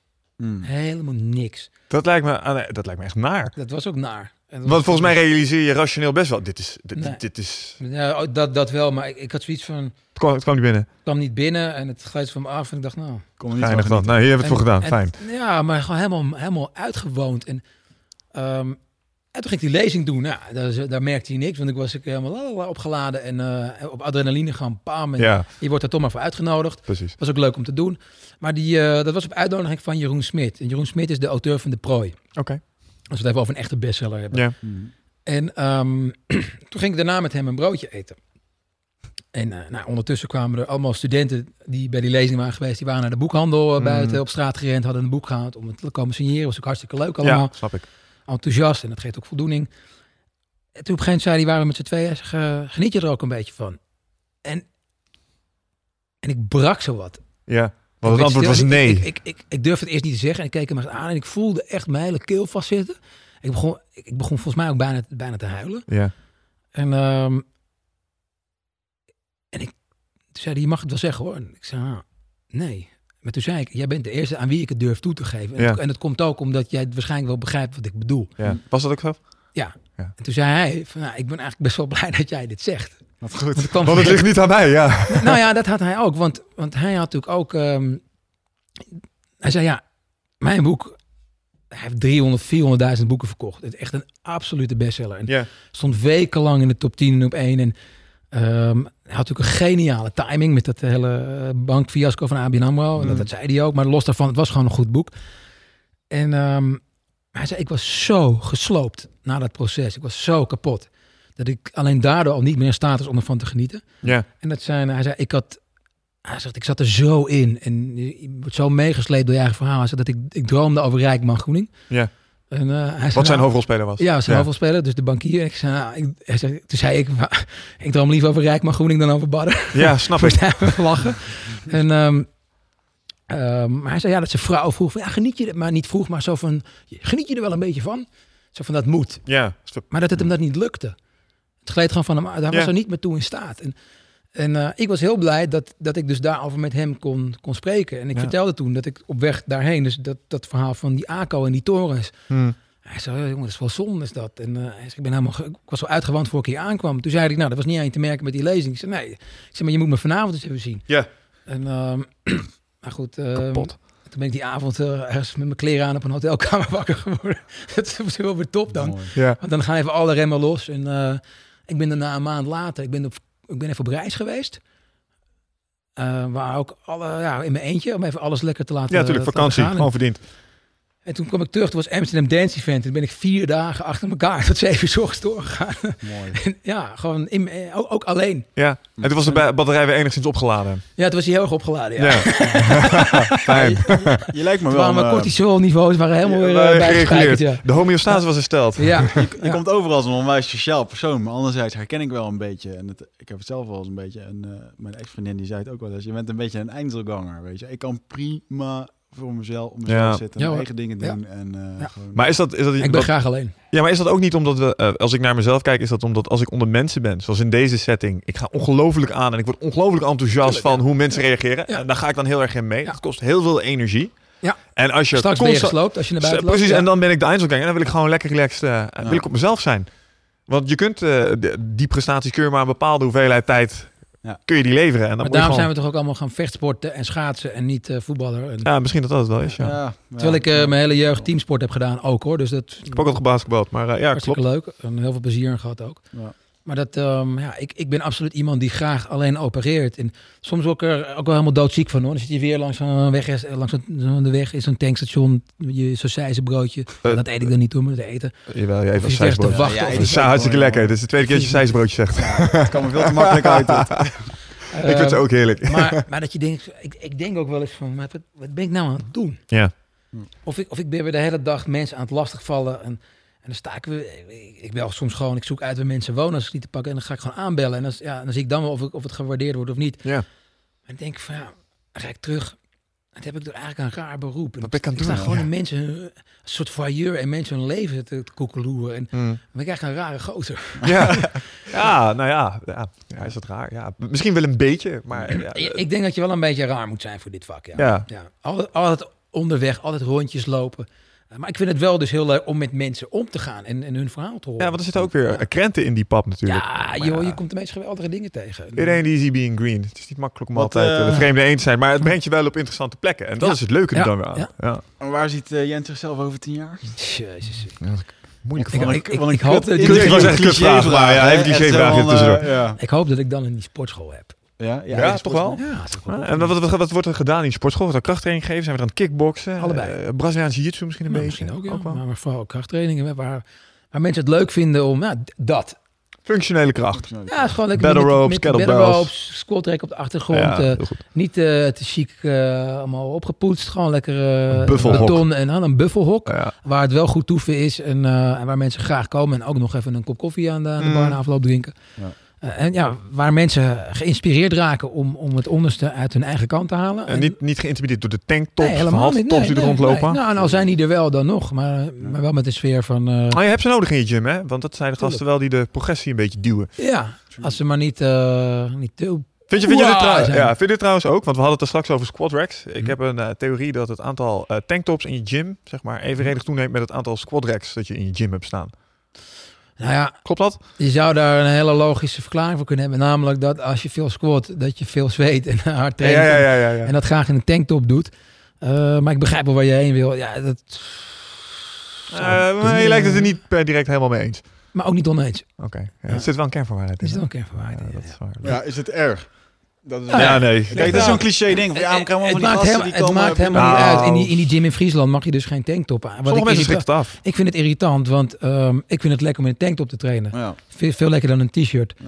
Maar en ik ga me ook niet anders gedragen dat ik een tanktop aan heb. Maar Nee, kennelijk zijn er heel veel mensen die dat wel eh, doen. die dat wel doen. En waardoor men dus dat niet uit die sportschool wil weren. Mm. Maar wat ik, om even op je vraag terug te komen, wat doe je over tien jaar? Ehm, dit is ook geweldig. Mm. Dus ik, eh, ik zie mezelf ook wel op die stoel of die stoel zitten. Ja, je Ehm, gaat zeker nog een paar keer op die stoel zitten hoor. Ja. nou, dat, Wat vind ik, ons ook, betreft dat, maakt, dat, eh, dat vind ik hartstikke gezellig. Ja. Ik vind het onwijs leuk. Ehm, ik denk als we nu oppassen dat we hier vanavond om 12 uur nog zitten. Ja. Ehm, maar mensen vragen stellen en in hun hoofd mogen kijken. eh, dat vind ik het mooiste wat er is. Gewoon, ik ben altijd geïnteresseerd in het verhaal van een ander. Mhm. En hoe die is eh, gekomen op de weg waar hij nu is. Van- Vanuit welke route is hij op die hoofdweg gekomen? Of zit hij nu op die totale, op dat totale zijspoor waarvan hij zelf denkt dat hij er niet meer uitkomt? Ja. Eh, dat maakt niet uit. Ik bedoel, het gaat niet om. Ik ben niet altijd op zoek naar een succesverhaal, tegendeel. Ehm, ik ben gewoon op zoek naar het verhaal van iemand en wat hem beweegt en hoe die erbij is gekomen. Mhm.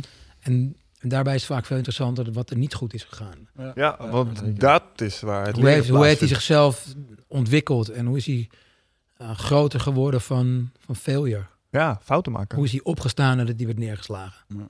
Dan moet je wel beloven, want wij hebben jou nou uitgenodigd. Dan moeten wij daar ook eh, natuurlijk een keer eh, komen. Ja, tuurlijk. Dan, dan draaien we toch een keer om. Jens Oldekat, de late night. Late night show, ja. Ik zou het wel wat vinden. Ja, mij gaat je dat wel lukken. Humberto Tan kan inpakken, Jens erin. Hoppakee. Geen goed idee. Ik wil wat zeggen om je microfoon te zetten. Nee, laten we dat niet doen. Ehm, Ik eh, wil nog wel eventjes terugkomen op eh, wat jij net zei, van die poster achter Michel. Die is Ja. van het eh, merk wat wij verkopen bij, bij Nutrofit mhm. en wat we aanbieden. En ehm, daar zit, eh, als we toch heel veel over krachttraining hebben gehad, voor de kijkers. Ik heb hier eh T+, Plus, de vernieuwde versie. Super kicken. Onnit is sowieso een kikkermerk. En ehm, wij eh, verkopen dat bij eh, Nutrofit. En eh T Plus heeft onlangs een onderzoek gehad. Placebo-onderzoek van een onafhankelijk bureau. Je kunt het nakijken op internet. Dan mag je daar je eigen mening over voor. Want er zijn natuurlijk ook, ja, on- wat is een onderzoek? Ja, geloof vooral niet de gasten die het spul verkopen, Nee. maar zoek het zelf nee, even maar ja, ik vind dat ook gewoon een ding. Ik heb het gelezen. Ik ben ervan overtuigd dat het werkt. Ehm, ik heb het, eh, het mooie van Onnit is dat het alleen maar eh, natuurproducten zijn. Dus het zijn eigenlijk geen, eh, geen chemische substanties Mm. en dat soort dingen. We hadden het onder andere ook over dat gasgevoerde. Nou, dat zijn dingen, daar, daar staan we eigenlijk helemaal voor bij, bij Ja. Nutrofit. Maar als je bijvoorbeeld kijkt naar, naar deze. Dit is T Plus voor je training. En onderzoek heeft uitgewezen dat je er 36% eh, sneller eh, je kracht mee opbouwt dan als je dat niet zou gebruiken. En wat, zit, wat zijn de essentiële bestanddelen? Magnesium en zink. Ja, natuurlijk. eh, magnesium, wat een, eh, wel een knalletje is voor je testosteron. Mhm. Eh, vitamine, eh, vitamine eh, B, eh, BCA's. En, ehm, Zet hem aan beta, volgens mij ook. Allemaal ja. eh, in één? Nou, het is een mix. eh, mix eigenlijk, eigenlijk is het een mix van alle ja, goede eh krachttrainingssupplementen. En Ja. dat, eh, dat zorgt voor een soort booster. Het heeft uh, een smaak voor de potje. verandering. En eh, Ja. eh, we gaan je er zeker eentje sturen, zeker. Eh, maar dit is echt een, eh, een goede. Ik heb toevallig, ik ben er deze week mee begonnen en eh, ik vind dat het eh, lekker werkt. En misschien is dat in het begin zeker een beetje een placebo-ding. Zo van, oh, nieuw ding. En Maar dat is toch ook prima? Ja, prima. Maar goed, uiteindelijk moet je dit 30 dagen gebruiken. En het, eh, maar goed, lees de onderzoeken online. ehm, en eh, je kan ze vinden bij, eh, op Nutrifit. eh, zeker bij ons blog. Er staat een hele hoop informatie over. Eh, terugkomend op het gasgevoerde eiwit. Tegen de tijd dat deze podcast online staat, hebben wij een eigen gasgevoerd eiwitproduct eh, ja. van eh, Happy Cows, zoals we dat noemen. Eh, want ik ben ervan overtuigd, en dat hebben we net over gehad, Mm. dat als, als, als je in een fijne leefomgeving eet, rondloopt en hè, dat, dat je dan gewoon beter produceert. Ja. Dus die, en wat veel mensen niet weten is dat die normale eiwitten die komen uit de kaasproductie van, of eigenlijk uit de rest, het afval van wat bij kaasproductie vrijkomt. Dus eigenlijk gewoon de, ja, die drek waar die kazen in Ja. liggen. En daar worden vervolgens eiwitten van gemaakt. En dit komt dus gewoon uit de rauwe melk van dat soort koeien. En eh, dan heb je een absoluut, eh, zeker omdat we het zelf geproduceerd hebben, hebben we daar een goede prijs voor. Dus kijk hem even na bij ons op de website. Cool. Leuk, zeker. Ja. Leuk. Eh, kortingscode eindbazen, heb je 5% korting. En eh, nou, goed, tot zover even de sponsor.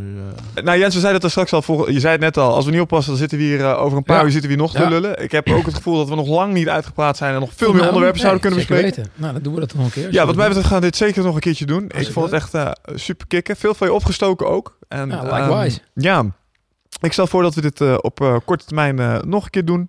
Ja. En ehm, nou ja, bedankt voor je aanwezigheid hier. En, eh, Heel graag gedaan. Ik vond het ontzettend leuk en ook heel gezellig. En eh, ja, weer op hele leuke ideeën en inzichten gekomen. Ook door de dingen die jullie zelf eh, vertelden. Leuk.